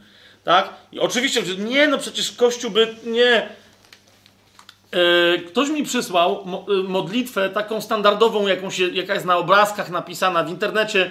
Jak sobie wpiszecie modlitwa do Matki Boskiej Częstochowskiej, no czyli wiecie, no, yy, no po prostu, yy, znajduje się następująca rzecz. Ja nie, nie, przeczytam jej całej, bo nie dam rady, na, naprawdę. Ale po prostu wniosek z tej modlitwy jest jeden. Znaczy, tu nikt tego nie mówi, ale wniosek jest jeden. Jedynym, kto może się posługiwać boską mocą wobec Polaka, jest królowa nieba i ziemi, działająca przez wizerunek w Częstochowie. I masz szczęście, że Pan Jezus umarł, bo dzięki temu ona się nad tobą zlituje. Dosłownie. Y, w tej modlitwie Jezus jest martwy, a to ta jego śmierć jest pośrednictwem między tobą a Maryją. Tak? I teraz chodzi mi o to, że powiedziałem to, bo chcę, żebyście to usłyszeli. Yy, czytam. Natomiast yy, mówię, nie, nie, przeczytam tego całego, bo tu są jakieś dziwne sformułowania, nie chcę ich w ogóle czytać, ale jakby ktoś chciał zobaczyć całość, to tutaj, to widzicie, jest, jest yy, po prostu podkreśliłem sobie tylko takie rzeczy, które logicznie się ciągną w tej modlitwie. Posłuchajcie sami. O najwspanialsza królowo nieba i ziemi, najświętsza Maryjo Częstochowska. Oto ja, niegodny sługa Twój, staję przed Tobą, wznosząc błagalnie ręce do Ciebie i z głębi mojego serca wołam, bo tylko w Tobie moja nadzieja, jeżeli Ty mnie nie wysłuchasz, to do kogóż pójdę. Rozumiecie? To jest ostatnia i jedyna instancja w tej modlitwie. Dalej. Wiem, droga matko, że serce Twoje pełne litości wysłucha mnie w mojej potrzebie, gdyż wszechmoc boska w Twoim ręku spoczywa. Ok? Czytamy dalej. A więc, Maryjo, błagam cię, powstań i użyj swojej potężnej mocy. Wprawdzie czuję to dobrze w głębi duszy, że dla grzechów moich niegodzien jestem, abyś mi miłosierdzie świadczyła, lecz błagam cię, nie patrz na mnie przez owe grzechy moje, ale spojrzyj przez zasługi najmilszego syna Twojego i przez jego najświętszą krew, którą przelał za mnie na haniebnym krzyżu. Pomnij na te cierpienia, jakich samaś doznała, stojąc pod krzyżem, i na wpół umarła, patrząc na śmierć drugiego syna Twojego. A zatem przez pamięć na to wszystko, o matko, nie odmów mej pokornej prośbie, ale ją łaskawie wysłuchaj, a będąc przez Ciebie pocieszonym, wdzięcznym sercem wielbić Cię będę aż do śmierci. Słyszycie to? Więc jeszcze raz. Ee, no nie. Nie. Nieważne, jakie są e, teorie dogmatyczne, teologiczne na temat tego kultu. Praktyka tego kultu w Polsce wygląda właśnie w taki sposób. Jeszcze na sam koniec, zupełnie na sam koniec, E, bo niektórzy powiadają, a objawienia maryjne. E, jest taki mm, naukowiec, który się nazywa dr Jacques Vallée. E, tu niektórzy mogą to potem potwierdzić, czy to jest właściwe odczytanie tego nazwiska. Pisze się przez V, 2L i 2E, a drugie E, o, o, przedostatnie E ma akcent. Więc chyba Jacques Vallée. Naukowiec wybitny, znajdziecie go w różnych e, miejscach, w pewnym momencie zajął się e, badaniem zjawisk UFO. E, niezidentyfikowanych obiektów latających i spotkań z bliskimi, z tak zwanych bliskich spotkań trzeciego stopnia, czwartego i piątego stopnia, także z istotami pozaziemskimi. On między innymi był pierwowzorem, nie wiem czy ktoś z was oglądał bliskie spotkania trzeciego stopnia Spielberga. Taki, taki, no to on był pierwowzorem tam jednego z tych naukowców, którzy tam badają i doprowadzają do takiego spotkania. Ale teraz on to po naprawdę rzetelnych badaniach przede wszystkim stwierdził, że nie widzi żadnej podstawy, żeby uznawać yy, pojawiające się tu i ówdzie UFO albo spotkania z istotami, yy, tymi, które wychodzą z tych obiektów latających, żeby je uznawać za spotkania z istotami ekstraterrestrialnymi, a więc pochodzącymi spoza Ziemi. Mówi, nie ma nigdzie żadnego dowodu na to, tak? Po drugie, bardzo interesująca rzecz, stwierdził, że badał wszystkie zjawiska, które wyglądają jak, tak? I teraz okazało się, że zjawiska jawień maryjnych, spotkań z e, jakąś istotą, która się przedstawia jako Maryja, i towarzyszących im tam innych zjawisk, włącznie z objawieniami fatimskimi w Lourdes i wieloma innymi, on mówi, że po prostu one się nie różnią niczym innym, e, niczym od spotkań innych, które nie były rozpoznane jako spotkania z, z Maryją, e, tylko się odbywały w kulturach, które, czy w krajach, które nie należą do, do kultury rzymskokatolickiej. A więc dzieci spotykały panią w błękicie. Pani w błękicie przylatywała w jasno, e, w metalowo w wyrazistej ramce, albo pojawiała się w kuli światła, włącznie z tak zwanym cudem słońca w Fatimie, e, bo tam, wiecie, byli nie tylko ludzie wierzący, w sensie katolicy, ale też inni, e, na przykład naukowcy, oni stwierdzili, że rzeczywiście pewne rzeczy się działy. Ja mam świadectwo jednego z nich, który mówi o tym, że no działy się, e, ponieważ padał deszcz, było, było bardzo mocne zachmurzenie, e, natomiast cud słońca rozpoczął się nie w ramach rozchmurzenia, ale w pewnym momencie przestało padać, a z, z chmur E, zwłaszcza z za jednej dziwnej, wyłonił się obiekt świecący jasno jak słońce i grzejący. Ten obiekt się poruszał w tej i we w tej. I rzeczywiście ludzie w sąsiednich wioskach też mówili, że widzieli stamtąd jakieś błyski i światła i zmieniające się cienie. Tak? Ale chodzi o to, że nikt nigdzie indziej na świecie nie zanotował, żeby słońce wtedy tańczyło, albo żeby Ziemia coś dziwnego ze sobą robiła. Więc y, po prostu ten, ten gościom ma parę książek na ten temat. Żadna z nich myślę, że wiem czemu nie jest jeszcze przetłumaczona na polski, ale wyraźnie pokazuje, że po prostu, e, jeżeli tam dochodzi do jakichś spotkań, to spotkania, spotkania z ufokami e, czy z jakimiś innymi istotami, które jako obcy się przedstawiają, to są też spotkania e, z istotą, która się czasem przedstawia jako Maryja, niepokalane poczęcie i inne, i inne historie. Nawiasem mówiąc, na przykład Katarzyna Laburę, chyba tak się nazywała ta siostra, która, po której objawieniu wszyscy zaczęli nosić ten tak zwany cudowny medalik w kościele rzymskokatolickim, e, jak zobaczyła pierwszy raz tę istotę, e, to, to się nie zgodziła na to, że. I ona jej powiedziała, że jest Matką Boską, ona w to nie uwierzyła. Tak? Trzykrotnie ją odrzucała, i anioł jakiś jeszcze musiał przylecieć, żeby jej wytłumaczyć, że to jest ona, naprawdę. Uwierz, to któż by inny. Okej? Okay?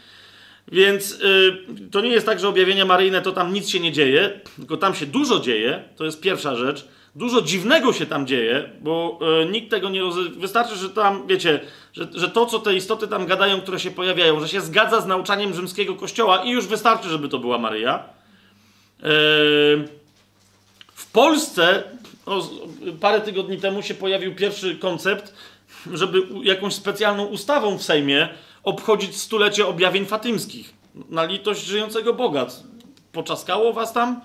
Więc okej. Okay.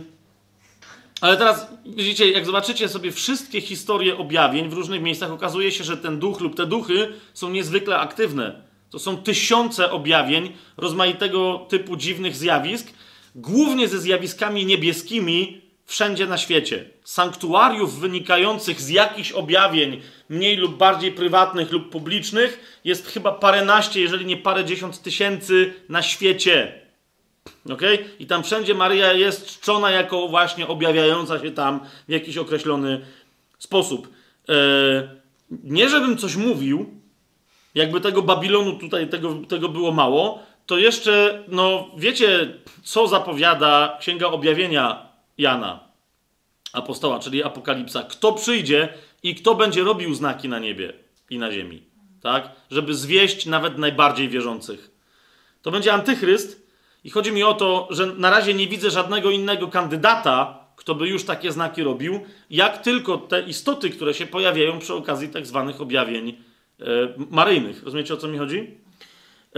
I wreszcie ostatnia rzecz, do której chcę się odnieść, y, która jest zupełnie jakaś taka dziwnie śmiechu warta. Mianowicie, często w, w rzymscy katolicy opowiadają, że ale przecież e, szatan się bardzo boi Maryi. E, w, w, niektórych tych film, nie, nawet nie filmach, tylko takich wypowiedziach oficjalnych na temat, e, na temat Maryi, E, pojawia się informacja, że, na, że imię Maryi to jest imię, którego szatan najbardziej się boi na świecie. Wyobrażacie to sobie? Teraz e, zastanowiłem się nad tym, jak to jest. Ja już pomijam różne e, skuteczności egzorcystów e, katolickich, to, to, to teraz pomijam, ale chodzi mi o to, że Maryja, naprawdę jako katolicka Maryja, jako po prostu najświętsza panienka, bez żadnego problemu jest przyzywana. Bardzo mi jest naprawdę, jak ktoś tego słucha, jest w kościele katolickim, naprawdę mi jest bardzo przykro to stwierdzić. Ale po prostu jest mnóstwo materiałów i, i osobiście niektórzy ludzie mi o tym mówią, że po prostu jest przyzywana w, w rozmaitego typu okultystycznych obrzędach, magicznych formułach, a nawet w formułach satanistycznych takich ludzi jak na przykład Alistair Crowley, tak? czyli zwany bestią, albo też 666, który myślał, że jest antychrystem wcielonym w XX wieku. Przykładem tego, wiecie, ja nie chcę tych przykładów mnożyć, bo to nie ma żadnego sensu, ale mamy książkę Roberta Antona Wilsona, wydaną w Polsce przez wydawnictwo Okultura, ponieważ się zajmuje okultystycznymi rzeczami. E, nazywa się ta książka Kosmiczny Spust, czyli Tajemnica Iluminatów. I ja teraz pomijam, bo to są wspomnienia szalone jakichś dziwnych rzeczy, ale ten pan na stronie 102 tej książki e, o czym nam mówi? Że w ramach swoich badań e, satanistycznych formuł, z których korzystał, Alistera Crowley'a postanowił, żeby, że najlepiej będzie, jeżeli obudzi swoją oryginalną, magiczną tożsamość, a ta tożsamość według niego była tożsamością rzymskokatolicką, ponieważ w rzymskim katolicyzmie był wychowywany. I teraz uważajcie, cytuję. To jest strona 102 tej jego książki Kosmiczny Spust. Kontynu kontynuowałem modły do naszej pani z Gwadelupy. Zachwycony, że mogę znowu bawić się w tę katolicką grę. Był to jeden z wielu tuneli rzeczywistości, do których miałem dostęp dzięki Crowleyowskim metaprogramom, czyli inwokacjom, i które mogłem dowolnie zmieniać, dostrajając się raz to do systemu egipskiego, by z kolei przejść do światopoglądu buddyjskiego. Rozumiecie? Wzywanie Maryi, i tu konkretnie pod imieniem naszej pani z Guadalupe, on też w innych miejscach tej książki mówi, że ją przyzywał jako najświętszą panienkę, Maryję yy, i tak dalej, i tak dalej, bez żadnego problemu tak? Że y, pomagało mu y, przystosować się do magicznego, satanicznego, królejowskiego systemu egipskiego. Nic mu się nie stało w ramach przyzwania. Jemu chodziło konkretnie, jeszcze raz, o tę katolicką grę, jak to nazwał. To nie było wezwanie, wiecie, jak niektórzy w magii wzywają imienia Jezus, żeby mu bluźnić. Rozumiecie, o co mi chodzi? To było bardzo... Zresztą tutaj postać Najświętszej Panienki naszej pani z Guadalupe jest w ogóle taka, wiecie, e, przedstawiana w jak najcieplejszych kolorach. E, w jak najcieplejszych kolorach. Jeszcze tylko inny fragment wam przeczytam, bo naprawdę to nie ma sensu z takich rzeczy cokolwiek cytować, ale to jest strona 162.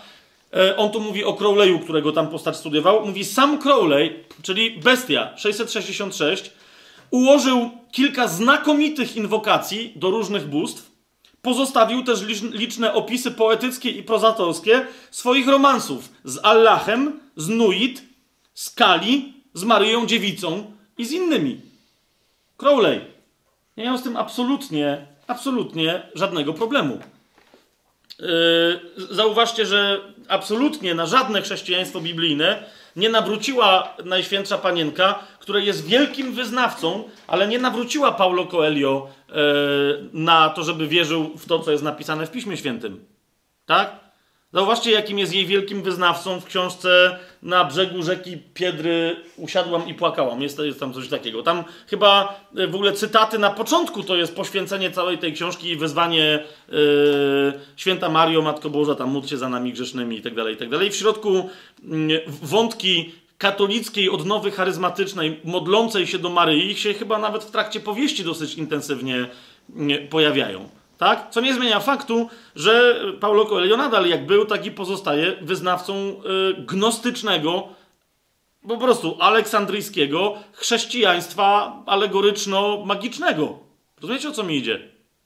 A więc ja wiem, że te wszystkie, że, że Maryja jest przezywana przez różnych, przy różnych egzorcyzmach, ale jeszcze raz, jeżeli przy tych egzorcyzmach, bo niektórzy mówią, że same diabły, same demony mówią, jaka ona jest potężna.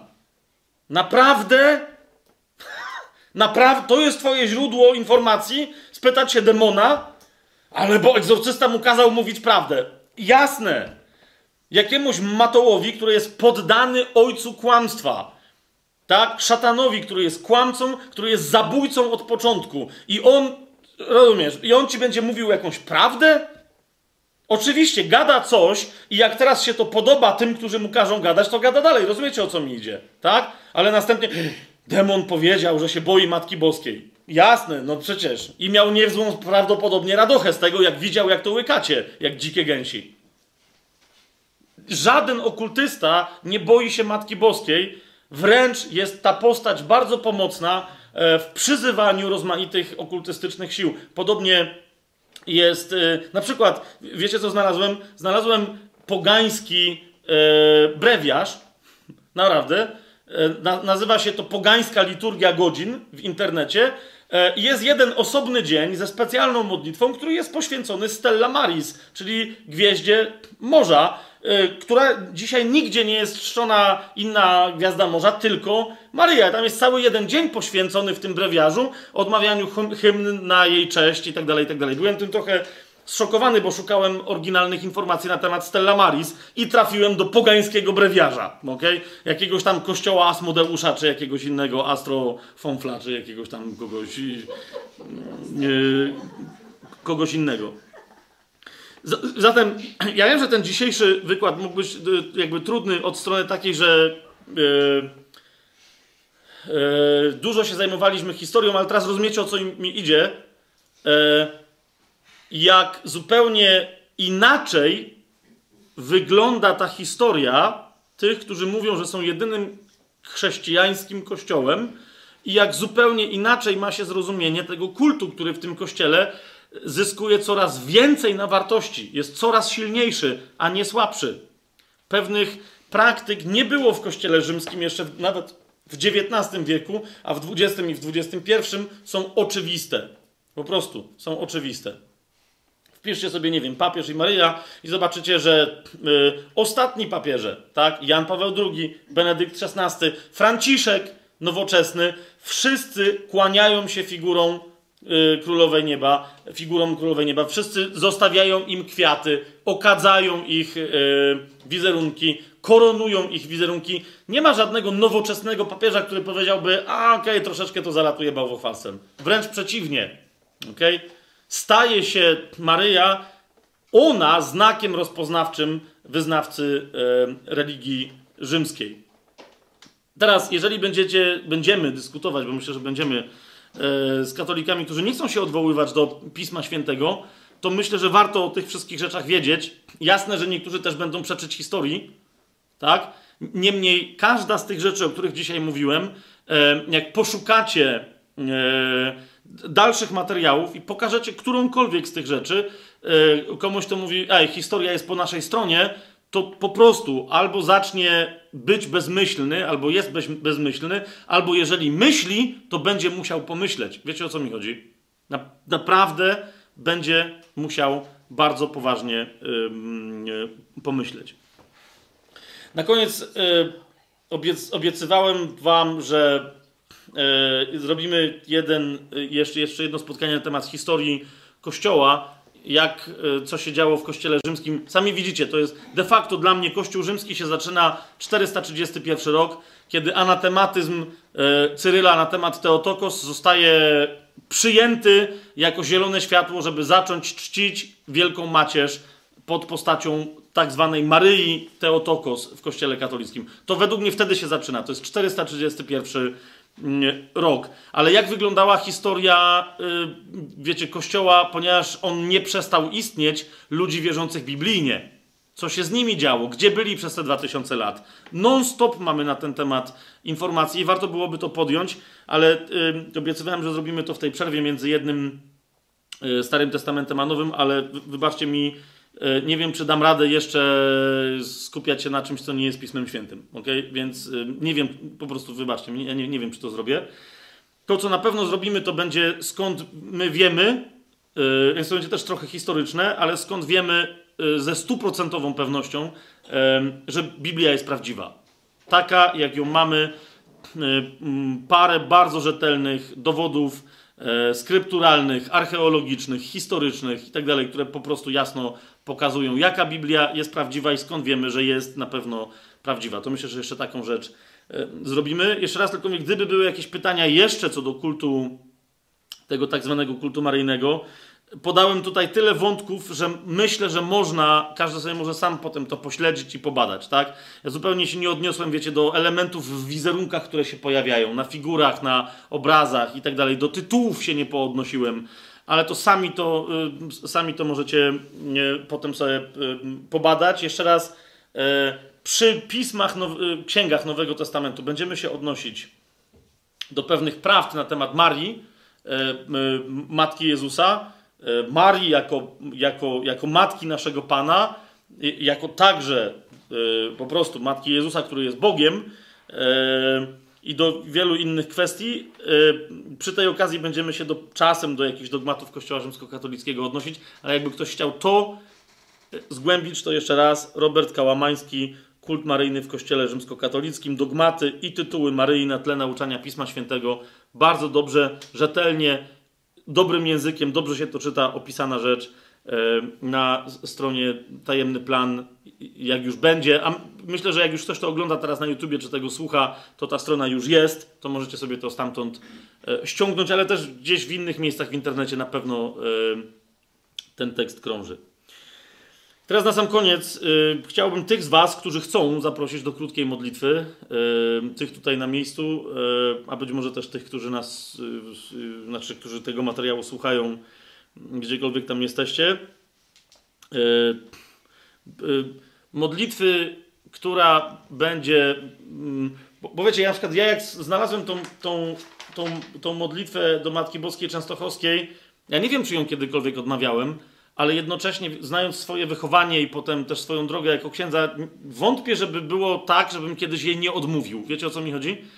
E, tudzież wielu innych takich, o których nie pamiętam. Ja y, już się z tymi rzeczami pozałatwiałem, ale pomódlmy się, y, bo, bo nie wiem, czy wy wszyscy to tutaj zrobiliście. Kto chce, żeby teraz pozrywać e, jakiekolwiek więzi wynikające z tych historii, to wszyscy są ochrzczeni, więc to, y, rozumiecie, nic do nas nie ma dostępu, bo kto jest martwy, ten ani nie grzeszy, ani nie ma do niego dostępu żadne prawo, ale czasem jest tak, że demony stojące za tymi różnymi dziwnymi modlitwami, powierzeniami się i tak dalej, e, kłamią, upominając się o coś, co im się rzekomo e, z tego tytułu należy.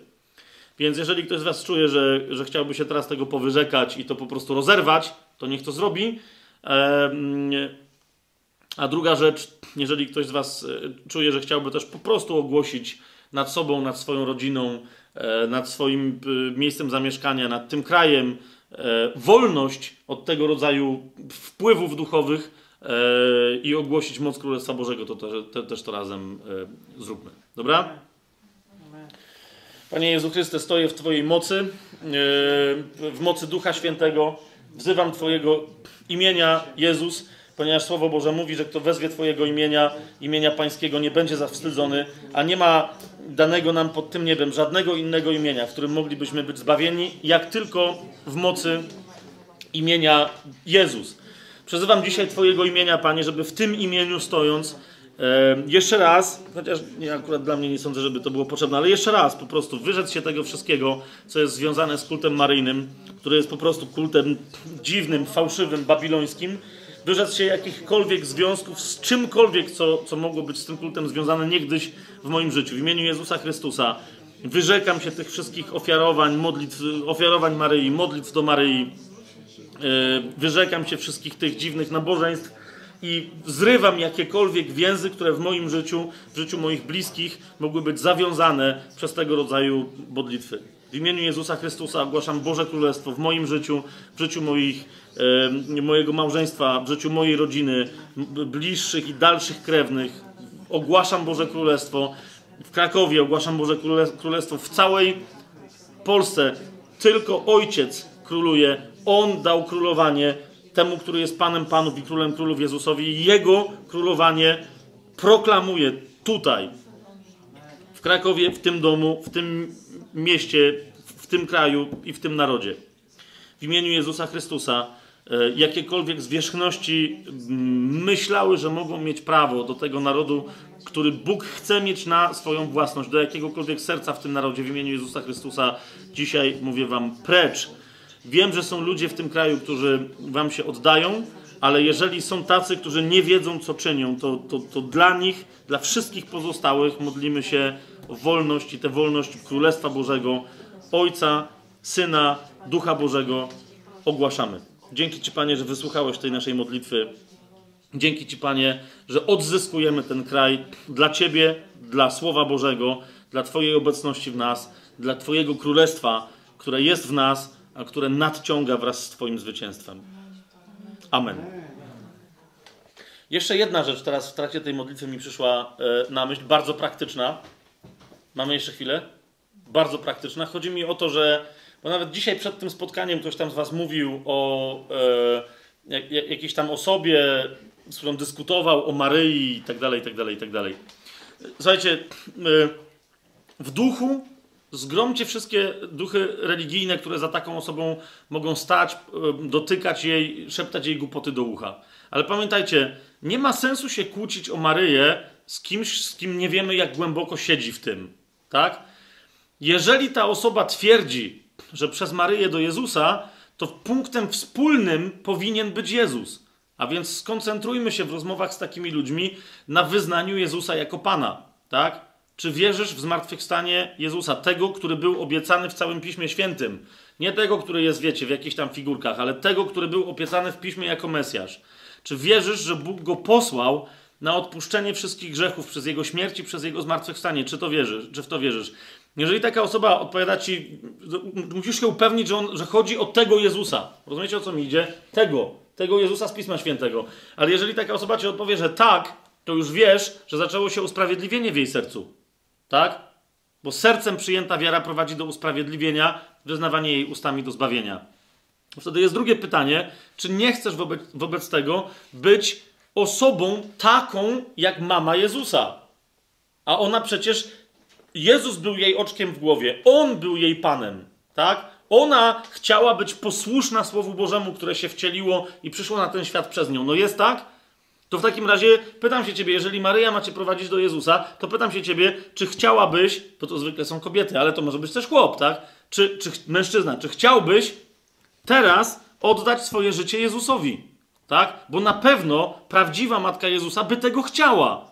Żebyś był sługą, albo żebyś była sługą Jezusa, tak? Żebyś, żebyś nie była w jakiejś dziwnej niewoli, tylko że po prostu, żebyś była żebyś był w najbliższej przyjaźni z Jezusem, słuchając Jego. Jak potem chcesz słuchać, co Jezus chce od ciebie przez Maryję, to rozumiecie o co mi chodzi? To spoko. Ale czy jesteś w stanie teraz, czy Maryja już cię przygotowała do wyznania Jezusa jako twojego Pana? Jeżeli taka osoba wyzna Jezusa, no to jest krok dalej. To jest krok dalej, możecie ją poinformować, ale też ale też no dobrze jest taką osobę poinformować. Okej, okay, chcesz odmawiać różaniec, odmawiać, odmawiaj dalej różaniec. Ale pamiętaj, że w tym różańcu jest powiedziane błogosławiony owoc żywota Twojego, Jezus. To imię za każdym razem, kiedy będziesz wymawiać, odmawiając różaniec, odmawiając proste zdrowaś Mario, to imię będzie Ci świecić jako najpotężniejsze, bo nie zostało nam dane żadne imię pod niebem, w którym moglibyśmy być zbawieni. Dzieje apostolskie, czwarty rozdział, tak? Zatem tylko tyle. Tylko skąd, to jest najważniejsze. Oczywiście, że to nie jest wszystko, ale dzięki temu możemy rozpocząć jakiekolwiek działanie Ducha Bożego w sercach ludzi, którzy, wiecie, no, normalnie byli z Maryją, są i jeszcze, nie daj Boże, żeby dalej zostawali. Jasne to jest? Więc rzeczywiście, jak tam ktoś powiedział, to Jarek chyba, tak? że nie, nie, nie, ma co się denerwować i, i, nie denerwujcie też ludzi, którzy są maryjni. Bo pamiętajcie, że za tym stoją lęki, za tym stoją tradycje narodowe, za tym stoją różne historie i za tym stoją też duchy religijne. To zamiast tego wszystkiego głośmy Ewangelię chociażby w jej najprostszej postaci, tam gdzie istnieje jakikolwiek punkt zborny z tym, co się dzieje w doktrynie rzymskiej. Amen? Bardzo pięknie Wam dziękuję za wytrzymałość i podziwiam Was, że, że tak spokojnie przez to te straszne rzeczy przechodzicie. Dzięki.